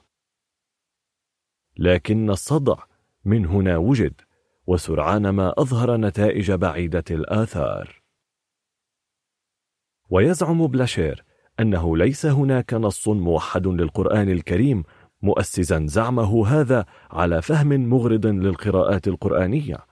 ومن ثم فإنه يجوز قراءة القرآن بالمعنى كما ذهب جولدزهاير والعجيب أن هؤلاء في بحوثهم لا يفرقون بين القراءة المتواترة والأخرى الشاذة. ويروج بلاشير لفكرة باطلة أخرى هي أن أمر النبي صلى الله عليه وسلم بتدوين الوحي لم ينشأ إلا بعد أن هاجر إلى المدينة وأقام بها وأن التدوين كان جزئيا وناتجا عن جهود فردية ومثارا للاختلاف. وقد ذهب المستشرق لوت إلى أن النبي مدين بفكرة فواتح السور مثل حاميم وطاسين ميم وكاف ها يا عين صاد إلى آخره لتأثير أجنبي. ويرجح أنه تأثير يهودي ظنا منه أن السور التي بدأت بهذه الفواتح مدنية. خضع فيها النبي لتأثير اليهود ولو دقق هذا الأفاك لعلم أن سبعا وعشرين سورة من تلك السور التسعة والعشرين مكية وأن اثنتين فقط من هذه السور مدنية هما البقرة وآل عمران. وبالنسبة لموقف المستشرقين من القرآن فقد كانوا في غاية الانسجام والتوافق مع مزاعمهم السابقة واللاحقة. ويكفي للتدليل على ذلك كتاب الحداد بعنوان دراسات قرآنية وهو كتاب لأحد غلاة المستشرقين بث فيه ناقع سمه ولاهب حقده. وفي الواقع إنه كان للرسول الكريم وللحق خصوم وأعداء ألداء مثل كازانوفا ولوت وبلاشير ودوزي وجولدزايهر ودوساسي ونيكلسون وسيل وبطرس المحترم وليل وغيرهم. وكان أعداؤه من مشركي العرب أكثر من هؤلاء ذكاء وحماسة ولم يكونوا أقل منهم دهاء ومع ذلك لم يوجهوا هذه المزاعم له لوهائها وتناقضها وسقوطها. المستشرقون والسنة المطهرة. ترتبط السنة المطهرة بالقرآن ارتباطا وثيقا. لا يمكن أن يتصور مجرد تصور أن تنفك عراه البتة. وهذا يفهم من صريح القرآن الكريم. وأنزلنا إليك الذكر لتبين للناس ما نزل إليهم. ومن بدائه الأمور أن يقال إن السنة تمثل بالنسبة للقرآن المفصلة لمجمله والمبينة لمشكله والباسطة لمختصره. ومن بدائه الأمور أن يقال كذلك إن السنة هي الأصل الثاني للإسلام وإنها وحي الله إلى الناس بلغة رسول الله صلى الله عليه وسلم وأمرنا أن نتمسك به ونحافظ عليه قال صلى الله عليه وسلم تركت فيكم شيئين لن تضلوا بعدهما كتاب الله وسنتي. لكن بعض رجال المؤسسة الاستشراقية المتجافين عن أبسط قواعد البحث العلمي المرعية وأصوله المقررة حاولوا في هجمة منكرة فاضحة التشكيك في السنة ولم يدخروا وسعا في ذلك بغية هدمها ونقضها وطمسها. وهي محاولات مأجورة ومشكورة من قبل رجال التبشير والاستعمار معا. يرى ماكسيم رودنسون أن علماء المسلمين الثقات قد ردوا عددا كبيرا من الأحاديث ومع ذلك فإن المنهج الذي استخدموه في ذلك لا يرضى عنه المستشرقون اليوم. وتبدو الأحاديث التي قبلها العلماء المسلمون ليست أكثر وثاقة في نظر المستشرقين من تلك الأحاديث التي ضعفوها. ولنقف أمام محاولتين اثنتين رغم الكثرة الكاثرة وهما محاولتا المستشرقين اليهوديين جولدزايهر وجوزيف شاخت. والحق يقال إن أول وأكبر مستشرق قام بمحاولة واسعة شاملة للتشكيك في الحديث النبوي كان المستشرق اليهودي جولدزايهر الذي يعده تلاميذه من المستشرقين والمستغربين على السواء أعمق العارفين بالحديث النبوي. يقول عنه كاتب مادة الحديث النبوي في دائرة المعارف الإسلامية يوهان فويك إن العالم مدين دينا كبيرا لما كتبه جولدزايهر في موضوع الحديث. وقد كان تأثيره على مسار الدراسات الإسلامية الاستشراقية أعظم مما كان لأي من معاصريه من المستشرقين. فقد حدد تحديدا حاسما اتجاه البحث في هذه الدراسات وتطوره. ويلخص المستشرق فان مولر عمل جولدزايهر الخارق قائلا لقد كان جولدزايهر أعمق العارفين بعلم الحديث النبوي وقد تناول في القسم الثاني من كتابه دراسات محمدية موضوع تطور الحديث تناولا عميقا. وراح بما له من علم عميق واطلاع يفوق كل وصف يبحث التطور الداخلي والخارجي للحديث من كل النواحي وقد قادته المعايشة العميقة لمادة الحديث الهائلة إلى الشك في الحديث النبوي ولم يعد يثق فيه مثلما كان دوزي ولا يزال يفعل ذلك في كتابه مقال في تاريخ الإسلام وبالأحرى كان جولدزايهر يعتبر القسم الأعظم من الحديث بمثابة نتيجة لتطور الإسلام الديني والتاريخي والاجتماعي في القرنين الأول والثاني. فالحديث في رأيه لا يعد وثيقة لتاريخ الإسلام في عهده الأول عهد طفولته. وإنما هو أثر من آثار الجهود التي ظهرت في المجتمع الإسلامي في عصور المراحل الناضجة لتطور الإسلام. ويقدم جولدزايهر مادة هائلة من الشواهد لمسار التطور الذي قطعه الإسلام في تلك العصور التي تم فيها تشكيله من بين القوى المتناقضة والتباينات الهائلة حتى أصبح في صورته النسقية. ويصور جولدزايهر التطور التدريجي للحديث ويبرهن بأمثلة قاطعة كيف كان الحديث انعكاسا لروح العصر. وكيف عملت على ذلك الأجيال المختلفة وكيف راحت كل الأحزاب والاتجاهات في الإسلام تبحث لنفسها من خلال ذلك عن إثبات لشرعيتها بالإشارة إلى مؤسس الإسلام وأجرت على لسانه الأقوال التي تعبر عن شعاراتها.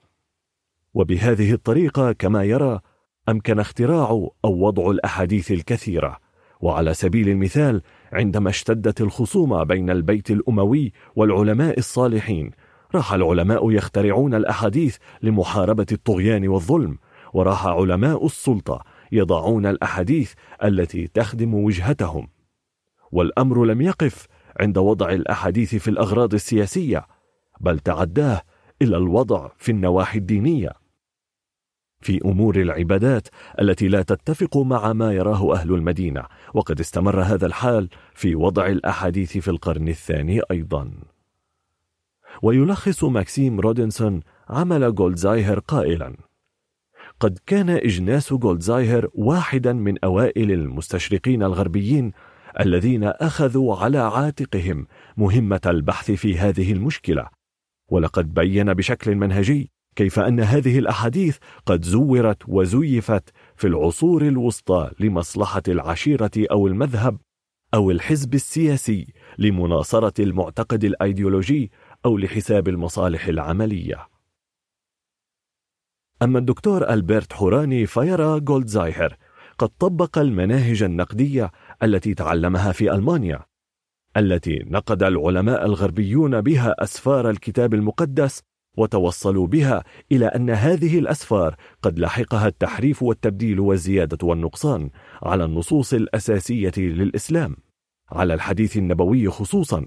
وأنه نظر إلى هذا الحديث ليس على أنه النص الذي وصلنا عن الرسول وصحابته دون تغيير ولكن على أن الأحاديث مجموعة من الكتابات قد وضعت بشكل تدريجي عبر أجيال عديدة. لذلك فهي لا تقبل على أنها تسجيل لما قاله أو نقله محمد ومن الأمور ذات القيمة الأساسية في هذا الصدد إلقاؤه الضوء على النزاعات السياسية والدينية في القرن الأول الهجري. إذ أن لهذا التبصر في أحداث القرن الأول الهجري أثر عميق على كل الدراسات المتأخرة لعلم الكلام أو التشريع الإسلامي. ولقد عبر جولدزايهر عن وجهة نظره المفصلة عن الكيفية التي تطور بها الإسلام كنظام ديني في سلسلة من المحاضرات كتبها سنة 1907 وكان ينوي إلقاءها في الولايات المتحدة الأمريكية لكن لم يلقها. ثم طبعت في كتاب بعنوان Introduction to Islamic Theology and Law.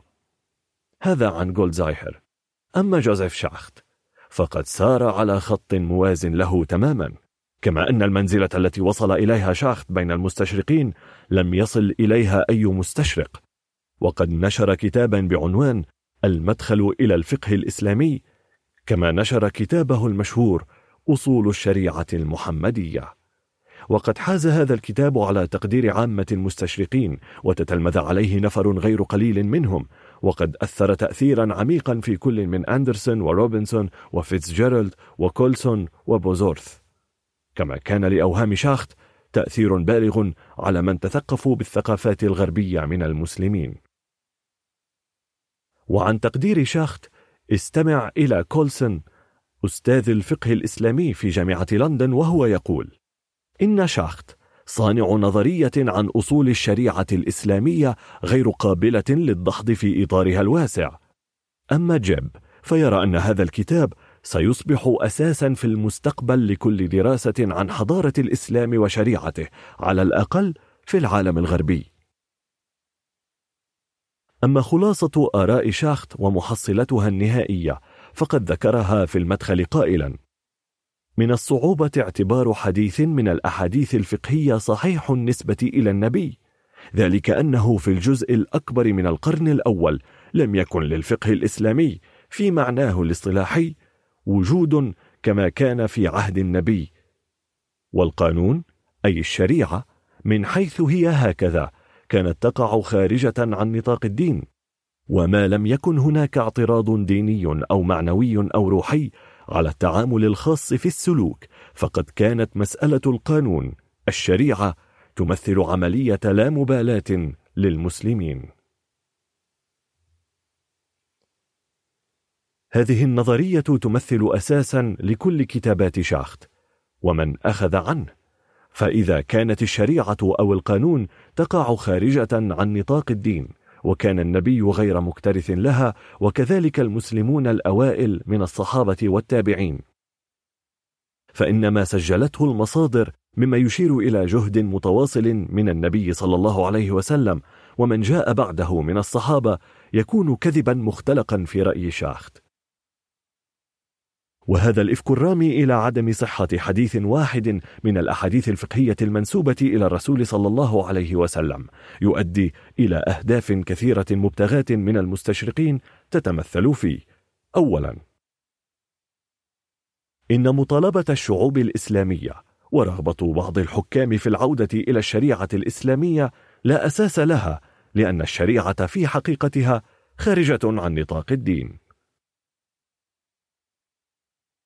ثانيا ما يسمى بالفقه الإسلامي ليس مبنيا على كتاب الله وسنة رسوله لأنه لا يوجد ما يمكن تسميته سنة النبي بل إن جزءا غير قليل من الفقه الإسلامي مأخوذ من شرائع اليهود والكنيسة وديانات أخرى عدا اجتهادات المجتهدين. كما أن شاخت يزعم أن أكبر قدر من أسانيد الأحاديث اعتباطي. ومعلوم لدى الجميع أن الأسانيد بدأت بشكل بدائي ووصلت إلى كمالها في النصف الثاني من القرن الثاني في الهجرة وكانت الأسانيد كثيرا ما تجد أقل اعتناء.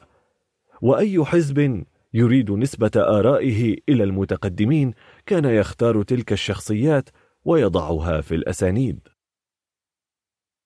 هذا الذي زعمه شاخت قريب في غرابته من كلام المستشرق مينغانا الذي رفض فيه أن يكون القرآن الكريم مكتوبا في القرن الأول الهجري لأن يوحنا الدمشقي خصم المسلمين في سوريا في أوائل القرن الهجري الأول لم يذكر أن لدى المسلمين كتابا. ثم يتجنى شاخت على الإمام الشافعي ويتهمه بالتحريف والبعد عن الأمانة العلمية ويختلق أمثلة كثيرة على ذلك. هذا ولن نقف عند نقد المستشرق اليسوعي البلجيكي أنري لامونس للحديث النبوي لأنه لم يكن نقدا علميا بشهادة المستشرقين أنفسهم مثل ماكسيم رودنسون الذي يقول عنه. ثم وجه أنري لامونس نقدا متطرفا للسنة خصوصا ذلك الجزء الذي يتعلق بسيرة الرسول ثم يقول ولقد تبنى أنري لامونس البحث الذي بدأه جولزايهر والأفكار التي طرحها وتطرف في التحليل النقدي للحديث النبوي عند المسلمين غاية التطرف. وكشف القناع بلا هوادة عن تلك الاتجاهات السياسية المتأخرة الكامنة خلف الروايات التي أعادت تقدير أعمال وأقوال الرسول وأصحابه. وقد سخر لامونس بلا تحفظ تلك الأساليب النقدية التي استخدمها علماء القرن التاسع عشر في الغرب ضد عقيدته الخاصة في دراسته القاسية اليائسة للحديث النبوي الزائف في رأيه. كما أن مونتيغومري وات يجزم بأن كثيرا من حكمة الشرق الأوسط والحكمة العربية القديمة ونصوصا من العهدين القديم والجديد قد وجدت طريقها إلى الإسلام وإلى السنة. ومن المحتمل أن يكون العلماء المسلمون المعتدلون هم الذين سلكوا طريق وضع الأحاديث أولا ثم أكمل المتشددون الشوط. وعن موقف المستشرقين من شخص الرسول صلى الله عليه وسلم ومناقشة مفترياتهم يمكن مراجعة ما كتبه الدكتور سباعي في السنة ومكانتها في التشريع وما كتبه الدكتوران عماد الدين خليل وجعفر شيخ إدريس في كتاب مناهج المستشرقين في الدراسات الإسلامية. كما يمكن مراجعة طرف من بحوث المستشرقين عن السنة في كتاب العقيق وما كتبه الدكتور مصطفى الأعظم في دراساته عن السنة المطهرة. وأختم هذا المبحث بحديث للمستشرق المعروف رينولد نيكلسون عن الرسول محمد صلى الله عليه وسلم جاء فيه. سأسلم مبدئيا بصدق محمد في دعواه النبوة وبحقيقة نبوته. وهي مسألة طالما شك فيها الناس أو أنكروها. وحجتي في ذلك أولا أنها من المسائل التي أجمع عليها المسلمون. وثانيا لأنني أعتقد أن أي فرد يخالف هذا الرأي يعجز عن أن يفسر نشأة الإسلام وتاريخه الأول. نعم من السهل أن نتبين الموقف المتناقض الذي وقع فيه الرسول بدعواه أن ما أنزل عليه كان وحيا من السماء مقررا لا تغير فيه وأنه لم يكن إلا واسطة في نقل هذا الوحي إلى الناس بينما اقتضت الأحداث والظروف التي أحاطت به أن يكون ذلك الوحي من المرونة بحيث يفي بمطالبه وحاجاته.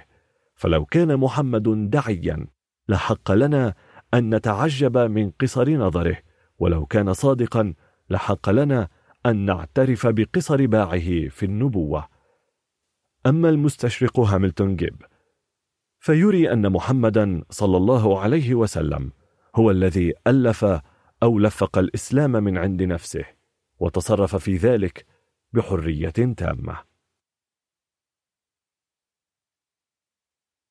المستشرقون وسيرة الرسول صلى الله عليه وسلم هذا باب واسع خاض فيه كثير من المستشرقين وكتبوا فيه بحوثا ودراسات عديدة يصعب حصرها ولقد حاول بعض المستشرقين المعاصرين تتبع هذه الدراسات وتصنيفها وفهرستها وتقويمها ونذكر من بين هذه المحاولات تلك التي قام بها كل من W. M. Watt The Biography of the Prophet in Recent Research Rudy Parel European Research on Life and Work of Prophet Muhammad Maxime Rodinson A Critical Survey of Modern Studies on Muhammad قلت خاض في هذا الكتاب كثير من المستشرقين ولم ينصف معظمهم الرسول فرموه بالكذب والدجل والجنون إلى غير ذلك من تهم ومفتريات كما أن أكثرهم نظر إلى السيرة المطهرة والسنة المشرفة بعين الارتياب والتشكك ونسوق فيما يلي بعض الأمثلة التي تعطي صورة مجملة عن الموقف العام. لكثير من أبرز رجالات المؤسسة الاستشراقية من الرسول صلى الله عليه وسلم.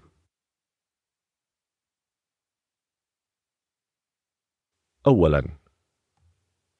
يزعم المستشرق غوستاف فيل في كتابه عن محمد النبي عام 1843 أن ما كان ينتاب الرسول صلى الله عليه وسلم مما يشبه الحمى وما كان يسمعه من صوت كصلصلة الجرس ليس وحيا وإنما هو نوبات صرع واضطرابات عصبية. ثانيا المستشرق أليو سبرينجر في كتابه عن حياة محمد وتعاليمه عام 1861 يزعم أن الرسول صلى الله عليه وسلم كان غاضبا مصابا بالصرع والهستيريا معا. ثالثا المستشرق تيودور نولدكي في كتابه عن تاريخ القرآن عام 1909 يزعم أن محمدا صلى الله عليه وسلم كانت تنتابه نوبات عنيفة من الانفعال جعلته يظن أنه تحت تأثير إلهي ويظن أنه يتلقى وحيا. رابعا المستشرق سامويل مارغليوث. في كتابه عن محمد وظهور الإسلام عام 1905 يزعم أن الرسول قد ضلل الناس عمدا بادعائه الوحي. خامسا المستشرق ويليام ماور في كتابه عن حياة محمد أربعة أجزاء يصف الرسول صلى الله عليه وسلم بأنه نبي كاذب ويزعم أنه تحول من واعظ تقي في مكة إلى سياسي طموح في المدينة ربط نفسه بالشيطان من أجل النجاح الدنيوي. ويكشف هذا المستشرق عن موقفه من الإسلام والرسول فيقول إن سيف محمد والقرآن هما ألد الأشياء عداوة للحضارة والحياة والحق مما لم يعرفه العالم حتى الآن. سادسا المستشرق ماكدونالد أستاذ المستشرق جيب. كتب في مجلة العالم الإسلامي عام 1933 يصف الإسلام بأنه ليس أكثر من هرطقة أريوسية من الدرجة الثانية. ويكون الرسول بذلك ليس أكثر من شخص خارج عن الديانة المسيحية. سابعا يصف كارل بارث إله محمد صلى الله عليه وسلم أنه وثن لا يختلف عن الأوثان الأخرى. The God of Muhammad is an idol like other idols. وبنفس الطريقة يرى المبشر اللاهوتي المستشرق الهولندي كريمر الإسلام بأنه صناعة بشرية ودين وضعي وليس وحيا أوحاه الله. ثامنا. يؤلف المستشرق جيب كتابا كاملا يسميه محمدانيزم ينحو فيه هذا النحو الغريب. تاسعا. تاريخ الإسلام لجامعة كامبريدج.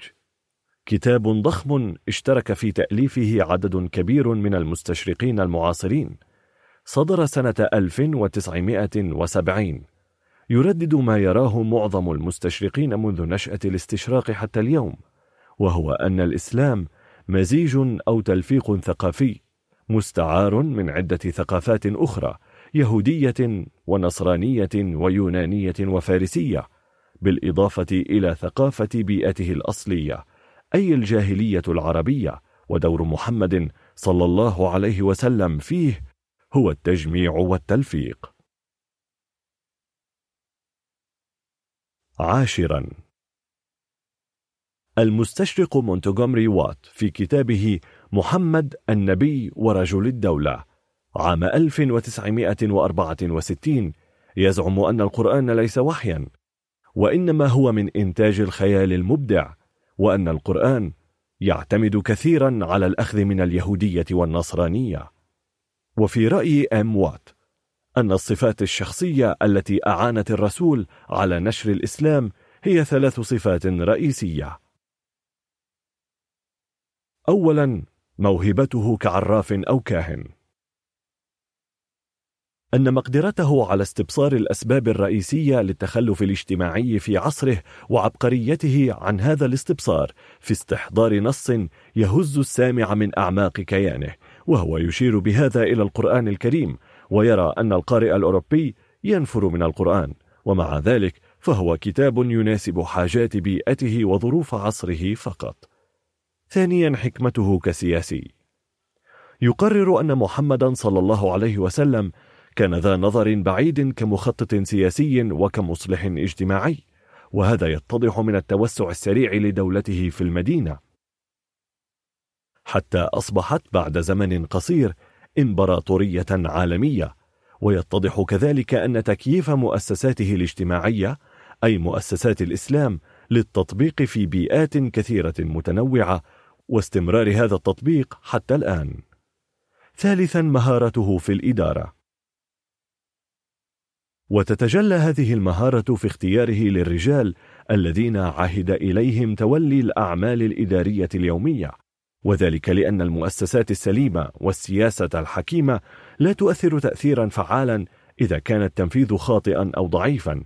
وقد خلف محمد صلى الله عليه وسلم دولة ذات إرادة قوية. ثم يتساءل المستشرق وات هل كان محمد نبيا؟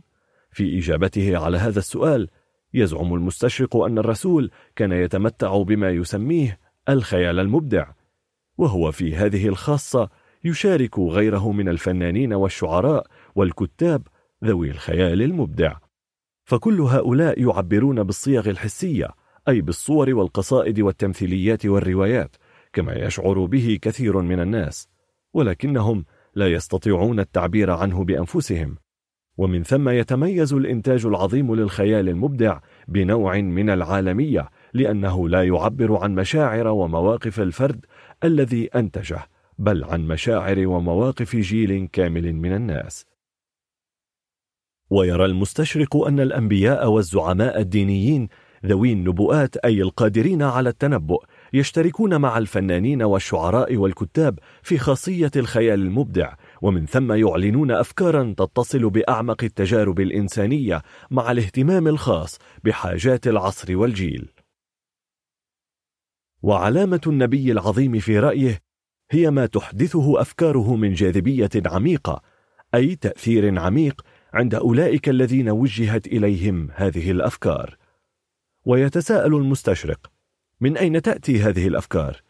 ويشير إلى رأي من يقولون بأنها تأتي من اللاوعي وإلى رأي من يقولون إنها تأتي من الله وهؤلاء هم المؤمنون بأديان الوحي ويرى هو أنها تأتي من تلك الحياة داخل الإنسان التي هي أكبر منه وهي غالبا تحت مستوى الوعي ولها صلة بالله ويقول المستشرق إنه ليس هناك ما يحتم أن تكون كل أفكار الخيال المبدع صادقة وصحيحة ويتساءل ما القول في تلك الأفكار التي ينتجها الخيال المبدع وهي غير كافية أو غير صحيحة؟ وهنا يعرض للمقارنة فيذكر أن الخيال المبدع عند هتلر كان على درجة كبيرة من التطور كما كان لأفكاره تأثير واسع على الجماهير ولكن يعتقد أنه كان مصابا بالعصاب. الاضطراب العصبي وأن الألمان الذين اتبعوه إلى درجة التعبد قد أصابتهم عدوى ذلك العصاب. ومن الواضح كذلك أن المستشرق يردد هنا ما ردده المستشرقون من قبله من افتراءات كان منها كما سبق وصفه صلى الله عليه وسلم بالصرع والاضطراب العصبي والهستيريا. ويذكر المستشرق أن أفكار محمد صلى الله عليه وسلم التي أنتجها خياله المبدع كانت إلى حد كبير حقيقة وصحيحة. ولكن هذا لا يعني في زعمه أن كل ما في القرآن صحيح فبعض الأفكار القرآنية حقيقية وصحيحة وبعضها الآخر ليست كذلك. وهنا نقطة تبدو فيها الأفكار القرآنية في زعم المستشرق غير حقيقية وغير صحيحة وهي الفكرة القائلة بأن الوحي أي ما يسميه هو إنتاج الخيال المبدع هو أسمى وأوثق من الطرق الإنسانية العادية كمصدر للحقيقة التاريخية. وهنا يشير إلى عدة آيات قرآنية تؤكد أن الله يوحي إلى رسوله بأنباء الغيب كقوله تعالى. تلك من أنباء الغيب نوحيها إليك. ما كنت تعلمها أنت ولا قومك من قبل هذا.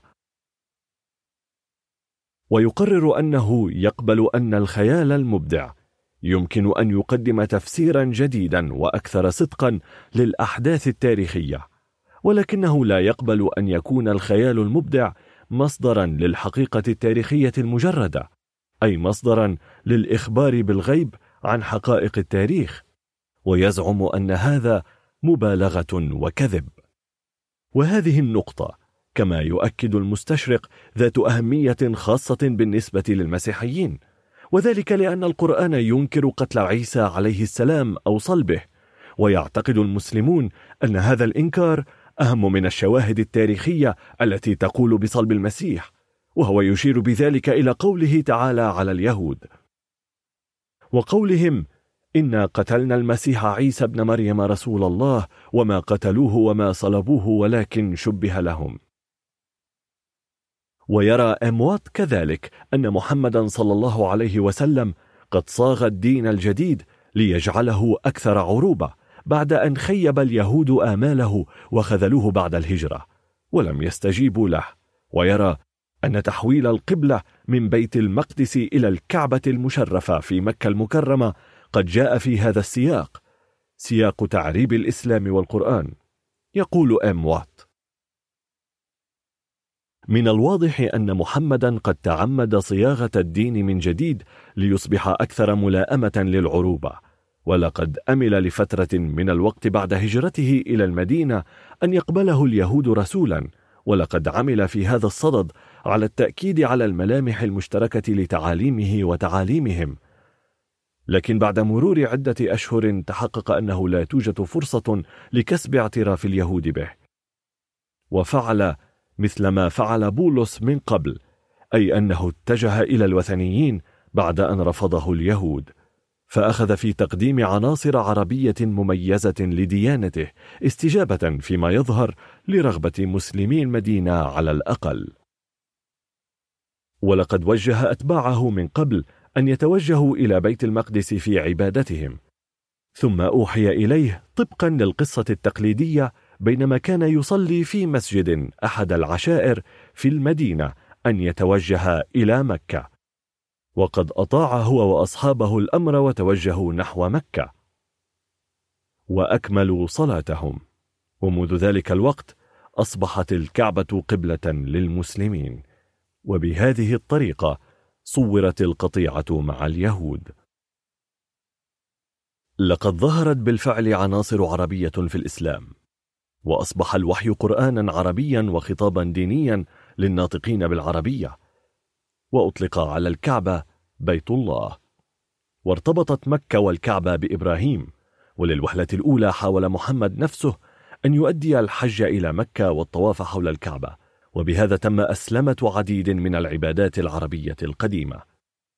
ويحاول دكتور حتي أن يعطي قراءه انطباعا محددا بأن محمدا صلى الله عليه وسلم كان رجلا محتالا فهو قد وضع في رأسه خطة كاملة ونفذها بعد الهجرة من مكة إلى المدينة يقول فيها.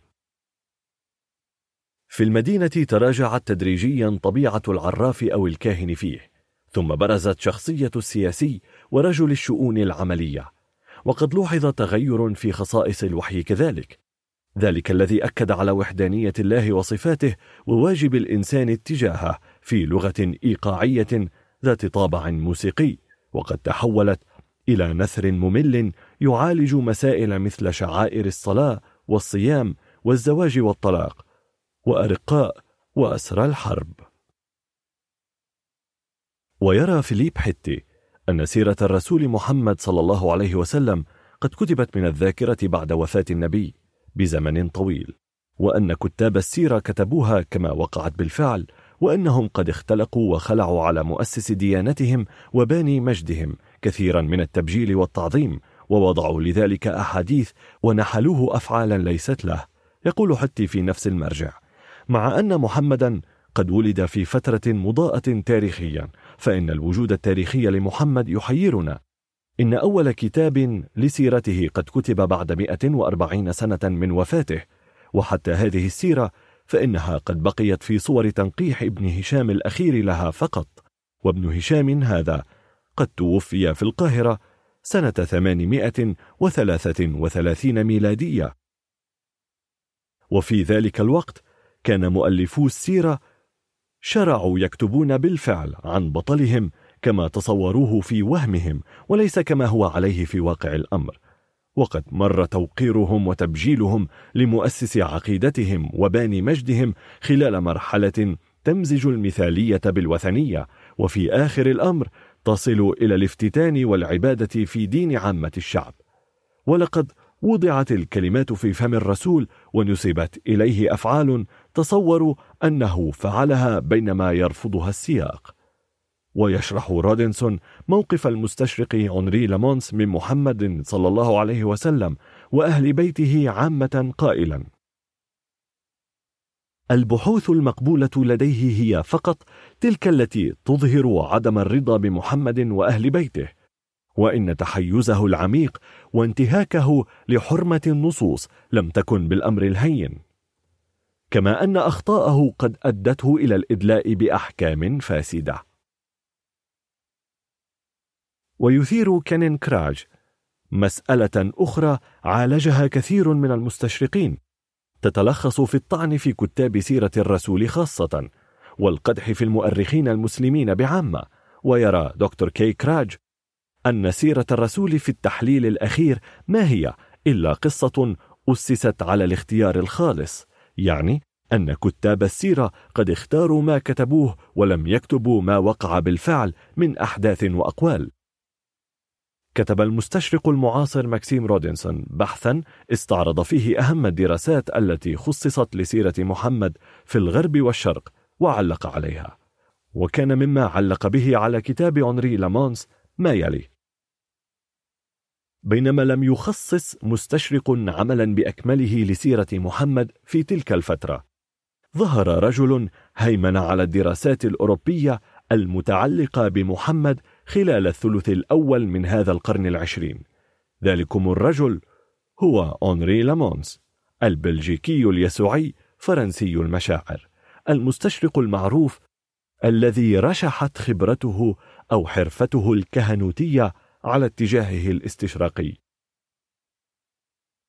وقد كان أنري لامونس إضافة إلى ذلك ممتلئا بالاحتقار الرهيب للإسلام ولمجده الزائف ولرسوله الفاسق الداعر ولنفاقه ولعرب الصحراء الذين كانوا في تقديره جبناء متبجحين نهبة مخربين. وبنفس الروح شن لامونس هجوما شرسا ضد بالاشتراك مع جامعة القديس يوسف في بيروت.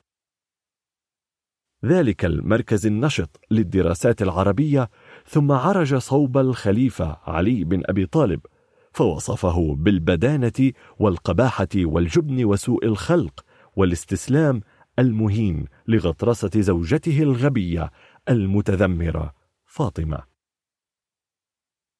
وأظن أن مثل هذه الاستنتاجات الخاطئة لقبائل المستشرقين هي التي دفعت الدكتور طه حسين إلى قولته المعروفة والغريب في أمر المستشرقين في هذا الموضوع وأمثاله أنهم يشكون في صحة السيرة النبوية نفسها ويتجاوز بعضهم الشك إلى الجحود فلا يرونها مصدرا تاريخيا صحيحا وإنما هي عندهم كما ينبغي أن تكون عند العلماء جميعا طائفة من الأخبار والأحاديث تحتاج إلى التحقيق والبحث العلمي الدقيق ليمتاز صحيحها من منحولها. وهم يقفون هذا الموقف العلمي من السيرة ويغلون في هذا الموقف ولكنهم يقفون من أمية وشعره موقف المتيقن المطمئن مع أن أخبار أمية ليست أدنى إلى الصدق ولا أبلغ في الصحة من أخبار السيرة. فما سر هذا الاطمئنان الغريب على نحو من الأخبار دون الآخر؟ أيكون المستشرقون أنفسهم لم يبرأوا من التعصب الذي يرمون به الباحثين من أصحاب الديانات؟ ولعل غلو بعض المستشرقين في هذا الصدد قد دفع الدكتور عبد الرحمن بدوي ليكتب سفرا باللغة الفرنسية دفاع عن النبي صلى الله عليه وسلم. صدر مؤخرا عن دار ألفابيتا للنشر في باريس. لمحة عن موقف المستشرقين من العقل الإسلامي وإنجازاته في مجال التشريح والفقه والأصول والكلام والفلسفة والتصوف. أرى أن ما ذكرته آنفا يكفي لتوضيح جهود المؤسسة الاستشراقية في محاولتها النيل من القرآن والحديث. أصلي الإسلام والطعن في صحتهما والتشكيك في مصدرهما. ولم يكفهم هذا بل راحوا يطعنون في الصرح التشريعي والفقهي الشامخ الذي أقيم عليهما فهم حريصون على تجريد المسلمين والعقلية الإسلامية والفكر الإسلامي بصفة عامة من كل القيم الإنسانية والابتكارات العلمية. فزعم المستشرق شليدون آموسي أن الشرع المحمدي ليس إلا القانون الروماني للإمبراطورية الشرقية. معدلا وفق الأحوال السياسية في الممالك العربية. ويزعم أيضا أن القانون المحمدي ليس سوى قانون جاستنيان في لباس عربي. ويدلل هؤلاء على دعواهم بأساطير خرافية منها. أن النبي صلى الله عليه وسلم كان على معرفة واسعة بالقانون الروماني. كما أن فقهاء المسلمين قد تعرفوا على آراء فقهاء مدارس القانون الروماني. وأحكام المحاكم الرومانية في البلاد التي كانت لا تزال فيها هذه المدارس والمحاكم قائمة بعد الفتح الإسلامي.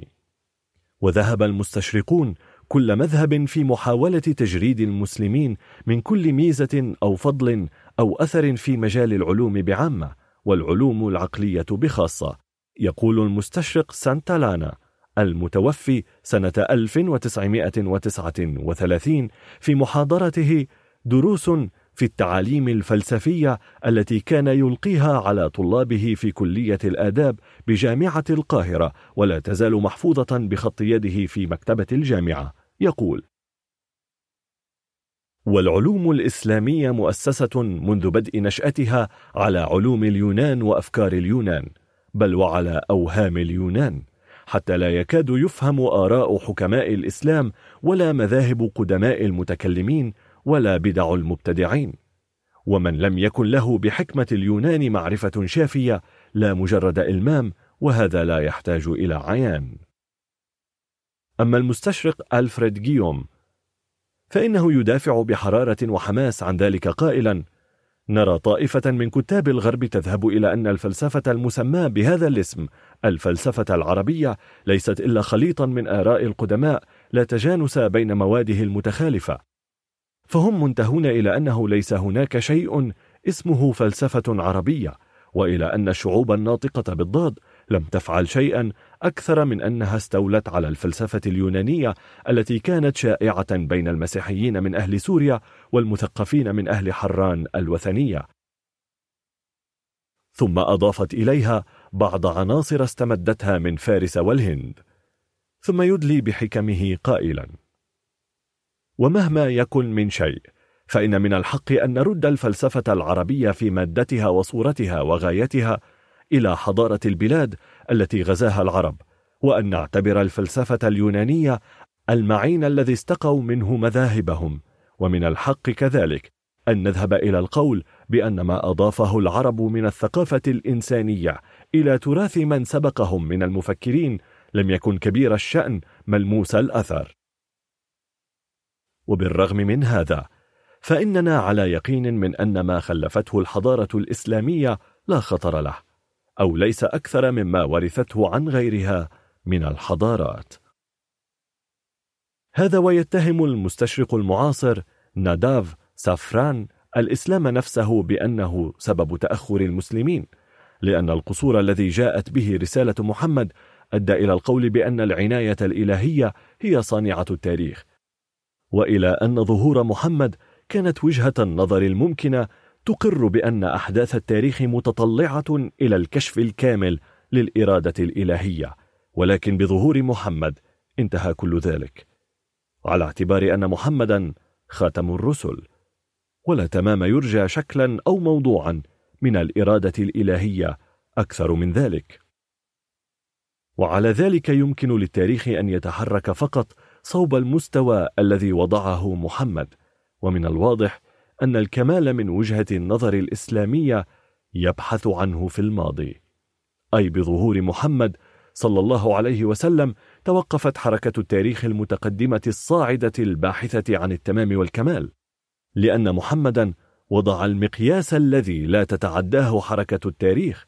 ومن أراد الكمال والتمام من المسلمين فلينظر صوب الماضي وحده. لأن المقياس الأعلى في السمو قد صنعه محمد ولا يستطيع أحد أن يتعداه. وهذا في رأي المستشرق ناداف سفران اليهودي سبب تأخر المسلمين. ليس ذلك فحسب لكن المستشرق الكبير وات يحاول بكل سبيل أن يبرهن على أن الشريعة الإسلامية صناعة بشرية خالصة ويجردها من كل قيمة دينية علوية فيقول إن إنزال عقوبة الرجم على مرتكب جرم الزنا يبين كيف أن العادات غير العربية أصبحت إسلامية فالعقوبة التي جاءت في القرآن لجريمة الزنا هي الجلد. بيد أن بعض الفقهاء قد أقروا بعقوبة الرجم إن كان مرتكب الزنا محصنا. لقد كانت العقوبة الشائعة في الماضي أثناء حياة محمد هي الجلد. وعندما دخل الإسلام بعض رجالات المسيحية اليهودية عقدوا العزم على العودة إلى العقوبة التي ألفوها. وفي واقع الأمر بدأت القصص تروى لإظهار أن محمدا وبعض كبار صحابته قد مارسوا تنفيذ عقوبة الرجم. ثم يكشف واط اللثام عن نقطة أخرى وهي أن دراسات كل من إجناس جولدزايهر ويوسف شاخت عن تطور وتطوير الشريعة الإسلامية قد أدت إلى تنافر وجهتي النظر الغربية المعاصرة والإسلامية. يقول واط لقد حدث تقدم عظيم في فهم العلماء الغربيين في القرن الأخير لتطور الشريعة الإسلامية. فالخطوة المتميزة التي خطاها جولدزايهر نحو نقد الحديث النبوي قرب نهاية القرن التاسع عشر والخطوة الأخرى وثيقة الصلة بالشريعة قد أتمها حديثا يوسف شاخت في كتابه أصول الشريعة المحمدية طبع في أكسفورد عام 1950 وكنتيجة لهذا العمل وأعمال مستشرقين كثيرين آخرين أصبحت النظرة الغربية المعاصرة إلى تطور الشريعة الإسلامية مختلفة تماما عن النظرة الإسلامية العامة المعتمدة. ويأتي مستشرقنا الكبير لمناقشة فريضة الجهاد الإسلامية والحكم عليها بأنها أضعف جوانب الإسلام وإنها ليست إلا عادة عربية قبلية قديمة يقول وات في الوقت الذي أصبحت فيه الدولة الإسلامية إمبراطورية وبرغم أنه من المشكوك فيه اعتبار فكرة الجهاد فكرة مناسبة أكثر من اعتبارها فكرة غير موائمة. فإنه بينما يمكن للقبيلة في الصحراء أن تعتبر كل جيرانها بمثابة أعداء لها فإنه لا يتيسر للدولة الكبيرة المعقدة أن تسلك هذا الطريق. وفي صدر الإسلام كان لزاما على كل مسلم قادر أن ينخرط في معسكرات الجهاد وكان أكثر المسلمين يناضلون ليبقوا لائقين للخدمة العسكرية طوال حياتهم لأنهم بذلك يحققون ميزة العيشة الأرستقراطية كجزء من الطبقة الحاكمة الأرستقراطية. وعندما تراخى التوسع ومع أنه أصبحت الحرب أكثر ضراوة والغنائم أقل كمية فإن كثيرا من المجاهدين لم يرغبوا في مغادرة معسكرات الجهاد ضمن الحملات العسكرية الشاقة المتجهة صوب الثغور البعيدة. ووجد القادة المسلمون أخيرا. في توظيف المرتزقة الذين قد لا يكونون مسلمين حلا لذلك. وهكذا فإن فكرة الجهاد أو الحرب المقدسة قد توقفت وفقدت أهميتها ولربما كانت فكرة الجهاد أوهن الجوانب في تصور الأمة الإسلامية لأنها قد طورته من الفكر القبلي العربي القديم.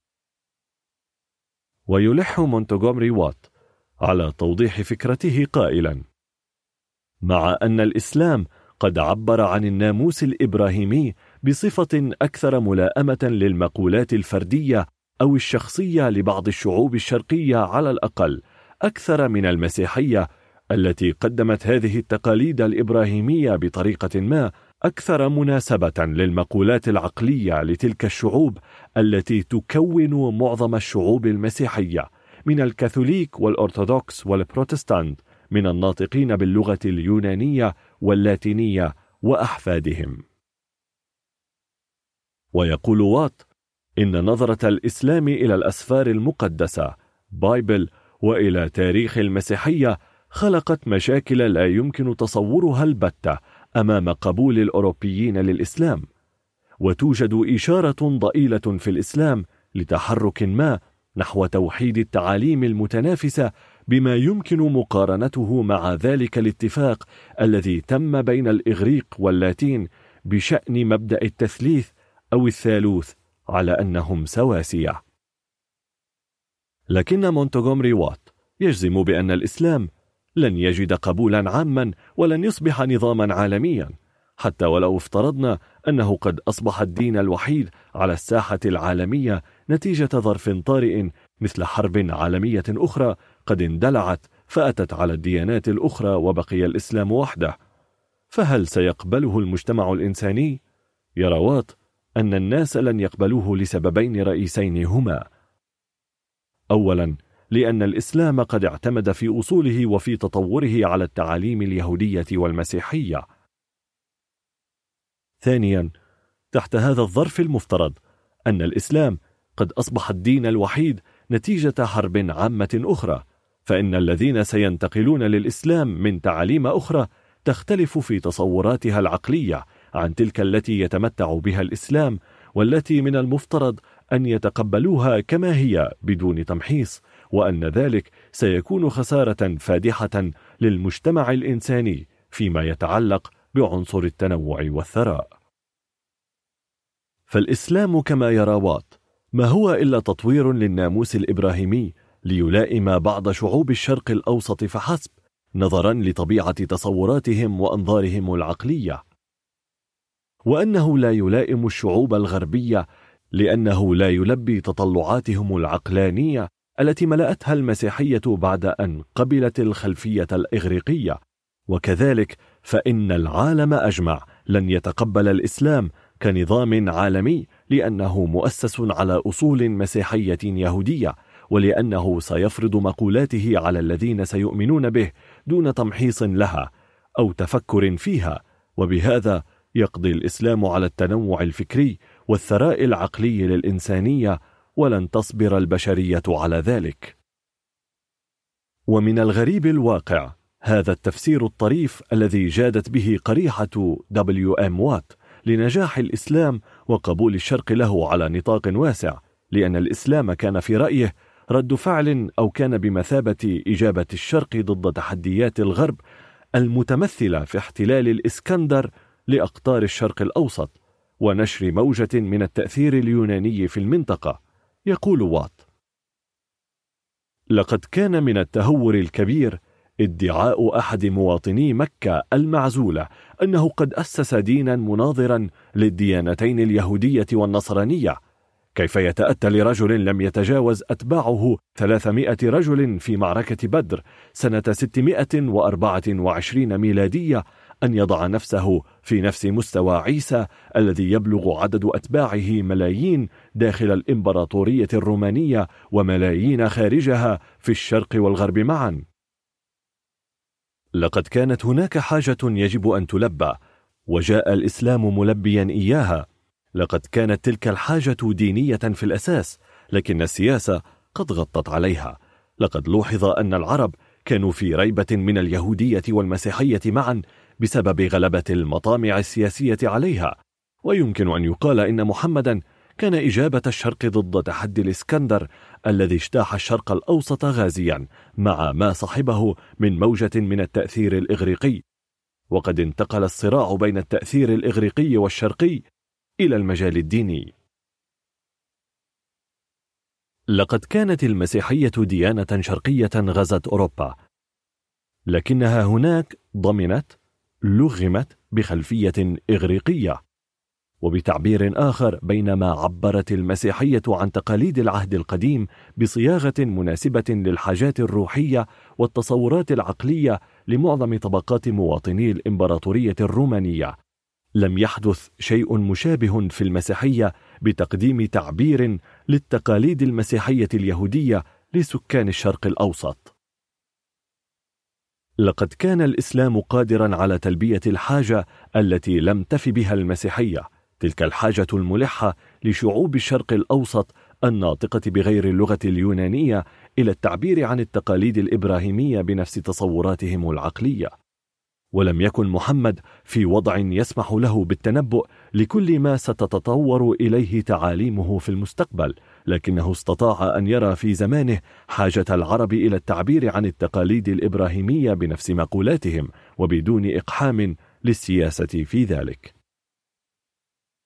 ثم يقدم واط مثالا على عقيدة المسلمين الراسخة في تحريف التوراة بقصة الذبيح الذي وردت في القرآن الكريم واجتماع المفسرين المسلمين على أنه كان إسماعيل بن إبراهيم عليهما السلام ثم يؤول انفراد الطبري المفسر في قوله إنه إسحاق بأن الطبري كان من الفرس الذين يعتبرون أنفسهم إلى جانب اليهود أنهم أبناء إسحاق وفي مقابل الحزب العربي من المسلمين الذين هم أبناء إسماعيل يقول واط والمثال الطريف على قوة عقيدة تحريف أسفار الكتاب المقدس متضمن في تفاسير قصة تضحية إبراهيم بابنه ذكرت هذه الواقعة في القرآن في السورة رقم 37 102 إلى 210 لكن اسم هذا الابن لم يذكر ومن المفترض أنه لا سبب معقول لكي يفترض كل واحد ابتداء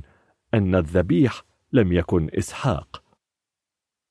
وبمرور الوقت أصبحت هذه المسألة مثار تجاذب بين المسلمين المتنافسين من عرب وعجم وفرس فاعتبر إسحاق جد الفرس واليهود معا وكثير من النصوص التي ساقها الطبري مبكرا بينت أن الذي أخذ للذبح في التوراة العهد القديم هو إسحاق وأن الطبري الذي كان ينحدر من أصل فارسي كان يفضل هذا الرأي. أما الحزب المناصر للعرب فقد أجاب بأن هذا موضوع من مواضيع تحريف التوراة وفي النهاية انتصر الحزب المؤيد للعرب وأصبح اليوم اعتقادا عاما بين المسلمين أن ابن إبراهيم الذي كان على وشك أن يضحي به هو إسماعيل. وبهذه الطريقة فإن وجهة النظر التي تبناها العرب وأيدوها وكانت مؤيدة كذلك بعقيدة تحريف التوراة في هذا الموضوع قد تغلبت على التفسير الطبيعي للقرآن طبقا لما جاء في أسفار العهد القديم. وليس من المبالغة في القول أن نذكر أن عقيدة تحريف التوراة قد سيطرت على عقول المسلمين لدرجة أنهم لم يأبهوا كثيرا إلى ما إذا كانت تفاسيرهم للقرآن مطابقة للتوراة والإنجيل أم لا؟ فالمستشرق واط يفترض على المفسر أن ينظر في التوراة والإنجيل ليستمد منها تفسيره الطبيعي للقرآن وإن لم يفعل فإن تفسيره حزبي متعصب للعرب من جهة وغير طبيعي من جهة أخرى وهذا ليس مستغربا من وات. فانظر ما كتبه في بحثيه. The Missionary Task of the Church in Syria and Palestine. And The Church in the Muslim World. ويأتي وات إلى القول بعدم صلاحية الشريعة الإسلامية لحاجات العصر. ثمة محاولة جرت حتى الآن تشير إلى بعض الوظائف الإيجابية للشريعة باعتبارها وسيلة للوحدة الاجتماعية الإسلامية. لكن السؤال الذي يجب أن يسأل هو عن الوظائف السلبية للشريعة وعما إذا كانت تؤدي وبأي طريق إلى تمزق المجتمع الإسلامي. لكن الطبيعة المميزة للشريعة على أنها أمر خارق معجز يخلق صعوبات للدول الإسلامية التي تحاول في الوقت الحاضر إقامة مؤسسات دستورية عصرية على أسس من الشريعة. ولأن الشريعة لم تكن قانونا عمليا تطبيقيا حتى في دولة العصور الوسطى للإسلام، فإن من العسير جدا موائمتها أو صلاحيتها لحاجات اليوم. ولأن الشريعة عند المستشرقين لم تعد ملبية حاجات العصر فإن فيليب حتي يبشر بتحديث العالم الإسلامي عن طريق اعتماد العلمانية القاضية بإقصاء الاعتقاد في العناية الإلهية منهجا وسبيلا. ويقول في كتابه Islam and the West and Historical Cultural Survey التحديث على المستوى العقلي الروحي يتطلب العلمانية العلمانية التي تعني أكثر من الفصل بين الدولة والكنيسة. إنها تحل تفسير الأحداث التاريخية والوقائع الجارية للفرد تفسيرا عقلانيا مؤسسا على القوى والعوامل المادية والنفسية. محل تفسيرها بالعناية الإلهية. ومن النادر أن تصادف إصدارا لصحيفة عربية سيارة تفتقر إلى تكرار ذكر اسم الله في مصدر تقاريرها عن الولادة والموت عن الصحة والمرض عن الحظ والتعاسة عن النجاح والفشل. إنه بقية من التفكير البالي.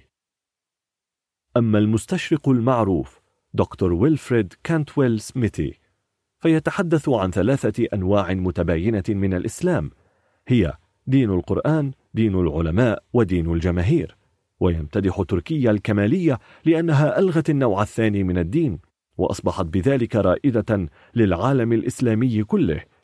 يقول سميث هناك ثلاثة أنواع من الإسلام ديانة القرآن وديانة العلماء وديانة الجماهير وهذا النوع الأخير إسلام الجماهير. إسلام خرافي أسطوري ضبابي وتقديس أعمى. والنوع الثاني مستغرق تماما في شريعة ما قبل العصر.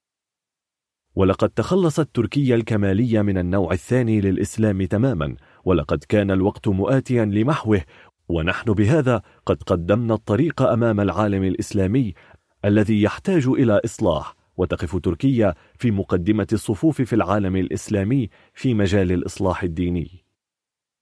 ثم يؤكد ويلفريد سميث على إحلال مؤسسات جديدة أكثر موائمة للظروف المعاصرة محل تلك المؤسسات الإسلامية ويؤكد على أن الإسلام كان تقدميا لوقته لكن الزمان والظروف قد تغيرت اليوم على نطاق واسع ولكي يكون الإسلام مفهوما ومقبولا من الطبقة المثقفة عليه أن يعيد النظر في أطروحاته تماما بطريقة حديثة.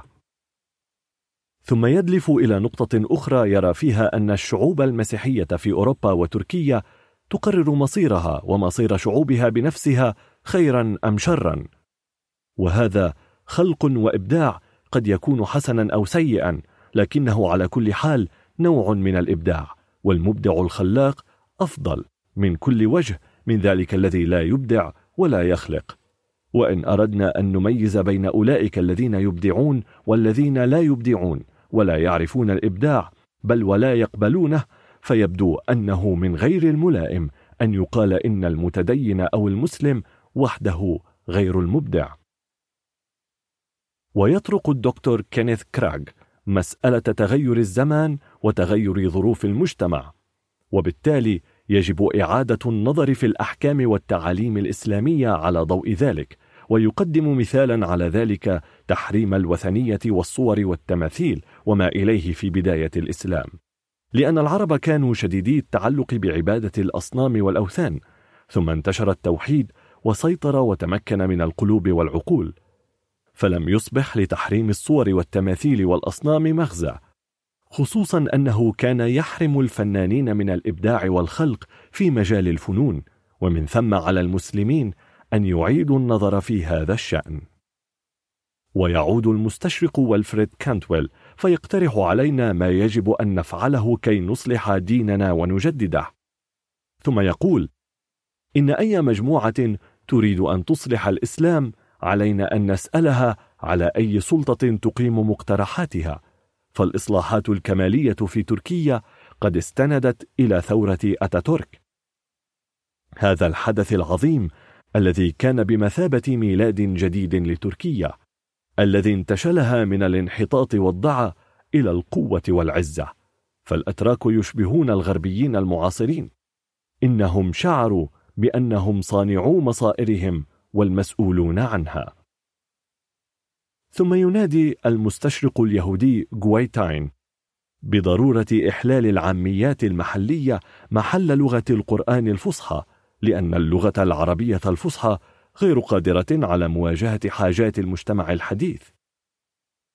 ضل بعض هؤلاء المستشرقين ضلالا بعيدا وأضلوا جيلا كثيرا فقالوا إن القرآن معوق للفكر مقيد لحريته. وأن المسلمين تلقوا فيه احكاما ولم يتلقوا فيه عقائد وأن النظر العقلي العربي كان محاولة لإصلاح القرآن وتكميله في الجانب الذي قصر فيه. ويرى جيوم أن من العسير أن نقول إن القرآن قد قدم إلى المؤمنين المادة اللازمة لتكوين مذهب في فهم الله. وفند كل من الشيخ مصطفى عبد الرازق في تمهيد لتاريخ الفلسفة الإسلامية والدكتور محمد عبد الهادي أبو ريدة في تعليقاته على كتاب ديبور والدكتور محمد البهي في الفكر الإسلامي وصلته بالاستعمار الغربي والدكتور محمد مصطفى الأعظمي في دراسات في الحديث النبوي والشيخ عبد الجليل عيسى في كتابه صور استشراقية وعباس العقاد في حقائق الإسلام وأباطيل خصومه وما يقال عن الإسلام والدكتور مصطفى سباعي في السنة ومكانتها وإدوارد سعيد في الاستشراق والدكتور زقزوق في الاستشراق والإسلام في الفكر الغربي. فند هؤلاء وغيرهم بعض مزاعم المستشرقين تفنيدا علميا منهجيا. وخلاصة القضية أن كثيرا من هؤلاء المستشرقين قد تواطؤوا على دراسة الإسلام بمنهج معوج أشد ما يكون الإعوجاج وقدموا الإسلام في صورة كريهة مشوهة لمواطنيهم فسمموا عقولهم وأفسدوا مشاعرهم تجاه الإسلام. هذا من ناحية ومن ناحية أخرى واتت ظروف كثيرة وتضافرت في أن تجعل لهم تلاميذ مخلصين من أبناء المسلمين أنفسهم. يحملون رسالتهم ويسيرون في الشوط إلى غاية مداه. وقد مكن الاستعمار لهؤلاء التلاميذ في أرض الثقافة والإعلام والتربية والتعليم والاقتصاد والقضاء والأمن والسياسة والحكم إلى آخره في بلادهم الإسلامية.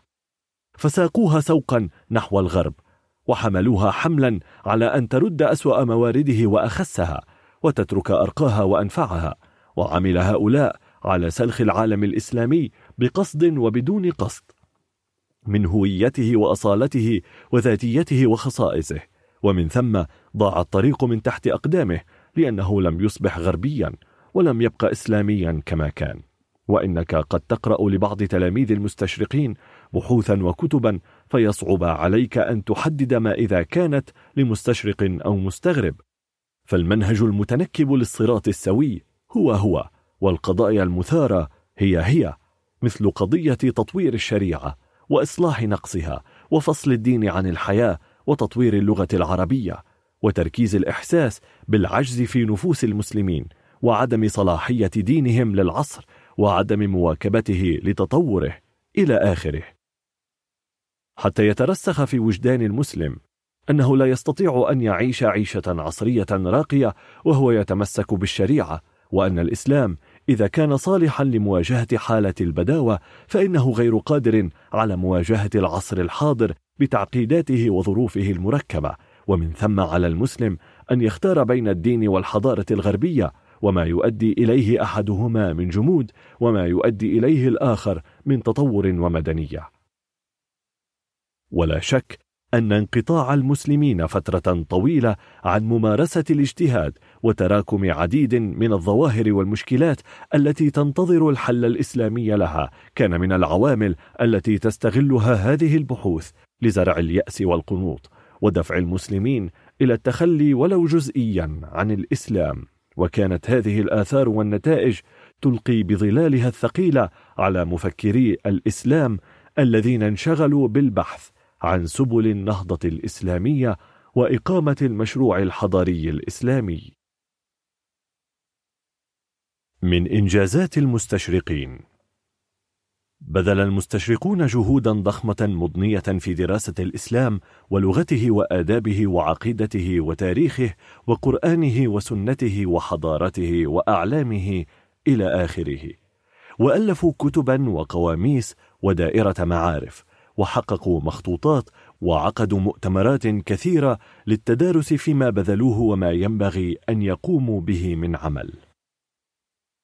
ومهما يكن من شيء فإن الدارس المنصف لابد أن يقف مندهشا أمام هذه الجهود الكثيفة المتكاملة المتضافرة المؤثرة إلى أبعد حدود التأثير للمستشرقين. كذلك حرصهم ودأبهم ومثابرتهم على تجميع المخطوطات الإسلامية بكل الطرق وترتيبها وفهرستها والتعريف بها وتحقيق الكثير منها. ولا بد أن نعترف أن كثيرا من هذه المخطوطات ما كان لنا أن نعرفها إلا بواسطة بعض المستشرقين بل ربما ما كان لها أن تبقى حتى اليوم ولا أصبح مصيرها مصير مخطوطات جدي رحمه الله لولا عنايتهم بها ورعايتهم لشأنها. وإنما أثمرت جهودهم من مثل تفصيل آيات القرآن الذي تمخضت عنه فكرة المعجم المفهرس للقرآن الكريم وكذلك المعجم المفهرس لألفاظ الحديث النبوي لأمر غير منكور. أما دائرة المعارف الإسلامية التي وضعوها فإنها لا تزال عمدة الدارسين من العلماء والطلاب على ما بها من اضطراب وقصور. ويؤسفني أن أقول في هذا المقام إن جامعاتنا ومؤسساتنا ومراكز بحوثنا على كثرتها ووفرة إمكانياتها. قد عجزت وفشلت في وضع البديل الذي يصارعها أو يسد مسدها. ومن الثمرات غير المنكورة للجهد الاستشراقي أنه حفز كثيرا من العلماء الأجلاء إلى الاستجابة لهذا التحدي الكبير ودراسة تراثنا دراسة عميقة واعية للتعرف على ما ينطوي عليه من عوامل القوة والنهوض وموجبات الرقي والتقدم وحسنات الأخلاق وفضائل القيم من ناحية ولمقاومة الهجمة الاستشراقية والاستعمارية والتبشيرية الشرسة من ناحية أخرى. تلك ثمرة عظيمة غير مباشرة للاستشراق تحققت كما أن المستشرقين قد تطرقوا موضوعات جديدة وفي بعض الأحيان طريفة لم تكن معروفة أو مألوفة فلفتوا أنظار الباحثين المسلمين إليها وشحذوا هممهم إلى العناية بها واستثمارها وتطويرها كما أنهم قد وظفوا منهجيات بحثية مفيدة. وبعد فإن آراء المستشرقين وافتراءاتهم قد راجت وانتشرت وساعد على ذلك تكامل جهودهم وامتلاكهم أدوات التأثير. وهيمنة الحضارة الغربية على العالم اليوم كما ساعدهم تفرق جهود الباحثين في الشرق الإسلامي وضعف مكانة الأمم الإسلامية في عالم الفكر والسياسة واقتناع نخبهم الفكرية والثقافية وقياداتهم السياسية والإعلامية بأساليب وأنماط الحضارة الغربية. المستشرقون والنظرة الاستعلائية للغرب. يبقى أن نشير إلى أن الاستشراق في منطقة المتعالي ينسجم تماما مع نظرة الاستعلاء والعنصرية الغربية. فالغرب كان منذ الإغريق والرومان وحتى اليوم يرى نفسه معدن الحضارة ومركز العالم والجدير بالسيطرة والتفوق. يرى نفسه السيد والشعوب الأخرى همجا وبرابرة أو حتى رقيقا. ولقد تمكنت نظرة الاستعلاء في الإنسان الغربي حتى أضحت بمثابة الغريزة المركوزة أو الجبلة الثابتة وقد بررها لهم بعض كبار فلاسفتهم من لدن أفلاطون وأرسطو إلى نيتشه ورينا وجوزيف آرثر جوبينو وغوتي وبروهيه وكوزان. وقد كانت النظرة العنصرية الغربية السبب البعيد وراء معاناة الإنسانية بصورتها الأليمة البشعة حتى يوم الناس هذا. وقد حاول كل من أفلاطون وأرسطو تقديم سند فلسفي للنزعة الغربية المتعصبة المستعلية. قال أفلاطون في كتاب الجمهورية وهو من أهم ما كتب إن لم يكن الأهم. أليس من الدقة أيضا أن نقول إن الشعوب اليونانية تجمعها رابطة القرابة ووحدة الأصل وتختلف عن البرابرة في الجنس والدم؟ هذا صحيح. فإن قاتل اليونانيون البرابرة أو البرابرة اليونانيين. فعندئذ نقول إن بين الفريقين حربا وأنهما بطبيعتهما أعداء. ولكن ألن تكون الدولة التي نريد تشييدها دولة يونانية؟ هذا ضروري. ثم يقيم دولته على أساس طبقي عنصري ويعمق تأكيد التفاوت العرقي الطبيعي بين البشر تحت شعار أداء كل لوظيفته الطبيعية.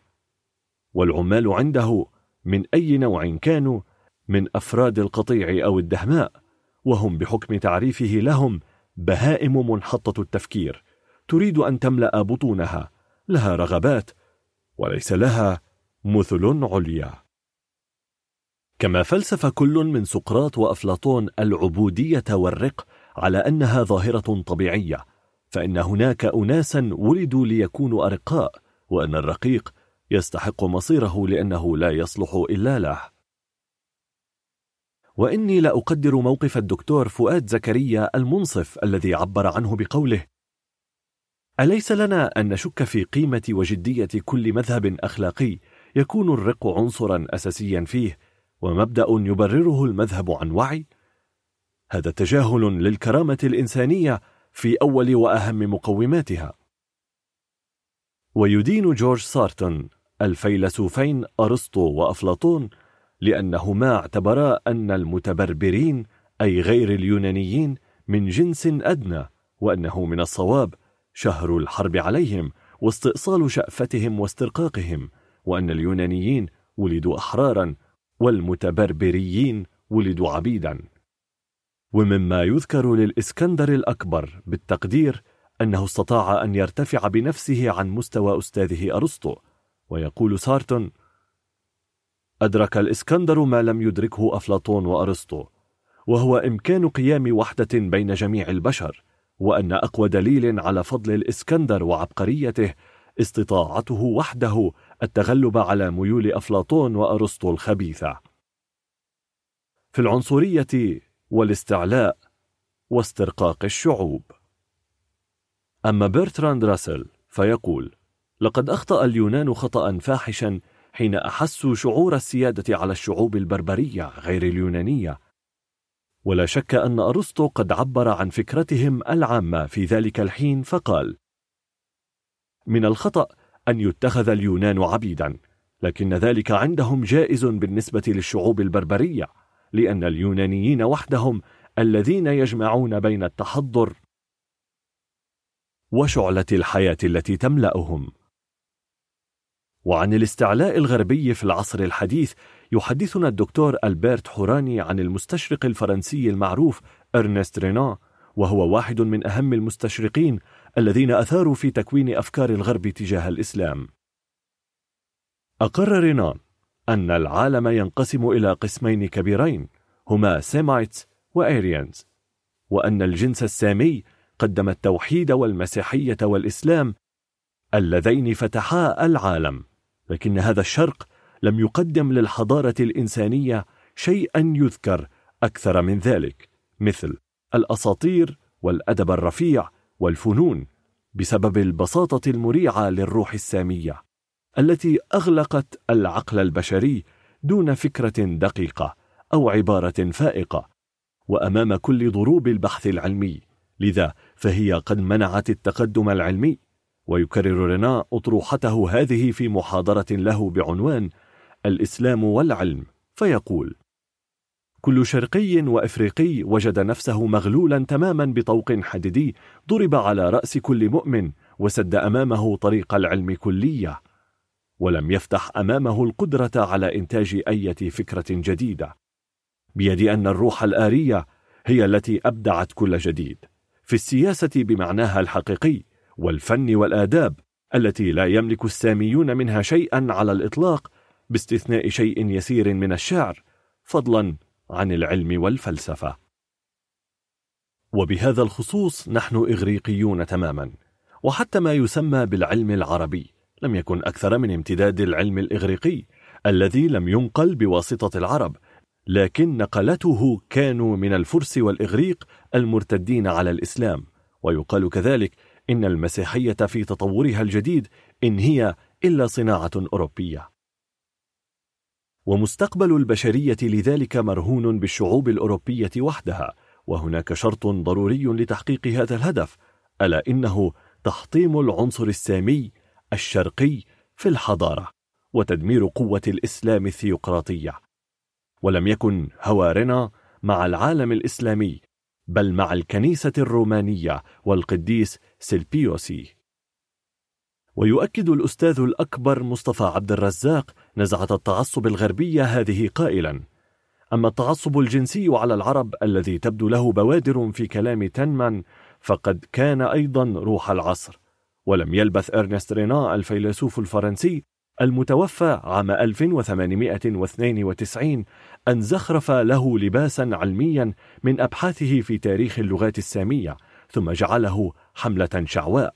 وشاركه في حملته تلك المستشرق الألماني كريستيان لاسن وكذلك غوتيه وبرهيه ثم جاءت نظرية التفوق النوردي شعوب أوروبا الشمالية وهي فرع من نظرية التفوق الآري التي تحيا في ألمانيا لهذا العهد التي تزعمها جوزيف آرثر جوبينو الذي يرى أن الشعوب الآرية وحدها دون غيرها هي التي خلقت كل ما له قيمة في الحضارة وحافظت عليه. وأسندت إليها جميع الفضائل وقيل إنها منبع جميع الحضارات العالمية من قديم الزمان إلى حديثه إلى آخره. ويذكر جورج سارتن مرة أخرى أن الزعم بأن الثقافة الغربية المستمدة من الأصلين الإغريقي والعبري أرقى الثقافات فيه خطر وشر وهذا الزعم هو المحور الرئيس للمتاعب الدولية في العالم. ولا يمكننا أن ننسى للغرب ممارسته العدوانية بصورها المتعددة والمتنوعة التقليدية منها والمبتكرة. ومن بينها السيطرة على شعوب العالم الثالث البرابرة والأمثلة تفوق الحصر. وليس حظر تصدير التكنولوجيا إلى الدول الفقيرة مع تدفق الأسلحة والعتاد إليها واستنزاف العقول البشرية منها واستقطابها إلى الغرب مع الحرب الثقافية الضروس لإعادة تشكيل العقل والثقافة في العالم النامي بما يكرس تبعيته للغرب وذوبانه فيه. ليست إلا مجرد أمثلة من بين عشرات أخرى يمكن رصدها وإبرازها في هذا الشأن.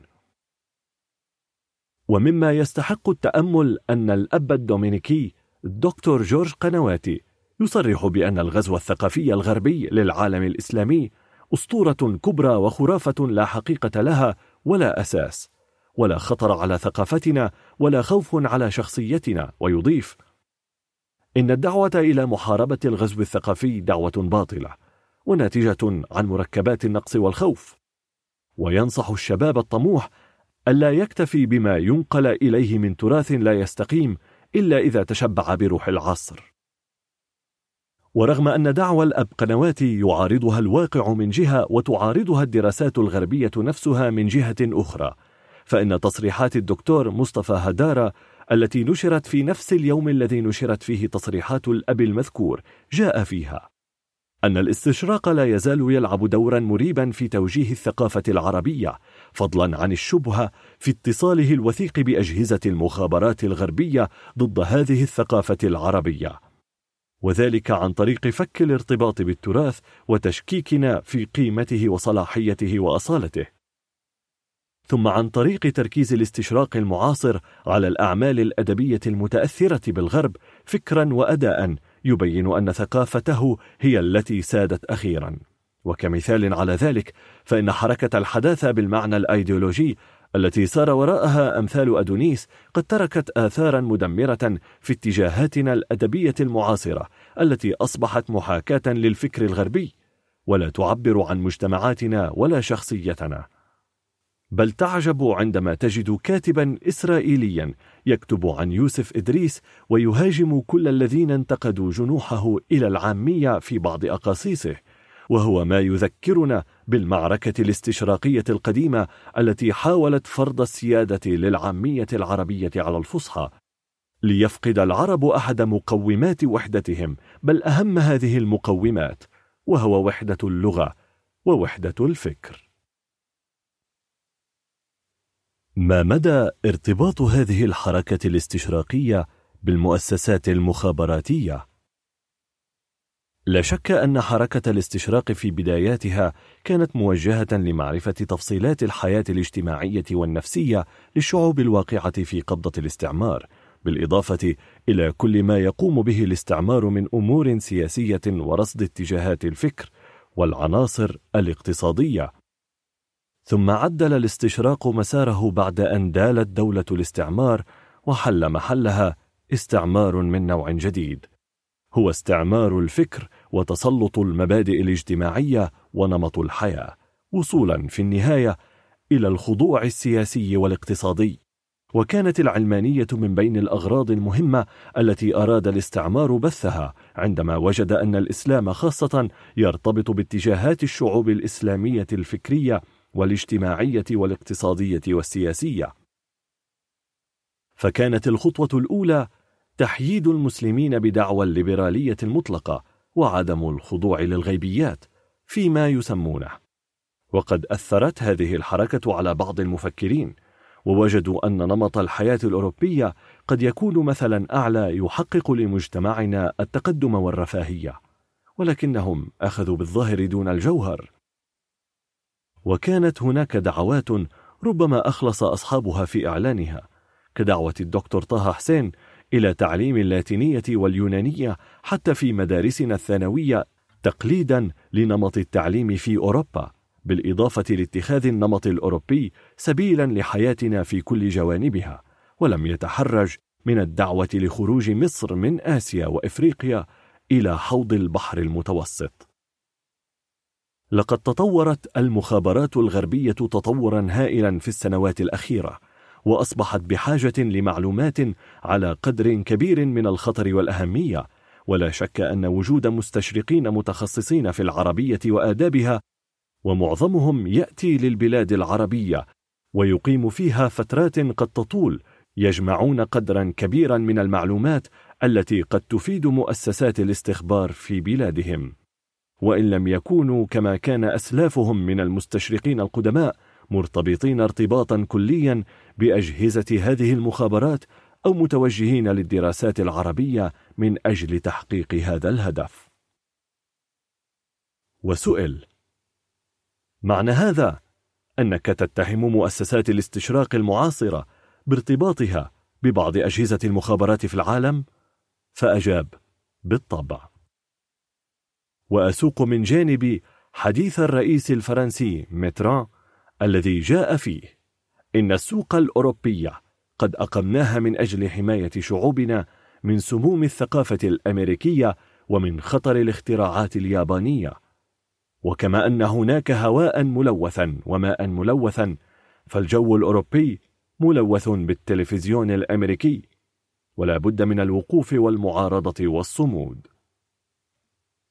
الإسلام في كتابات علماء مقارنة الأديان الغربيين. صورة الإسلام كما رسمها المبشرون والمستشرقون. لقد شعر الغرب أن الإسلام يشكل تحديا هائلا له منذ السنوات الأولى له. ولقد تمثل هذا التحدي في الجوانب العقائدية فقد جاء الإسلام بالتوحيد الواضح المفهوم السهل النقي. ووضع حدا فاصلا بين الألوهية والبشرية عكس ما كانت عليه العقيدة النصرانية من غموض ولبس وتعقيد تمثل في الجمع المتناقض بين التثليث والتوحيد وتأليه البشر والتجسد والحلول إلى آخره. كما تمثل التحدي الإسلامي للغرب في الجوانب السياسية. فلقد جاء ليحرر الناس من الظلم والجور والبطش والعسف والاستكبار الذي مارسه ضدهم الأباطرة الغربيون في روما وبيزنطة. فلقد رحبت الشعوب في سوريا وفلسطين ومصر وشمال إفريقيا وإسبانيا وجزر البحر المتوسط إلى آخره بالفتح الإسلامي أشد ترحيب لأنه جاء ليخلصهم من نير الاستعباد الغربي لهم ويعلن ويطبق مبادئ حقوق الإنسان كاملة غير منقوصة. ويشيع روح العدل والمساواة في الحقوق والواجبات. ويسقط كل أنواع التمييز الطبقي ويحرر المستعبدين. وقد تمثل التحدي الإسلامي للغرب في الجوانب الحضارية حيث أرسى مبادئ التسامح وأغلق أبواب التعصب وشجع على الانفتاح والتواصل وفرض طلب العلم على الرجل والمرأة ويسر سبل تحصيله وحفظ حقوق الأقليات الدينية ومنح الإنسان حرية الاعتقاد وحمى سلطانه هذه الحرية. ومن هنا فقد ازدهرت الحضارة الإسلامية ازدهارا عظيما واضعة كرامة الإنسان هدفا ساميا لها. ولقد تصرف الغرب إزاء هذه المشكلة العقائدية السياسية الحضارية التي استشعرها تصرفا ينسجم مع تعصبه وعنصريته واستعلائه فراح ينسج لهذا الدين الجديد الإسلام صورة مزيفة. قلب فيها خصائص الإسلام وحقائقه رأسا على عقب رسم له بعناية وحرص صورة سوداء كالحة السواد بغية تسويق هذه الصورة البشعة المنفردة المخيفة للمواطن الغربي بهدف تحصينه ضد الإسلام. ولقد احتمل رجال الكنيسة كبر هذا العمل. وتحول رجال الكنيسة إلى مبشرين محترفين missionaries ومستشرقين orientalists يدرسون الإسلام من كل جوانبه بهدف دحضه وتشويهه بغية تسميم عقل المواطن الغربي ووجدانه ضد الإسلام ليصبح كارها له خائفا منه وبذلك يبلغ الغرب هدفه في تحصين مواطنيه ضد هذا الدين. ولقد أنجز المبشرون الغربيون والمستشرقون أكبر وأوسع عملية تزييف وعي أو غسيل مخ في التاريخ الإنساني كله لقد خان هؤلاء أماناتهم ولم يقدموا لذويهم في الغرب الحقيقة حقيقة هذا الإسلام بخصائصه السامية كما هي عليه. فأساءوا إلى مواطنيهم وأساءوا إلى الإنسانية كلها إذ تسببت أعمالهم ودراساتهم في توتر العلاقات وتكريس العداء المزمن المستحكم بين الغرب والإسلام والمسلمين فضلا عن تأجيج نيران الحروب الصليبية في العصور الوسطى ثم حروب الاستعمار ثم محاولات الغرب المستميتة للهيمنة وفرض السيادة والسيطرة على المسلمين. لقد برز تلاقي الاستشراق مع التبشير في الأهداف بموافقة مجمع فيينا الكنسي على إنشاء أقسام للدراسة العربية والإسلامية في جامعات أوروبا الكبرى سنة 1314 ولقد تحالفا فيما بعد مع الاستعمار العسكري والسياسي والاقتصادي والثقافي الغربي للعالم الإسلامي. وهكذا قد أصبح العداء للإسلام والكره العميق له مسيطرا على المناخ العقلي الغربي العام لدرجة أن عباقرتهم الكبار أمثال شيكسبير ودانتي وفولتير وكارلايل لم يستطيعوا الإفلات منه فما بالك بالإنسان العادي؟ صورة الإسلام كما رسمها علماء مقارنة الأديان الغربيون. بعد أن أشرنا إلى الصورة الشائهة المزيفة التي رسمها للإسلام كل من المبشرين والمستشرقين نأتي إلى الجماعة الثالثة التي هي محل عنايتنا في هذا البحث. وأعني بهم علماء مقارنة الأديان الغربيين. يجدر بنا أن نشير هنا إلى أن علم مقارنة الأديان أو علم دراسة الأديان علم حديث النشأة في الغرب. فلقد وضع وثيقته التأسيسية في منتصف القرن الماضي عالم الفيلولوجيا ماكس ميلر ولقد ذهب علماء مقارنة الأديان إلى أن دراسة الأديان دراسة منهجية موضوعية تساعد على اكتشاف الذات في ضوء اكتشاف الآخر ولعل ذلك يترجم الشعار الذي أعلنه ماكس ميولر وقال فيه Who knows one knows none. أي أن الذي لا يعرف إلا ديانة واحدة فهو لا يعرفها معرفة عميقة موضوعية. أو معناه حسب تفسير مؤرخ الأديان الكبير إريك شارب أن الذي يعرف المسيحية فحسب فهو لا يعرف شيئا. وقد اتخذ علم مقارنة الأديان لنفسه مناهج متنوعة من أهمها المنهج التاريخي الوصفي والمنهج التحليلي المقارن والمنهج العام والأنثروبولوجي والمنهج النفسي والظاهراتي والمنهج النقدي. وما قصدت التنبيه إليه هنا هو أن علم مقارنة الأديان عندما نشأ في الغرب كانت الصورة التي رسمها الاستشراق والتبشير للإسلام قد استقرت في العقل الغربي وتشربها الوجدان الأوروبي تماما ويمكننا القول إنه بالرغم من انفصال علم مقارنة الأديان عن الاستشراق والتبشير موضوعا ومنهجا فإنه أي علم مقارنة الأديان قد وظف إلى حد ما في دراسته للإسلام بعض ملامح تلك الصورة السطحية النمطية التي قد نسجت في البيئة الثقافية الغربية للإسلام واستقرت فيها. لكننا نلاحظ أن كثيرا من علماء الأديان الغربيين المعاصرين قد تحرروا من الوقوع في أسر تلك الصورة المزيفة الذائعة في الغرب عن الإسلام، وهنا تكمن أهمية النظر في دراساتهم عن الإسلام، وفيما يقدمونه لطلابهم من معلومات عنه. فهي أصح إلى حد كبير من تلك التي روجها المبشرون والمستشرقون ومن تلك التي تنشرها وسائل الإعلام الغربية بهدف شيطنة الإسلام وأسلمة الإرهاب. ولعل السبب في تحسن صورة الإسلام في كتابات علماء الأديان الغربيين يرجع إلى أن معظمهم يعمل لحساب الحقيقة الخالصة في سموها ونبلها وجلالها وليس لحساب مؤسسة الكنيسة الغربية أو الحكومات الاستعمارية. كما أننا نلاحظ أن كثيرا من هؤلاء العلماء يرجعون عند الكتابة عن الإسلام إلى مصادر الإسلام الأصلية وربما كان للمقارنة بين الأديان دور مهم في التعرف على الخصائص العامة لكل دين لأنه عند المقارنة الموضوعية تتكشف الحقيقة وتستبين وتفرض نفسها ساطعة آسرة. وقد لاحظنا أن بعض هؤلاء العلماء الغربيين قد تحولوا مع الدراسة والمقارنة من الكاثوليكية أو البروتستانتية إلى العلمانية وقد تعطي هذه الملاحظة ضوءا على محاولة التعرف على الأسباب الحقيقية وراء إقلاع هؤلاء العلماء عن الافتراء على الإسلام وتشويهه والتنفير منه.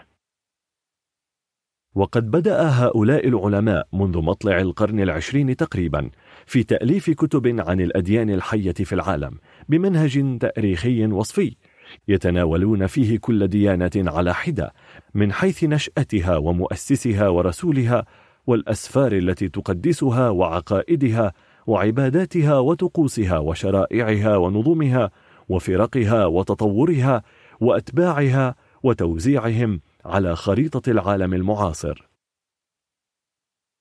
وهذه الكتب كثيرة تعد بالعشرات وقد تخيرت عددا من أهمها وهي كتب تدرس في الجامعات الأمريكية والبريطانية. أو تتخذ مراجع علمية أساسية للمختصين في هذا الحقل وهذه الكتب هي The World's Religions by Ninan Smart Religions of the World by Lewis Hope Muhammad, A Biography of the Prophet by Karen Armstrong Man's Religions by John Noss The Religions of Man by Houston Smith The World's Living Religions by Jeffrey Pardner Six Religions in the Twentieth Century by Owen Cole History of the Religions Doctrine and Ideas by Mir K. Elid وهؤلاء العلماء يمثلون مشيخة هذا التخصص في الجامعات الأمريكية والإنجليزية اليوم بعض من أخطائهم وسلبياتهم لقد وقع بعض هؤلاء المؤلفين في بعض الأخطاء الصريحة وهي صريحة لأنها تخالف ما عليه الواقع المعلوم وهي صغيرة لأنها لا تحتاج إلا أن ننبه أصحابها إليها وأظن أنهم سوف يصوبونها عند تنبيهنا لهم ومن أمثلة هذه الأخطاء. قولهم إن جبريل عليه السلام عندما نزل على الرسول لأول مرة في غار حراء كان ممسكا بكتاب فيه كلام مكتوب وقدمه إليه وقال له اقرأ. فقال ما أنا بقارئ. فالمعلوم من كتب السيرة والسنة أن جبريل لم يقدم كتابا مكتوبا للرسول صلى الله عليه وسلم ليقرأ منه. وهذا خطأ شائع في كتب علماء مقارنة الأديان الغربيين لم ينج منه إلا هيوستن سميث وكارين أرمسترونغ من بين العلماء الذين ذكرنا أسماءهم. ويذكر لويس هوبفي رأيا مدهشا هو أن عدد الصلوات في حياة الرسول صلى الله عليه وسلم كانت ثلاث صلوات ثم زيدت فيما بعد إلى خمس صلوات. ومن الأخطاء التي ذكرها المؤلف نفسه أن الإسلام يفرض على الحجيج صيام نهارهم أثناء أداء مناسك الحج في مكة. ويؤكد جيفري برندر أن الإسلام يفرض على المرأة أن تغطي جسدها تماما من الرأس إلى القدم أثناء أداء مناسك الحج فيقول completely veiled from head to foot. ومن الحكايات العجيبة والطريفة قولهم إن المسلمين عندما حطموا الأصنام الموجودة بالبيت الحرام بعد فتح مكة وجدوا صورتين للمسيح ومريم عليهما السلام فلم يمسوهما بسوء تكريما وتعظيما لهما. وقد تكررت هذه القصة في أكثر من كتاب ويذهب بعضهم إلى أن الإسلام في بدايته كان للعرب خاصة ومع تطور الظروف والأحوال أصبح عالميا تبشيريا للناس كافة. ومن النقاط التي تكاد تشكل قاسما مشتركا لدى أكثرهم تفسيرهم لتحويل القبلة من بيت المقدس إلى مكة المكرمة بأن محمدا في بداية الأمر قد جامل اليهود أملا في اكتسابهم لرسالته ولما تأكد من إعراضهم أمر المسلمين بالتحول إلى الكعبة معلنا الانفصال النهائي عنهم. ومما ألح عليه بعضهم مثل مرسيا إلياد مسألة الغرانيق المدسوسة على السنة النبوية المطهرة. وقد أظهر أوين كول سوء فهم لطبيعة الحديث النبوي فرآه تعليمات شفوية سرية أوحيت إلى الرسول صلى الله عليه وسلم وطلب منهم تبليغها إلى العامة وعدم تدوينها. ولعله بذلك يرى أن الحديث النبوي لا يختلف عن طبيعة التلمود لدى اليهود. ومما نلاحظه على بعضهم خلطه بين التعاليم أو التكاليف الشرعية وبين عادات المسلمين وتقاليدهم الشعبية التي لا تشكل أهمية كبيرة في فكر المسلم وسلوكه. هذه نماذج من تلك الأخطاء التي وصفناها بأنها صريحة وصغيرة في نفس الوقت والتي لا ينبغي أن تشغلنا عن النظر في تلك الدراسات وما حفلت به من أفكار بناءة وأراء جادة. لأن هذه الأفكار والآراء عديدة فإننا نعطي أنفسنا حرية اختيار بعضها فحسب لنلقي عليها بعض الضوء ونترك بعضها لفرصة أخرى. إقرارهم بأن الغرب قد أساء فهم الإسلام وخصائصه عمدا. من اللافت لنظر الباحث أن أكثر علماء مقارنة الأديان الغربيين المعاصرين يقررون بأن الغرب قد أساء فهم الإسلام وخصائصه عمدا وأن هذه الإساءة قد بدأت بتغيير اسم الدين من الإسلام إلى المحمدانية أو المهومتانية نسبة إلى النبي صلى الله عليه وسلم. وهذه التسمية الغربية الغريبة للإسلام في رأي هيوستن سميث خاطئة ومستفزة ويقول إنها خاطئة لأن محمدا لم يأتي بهذا الدين من عند نفسه ولكن الله عز وجل هو الذي أنزله كما هو عليه ومهمة محمد صلى الله عليه وسلم لم تتجاوز حمله من الله وبلاغه للناس. وأما أن التسمية مستفزة فلأنها تعطي انطباعا بأن الإسلام يتمحور حول محمد الإنسان بدلا من الله تعالى. ويضيف سميث إذا كانت المسيحية قد أخذت اسمها من المسيح فذلك مناسب للمسيحيين لأنهم يؤلهون المسيح. أما إن قلنا عن الإسلام محمدية فذلك يشبه تسمية المسيحية بالبولسية نسبة إلى القديس بولس والاسم الصحيح لهذا الدين هو الإسلام. وهو مشتق من كلمة سلام التي تعني الإسلام. وتعني إلى جانب ذلك إسلام الوجه لله لأن السلام يغمر الإنسان حين يسلم وجهه لله. ويحدد مؤرخ الأديان إريك شارب نظرة الغرب إلى الإسلام بأنها مزيج من الكراهية والخوف. أما أرمسترونغ فإنها قد خصصت فصلا في كتابها المشار إليه جعلت عنوانه العدو محمد. كشفت فيه بشيء من التفصيل التشويهات الغربية المتعمدة للإسلام ولكتابه ولرسوله وتاريخه وحضارته. تقول المؤلفة إن الإسلام لا يزال خارج دائرة النوايا الطيبة ولا يزال يحتفظ بصورته السلبية في الغرب. فالذين شرعوا في استلهام أديان مثل دين زن أو التاوية يندر أن ينظروا نفس النظرة المتعاطفة إلى الإسلام. فلدينا في الغرب تاريخ طويل من العداء للإسلام ولكن الكراهية القديمة للإسلام تواصل ازدهارها على جانبي المحيط الأطلسي ولم يعد يمنع الناس أي وازع من مهاجمة ذلك الدين حتى ولو كانوا لا يعرفون منه إلا القليل. وتستطرد الأستاذة أرمسترونغ قائلة كان من المحال على المسيحيين بسبب الخوف من الإسلام أن يلتزموا العقلانية أو الموضوعية إزاء العقيدة الإسلامية. فراحوا يرسمون صورة شائهة للإسلام تعكس بواعث قلقهم الدفينة. كان علماء يهاجمون الإسلام باعتباره عقيدة تحريف في الدين ويصفون محمدا بأنه الدجال الأكبر واتهموه بأنه أنشأ دينا يقوم على العنف ويمتشق السيف لغزو العالم. وأصبح اسم محمد الذي تم تحريفه إلى ماهوميت بمثابة البعبع ماهوميت الذي تستخدمه الأمهات في تخويف أطفالهن العاصين وكانت مسرحيات الرمز تصوره في صورة عدو الحضارة الغربية الذي حارب قديسنا الشجاع سان جورج. وأصبحت هذه الصورة الزائفة للإسلام تمثل إحدى الأفكار الراسخة في أوروبا ولا تزال تؤثر في إرثنا ونظرتنا إلى العالم الإسلامي. وتخاطب الأستاذ أرمسترونغ مواطنيها الغربيين قائلة لهم.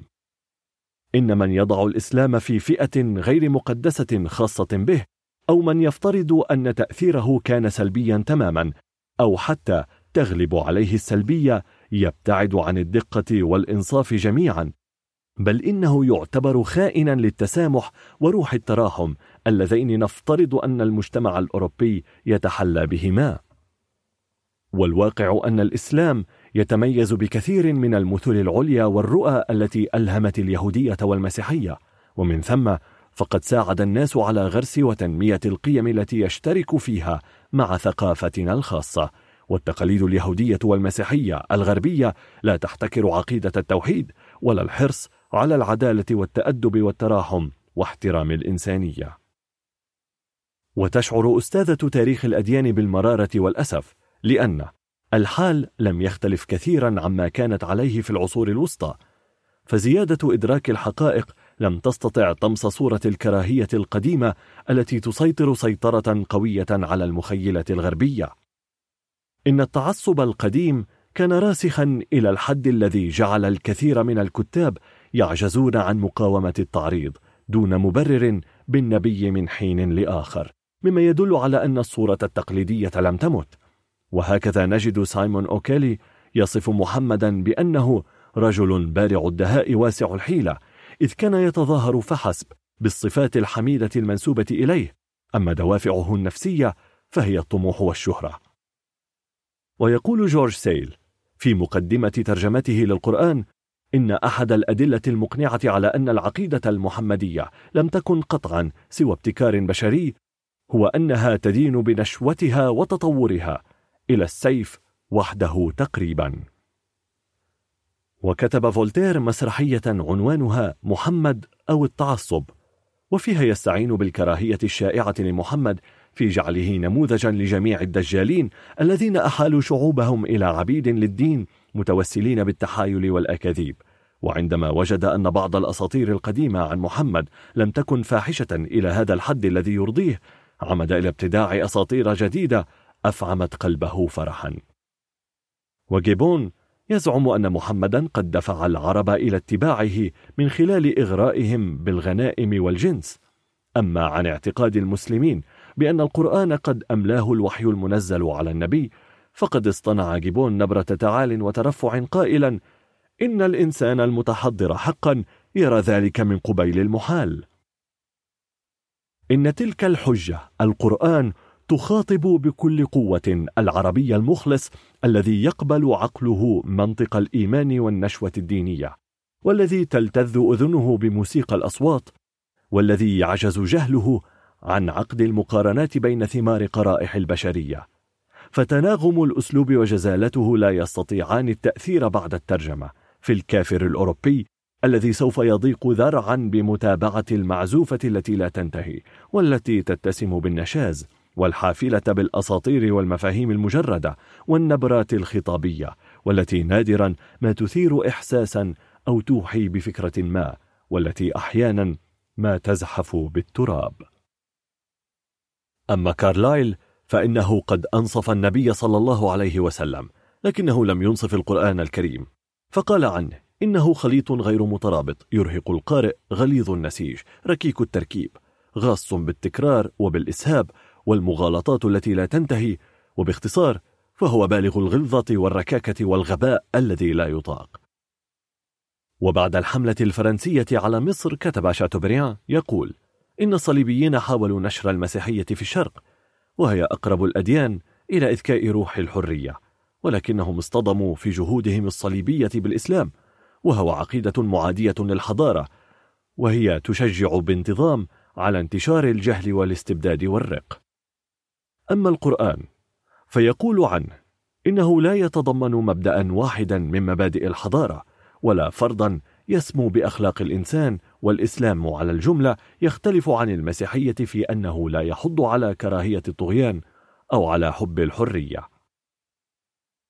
وتبرز آرمسترونغ تناقض الغرب مع نفسه في موقفه العدائي من الإسلام قائلة كان بعض نقاد الإسلام أيام الفكر الطبقي الذي ساد العصور الوسطى يهاجمون محمدا لأنه منح الطبقات الدنيا سلطات أكثر مما ينبغي مثل العبيد والنساء.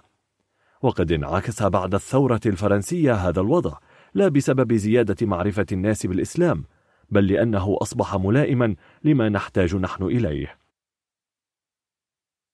إن الإقرار بأن الغرب قد تعمد إساءة فهم الإسلام منذ نزوله حتى اليوم وإظهار الأسف على ذلك هو القاسم المشترك بين عدد كبير من علماء مقارنة الأديان في الغرب. ولقد أرجع بعضهم ذلك الموقف العدائي إلى انغلاق الغرب وتعصبه. وبعضهم إلى الكراهية والخوف وبعضهم إلى رد الفعل ضد التحدي العقدي والسياسي والحضاري الذي مثله الإسلام لأوروبا منذ تاريخه المبكر. وإن هذه الروح الجديدة لدى بعض علماء الأديان التي تتسم بالشجاعة الأدبية والميل إلى الإنصاف والموضوعية. تستحق النظر والتشجيع. الردة العقائدية والردة الدستورية. لم يقف هؤلاء العلماء عند هذا الحد لكنهم حاولوا بطريقة أو بأخرى تصحيح بعض الأخطاء والمغالطات التي وقع فيها بعض المستشرقين والمبشرين. ولنأخذ مثالا على ذلك ما سمي في التاريخ الإسلامي بحروب الردة التي تلقفها هؤلاء وشغبوا بها على الإسلام قائلين. إن الإسلام دين لا يؤمن بحرية الاعتقاد ومن ثم لا يحترم حقوق الإنسان والإنسانية. لم ينظر هؤلاء العلماء إلى المسألة نظرة المستشرقين والمبشرين ولكنهم رأوا أن أولئك الذين وصفوا بالمرتدين ليسوا إلا ثائرين خارجين على سلطان الدولة وقوانينها.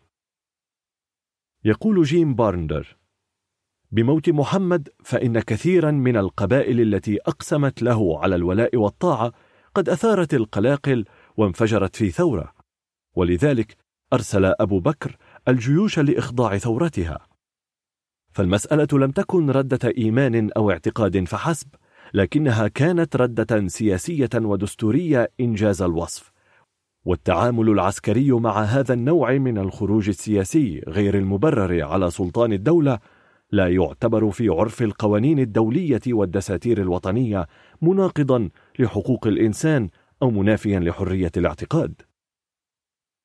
ولقد أكد هذا المعنى كله لام هوبفي بقوله لقد اضطر أبو بكر لإخضاع عصيان أو تمرد بعض القبائل للحفاظ على وحدة الأمة التي بناها الرسول. فالأمر كما فهمه هؤلاء العلماء وهو على صواب لم يكن مجرد ردة عقيدة لكنه كان تمردا سياسيا استهدف وحدة الأمة. فكيف يشغب أولئك النفر على الإسلام؟ ويزعمون أنه يكره الناس حتى يكونوا مؤمنين. أليست هذه الحرب خيرا من الفوضى السياسية كما يرى مرسي إلياد. موقف الإسلام من المرأة. في الموضوعات التي اعتبرها كثير من المبشرين والمستشرقين نقاط ضعف في الإسلام موقفه من المرأة. ولا يكاد المرء يجد كتابا أو بحثا لكاتب غربي في الموضوع يخلو من غمز الإسلام والتعريض بشخص الرسول صلى الله عليه وسلم بسبب إباحة تعدد الزوجات وبسبب تعدد أزواجه. لكننا وجدنا أن علماء مقارنة الأديان الغربيين المعاصرين لا يتفهمون موقف الإسلام من المرأة فحسب بل نراهم يدافعون عنه ويتحمسون له. ولقد جذب انتباههم بشدة ما قامت به أم المؤمنين السيدة خديجة في سبيل الدعوة الإسلامية ومؤازرة زوجها إبان نزول الوحي لأول مرة. وما تقدير الرسول لها إلا تقدير للمرأة بعامة. ولقد تمثل هذا في مظاهر عديدة منها أنه صلى الله عليه وسلم لم يتزوج في حياتها بأخرى. ويتحدث ألف كول عن مكانة المرأة في الإسلام مقارنة بما كانت عليه قبل الإسلام فيقول لقد منحت المرأة العربية في ظل الإسلام مكانة سامية على العكس تماما مما كان عليه حالها المزري قبل الإسلام. إذ لم تكن منزلتها أكثر من منزلة chattels أي سلعة تباع وتشترى عند الحاجة. ولقد أكد محمد أهمية الزوجة والأم في تكوين الأسرة. ويؤكد كول أن الإسلام قد كلفها بالعبادة كما كلف الرجال فيقول لقد حض الرسول النساء على الصلاة ولقد شكل النساء طوال حياته جزءا من جماعة المصلين في المسجد على الرغم من أن حضورهن إلى المسجد لأداء الصلاة لم يكن إجباريا. ويستغرب كول وله الحق في ذلك من الجماعات الإسلامية المعاصرة التي تحرم على المرأة الذهاب إلى المسجد تحريما. ولو قارنا ما كتبه علماء مقارنة الأديان الغربيين عن وضع المرأة في الإسلام بما جاء في كتابات المستشرقين والمبشرين مثل كتاب Behind the Veil Unmasking Islam. وبما تنشره وسائل الإعلام الغربية اليوم لعرفنا موضوعية هؤلاء العلماء وحيديتهم وصدعهم بالحق. ولقد كتب الأستاذ إيتش سميث دفاعا حارا عن وضع المرأة في الإسلام جاء فيه. إن النساء قبل الإسلام كن بمثابة أشياء مملوكة للرجال أكثر من كونهن بشرا. وكان الرجل يستطيع أن يتزوج عددا لا حد لكثرته من الزوجات ويقول ولنكن أكثر دقة ونذكر أن علاقة الرجل بزوجاته كانت منحصرة في واحدة أو اثنتين. ومن عداهن من الزوجات كن يعاملن أسوأ معاملة وكن نادرا ما يعاملن كزوجات. ثم يتحدث سميث تحت عنوان وضع المرأة في الإسلام فيقول لقد اتهم الإسلام بشكل واسع في الغرب بأنه يحط من شأن المرأة بسبب سماحه بتعدد الزوجات. ولو أننا نظرنا إلى المسألة زمنيا وقارنا بين وضع المرأة العربية قبل بعثة محمد وبعدها لوجدنا أن التهمة زائفة تماما. في أيام الجاهلية لم يكن للزواج ترتيبات أو إجراءات وكان من النادر أن يعتد به. أما الزواج المؤقت والمشروط فكان هو المسيطر على الساحة وكانت النساء في منزلة القطيع يعاملن حسب هوى أزواجهن أو آبائهن. ولم يكن للبنات حق في الميراث البتة بل كن يدفن أحياء في طفولتهن. وفي مواجهة تلك الظروف التي كانت تعتبر ولادة البنت فيها مصيبة فإن الإصلاحات التي جاء بها محمد قد أعلت منزلة المرأة بشكل أساسي. لقد حرم الإسلام وأد البنات وفرض للبنت حقا في الميراث. نعم إنه لم يسوي بينها وبين الرجل وهذا أمر يتماشى مع مقتضيات العدالة في نظر محمد لأن المرأة لا تتحمل المسؤولية المالية في بيتها. بيد أن القرآن قد فتح باب المساواة التامة بين المرأة والرجل فيما يتعلق بالمواطنة والتعليم والانتخابات السياسية والعمل. ويقول سميث إن مساواة المرأة الأوروبية بالرجل ووضعها الاجتماعي الحالي قد تحقق نتيجة التحول الصناعي والديمقراطي ولم يكن ليتحقق بسبب الدين المسيحي أو اليهودي. ولقد قدم الإسلام أعظم إسهاماته لرفع شأن المرأة بوضع نظامه الخاص في الزواج. لقد قدس الزواج وجعل منه السبيل الوحيد المباح للعلاقات الجنسية. إن الادعاءات الغربية بأن الإسلام دين يحض على الشهوات الجنسية اتجاه مريض حقا. هذا أولا. أما ثانيا فإن الإسلام يتطلب الموافقة التامة للمرأة قبل زواجها ولا يستطيع رجل ما ولو كان السلطان نفسه. أن يتزوجها بدون موافقتها الصريحة ولقد وثق الإسلام ثالثا رابطة الزوجية توثيقا عظيما. ومع أن محمدا لم يحرم الطلاق تحريما مطلقا فإن جعله بمثابة الحل الأخير لمشاكل الزوجين المستعصية وقد أكد مرارا على أن الطلاق أبغض شيء حلال عند الله.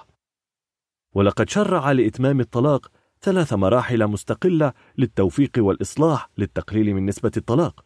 ويذكر سميث أن أمر الطلاق مكفول للمرأة كما أنه مكفول للرجل في الإسلام. ثم يناقش سميث مسألة تعدد الزوجات بوليغامي. ويذكر أن الآراء متفاوتة حولها والإجماع يزداد على أن الوضع المثالي الذي يراه القرآن هو الزوجة الواحدة مونوغومي والنص القرآني فإن خفتم ألا تعدلوا فواحدة واضح في ذلك. والمساواة في الآية مطلقة وتحقيق المساواة المطلقة بين الزوجات تؤكد أن القرآن يهدي إلى عدم التعدد في الظروف العادية كما أن هناك ظروفا غير طبيعية قد تمر بالمجتمعات البشرية تجعل من السماح بتعدد الزوجات حلا مفضلا من وجهة نظر أخلاقية. وتلك الظروف قد يمر بها الفرد في حالات المرض الميؤوس منه أو المجتمعات في حالات الحروب التي تحصد الرجال وتجعل عددهم أقل من نصف عدد النساء في بعض الأحيان. وتعدد الزوجات هو الحل في مثل هذه الأوضاع حتى تحاط العلاقات الجنسية بالمسؤولية مع المساواة التامة بين الزوجات والعدالة بينهن وكفالة حقوق المرأة. أما في ظل عدم إباحة تعدد الزوجات فإن المرأة تفتقر إلى العاطفة الزوجية ولا تتمتع هي أو وليدها بالمسؤولية والرعاية من الزوج والأب. وقد ذكر رأيه في مسألة حجاب المرأة وتغطية نفسها كاملة شاملة.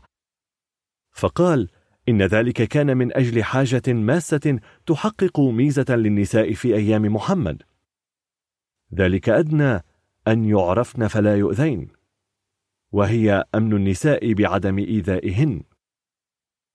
لكنه لم يقصد إلى تكبيل المرأة بالبردة في غير ما حاجة إليه أي أن أمر البردة أو الحجاب التام للمرأة ليس مطلبا عاما مطلقا في كل زمان ومكان ولعموم نساء المسلمين. ثم يعلق ساخرا من موقف الغرب من الإسلام فيقول إن الصورة الغربية النمطية الشائعة للمسلم هي أنه رجل ممتشقا سيفه ويجر وراءه طابورا طويلا من الزوجات. والحق أن معظم هؤلاء العلماء على تفاوت نسبي بينهم قد ناقشوا مناقشة موضوعية ما أطلق عليه في الغرب وضع المرأة في الإسلام.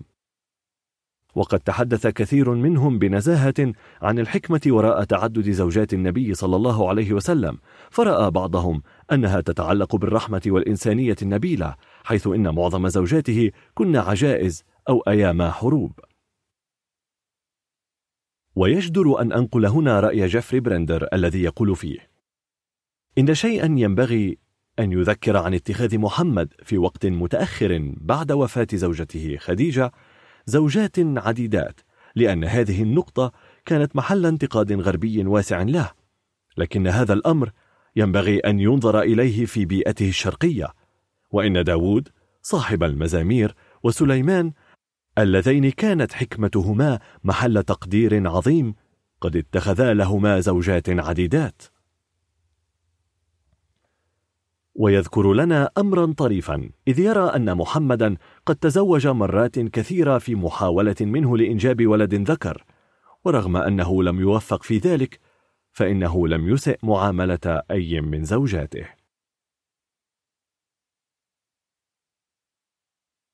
التوحيد الأنقى والأصفى. اتفقت كلمة علماء الأديان الغربيين من خلال دراستهم للإسلام مقارنا بالأديان الأخرى على أن الإسلام هو الصورة النقية الصافية للتوحيد. مرسيا إلياد. إن رسالة محمد كما صيغت في القرآن تمثل التعبير الأكثر نقاء للتوحيد المطلق.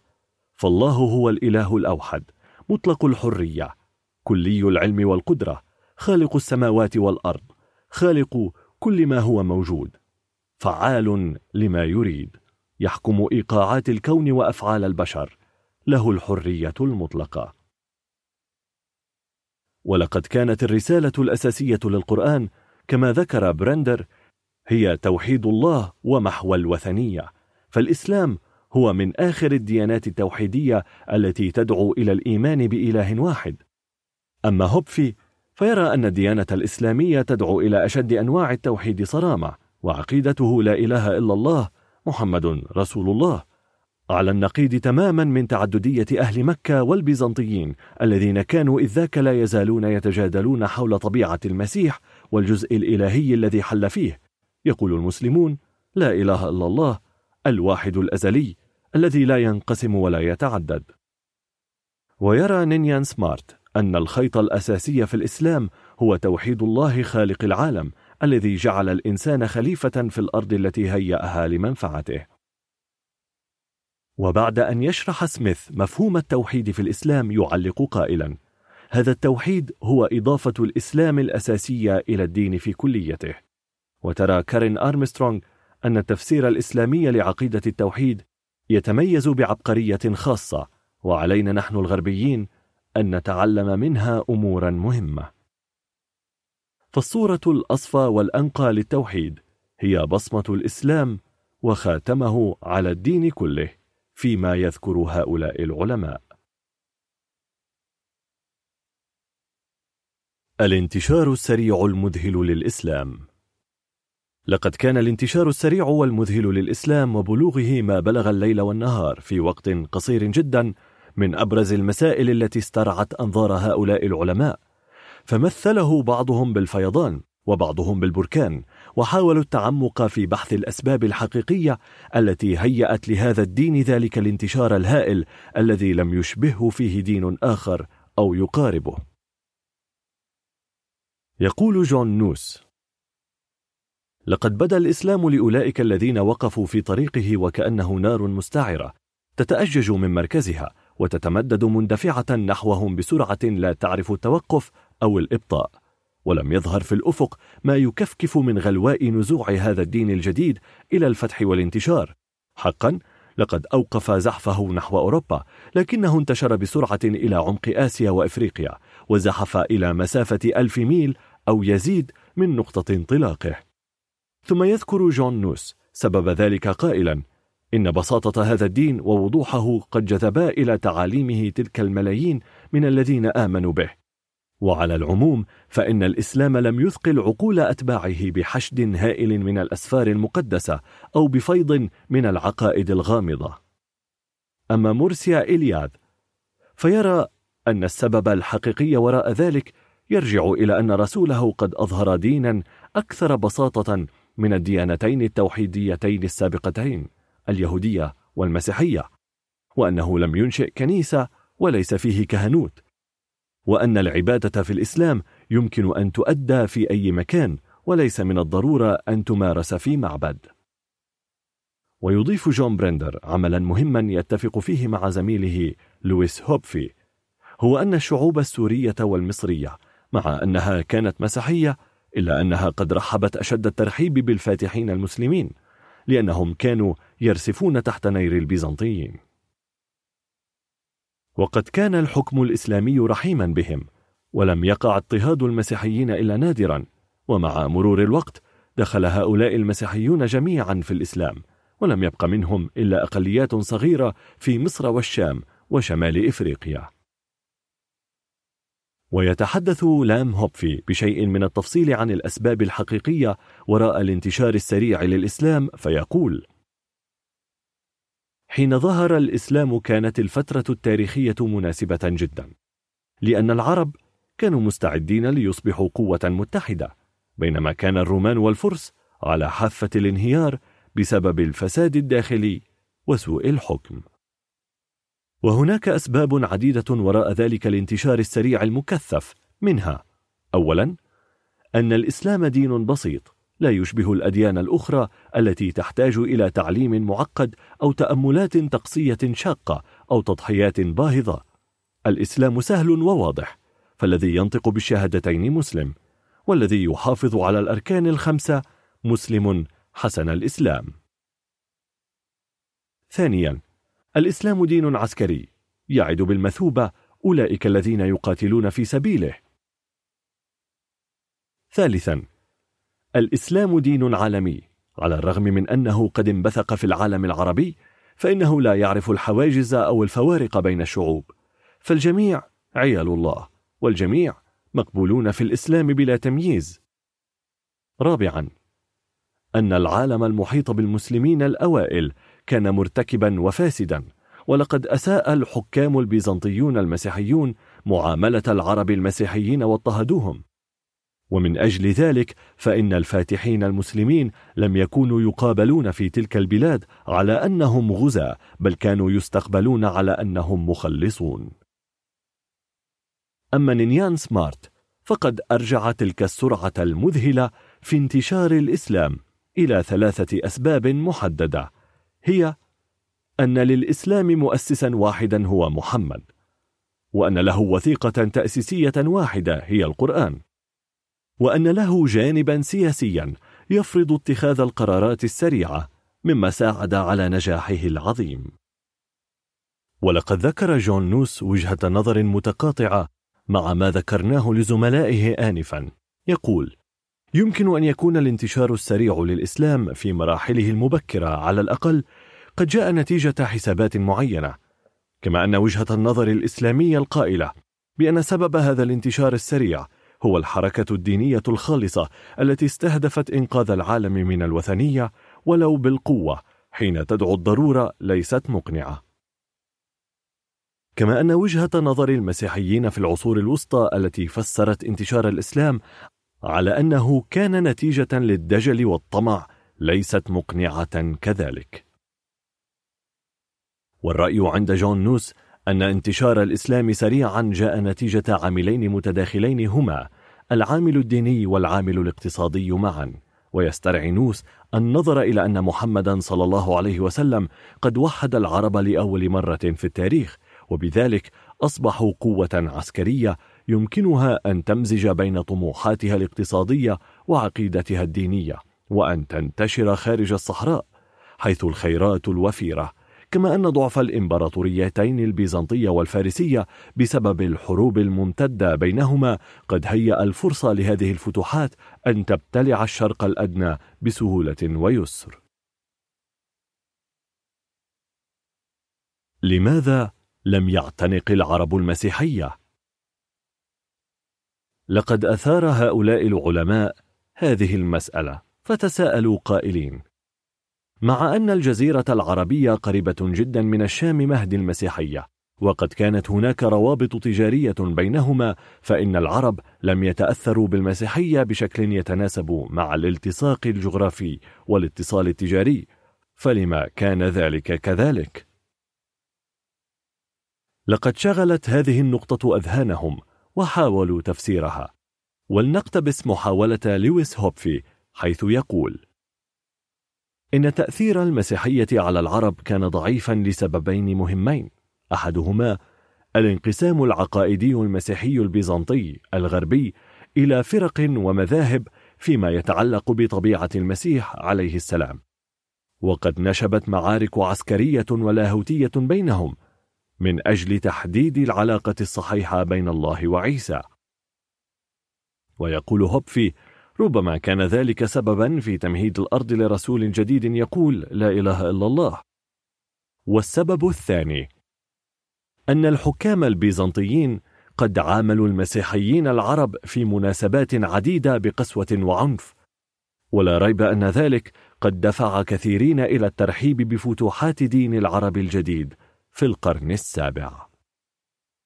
معنى ذلك أن عدم الوضوح العقائدي للمسيحية في رأي لويس هوبفي وعنصرية القائمين على أمرها من البيزنطيين لم تكن مقنعة لعرب الجاهلية ومن ثم كان الوضع الديني والسياسي مهيئا لرسالة تبشر بلا إله إلا الله. حرية الإنسان في الإسلام من أبرز خصائص الإسلام في الفكر الغربي عموما أنه دين جبري قدري أي أن الجبرية والقدرية هما عنوانا الإسلام وسبب ذلك في رأينا هو عدم رؤيتهم للخيط الرفيع بين القيومية المطلقة لله تعالى والتسليم التام لإرادته ولعل السبب في ذلك أيضا عدم إحاطتهم بالنصوص الكاملة في هذه المسألة. كما أن دقة الموضوع وصعوبته لا تخفى فلقد وصفه الفيلسوف الفقيه ابن رشد الحفيد بأنه من أعوص المسائل الشرعية والفلسفية أيضا.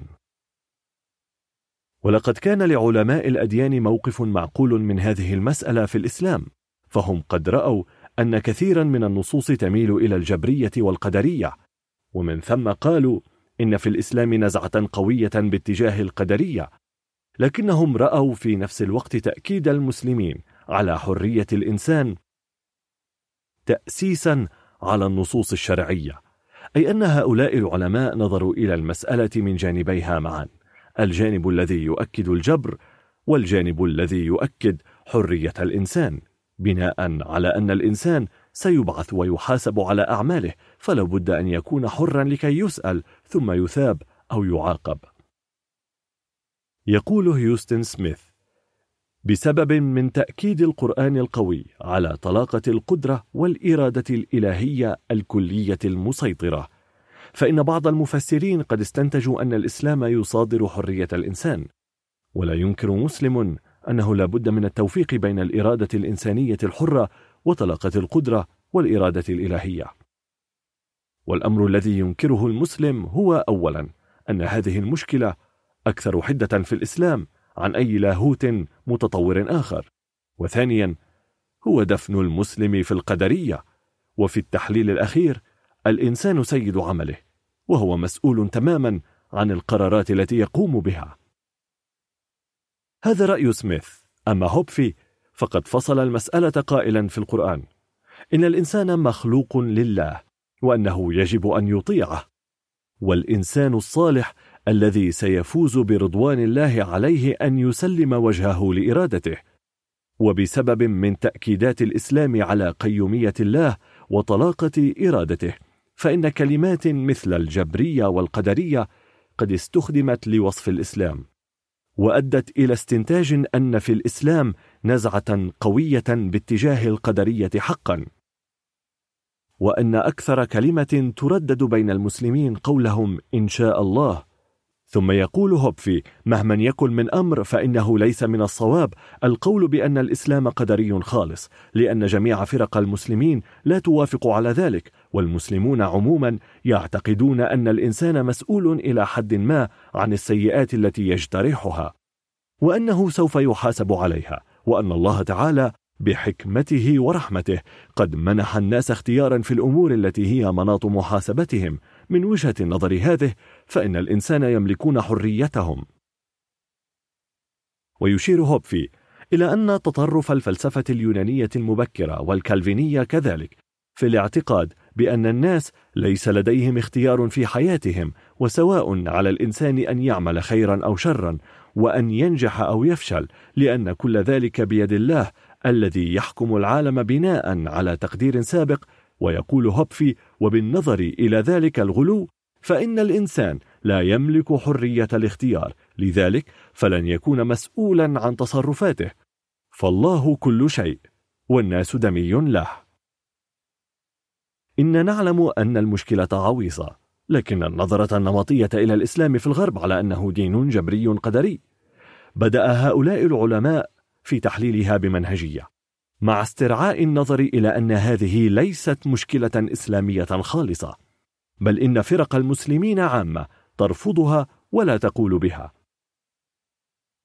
وبعد فالنقاط البحثية التي أثارتها دراسات هؤلاء العلماء المسلمين للإسلام عديدة ووجهات نظر أصحابها تستحق المتابعة والمناقشة لكن طبيعة هذا البحث التمهيدي أو الأول من نوعه لا تسمح بعرضها. وحسبنا أننا لفتنا نظر الباحثين المسلمين إلى أهمية هذا النوع من الدراسات الغربية عن الإسلام. كما أننا حاولنا أن نجعل من كتابات هؤلاء العلماء التصحيحية مناقشات غربية لشبهات أثارها كتاب غربيون ضد الإسلام. فكأن الغرب يحاور نفسه ويدحض شبهاته بنفسه ضد الإسلام. وهذا ما دفعني إلى إعطائهم الفرصة ليتحدثوا بأنفسهم ولم أتحدث عنهم أو أختصر كلامهم. كما ظهر لنا أن دراسة الإسلام مقارنا بالأديان الأخرى أمر بالغ الأهمية لنا.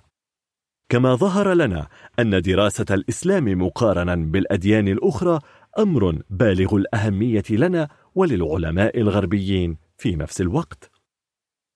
لأن الحقيقة تستبين وتسطع من خلال المقارنة. وتفرض نفسها على الباحثين الموضوعيين. وهذا يساعد على تصحيح صورة الإسلام في الغرب ويسهم في تخفيف روح الكراهية والعداء وعدم التقبل. مما يعمل على تحسين العلاقات الدولية التي تشكل مطلبا ملحا للإنسان المعاصر. بقي أن أشير إلى أن علماء الأديان الغربيين الذين ذكرناهم في بحثنا هذا وإن شكلوا اتجاها له سماته العامة فإنهم قد تفاوتوا في اجتهاداتهم وأطروحاتهم. ومن ثم رأيناها تتفق أحيانا وتتوازى بل وتتقاطع أحيانا أخرى. والحقيقة أن هؤلاء العلماء قد كتبوا دراساتهم للقارئ الغربي أساسا. لكن ذلك لا يمنعنا من الاستفادة ببعض النقاط أو الملاحظات أو العلاقات أو النتائج التي انتبهوا إليها. بل ويدفعنا إلى إعادة تقييم فهمنا لجوانب معينة في ديننا وأن نفهم أنفسنا فهما نقديا بناء. استمعتم إلى الاستشراق. قرأه لكم عمر زكريا. تأليف محمد عبد الله الشرقاوي تم إنتاج هذا الكتاب الصوتي من قبل ستوري سايد سنة 2021 لمنصة ستوري تيل. جميع الحقوق محفوظة.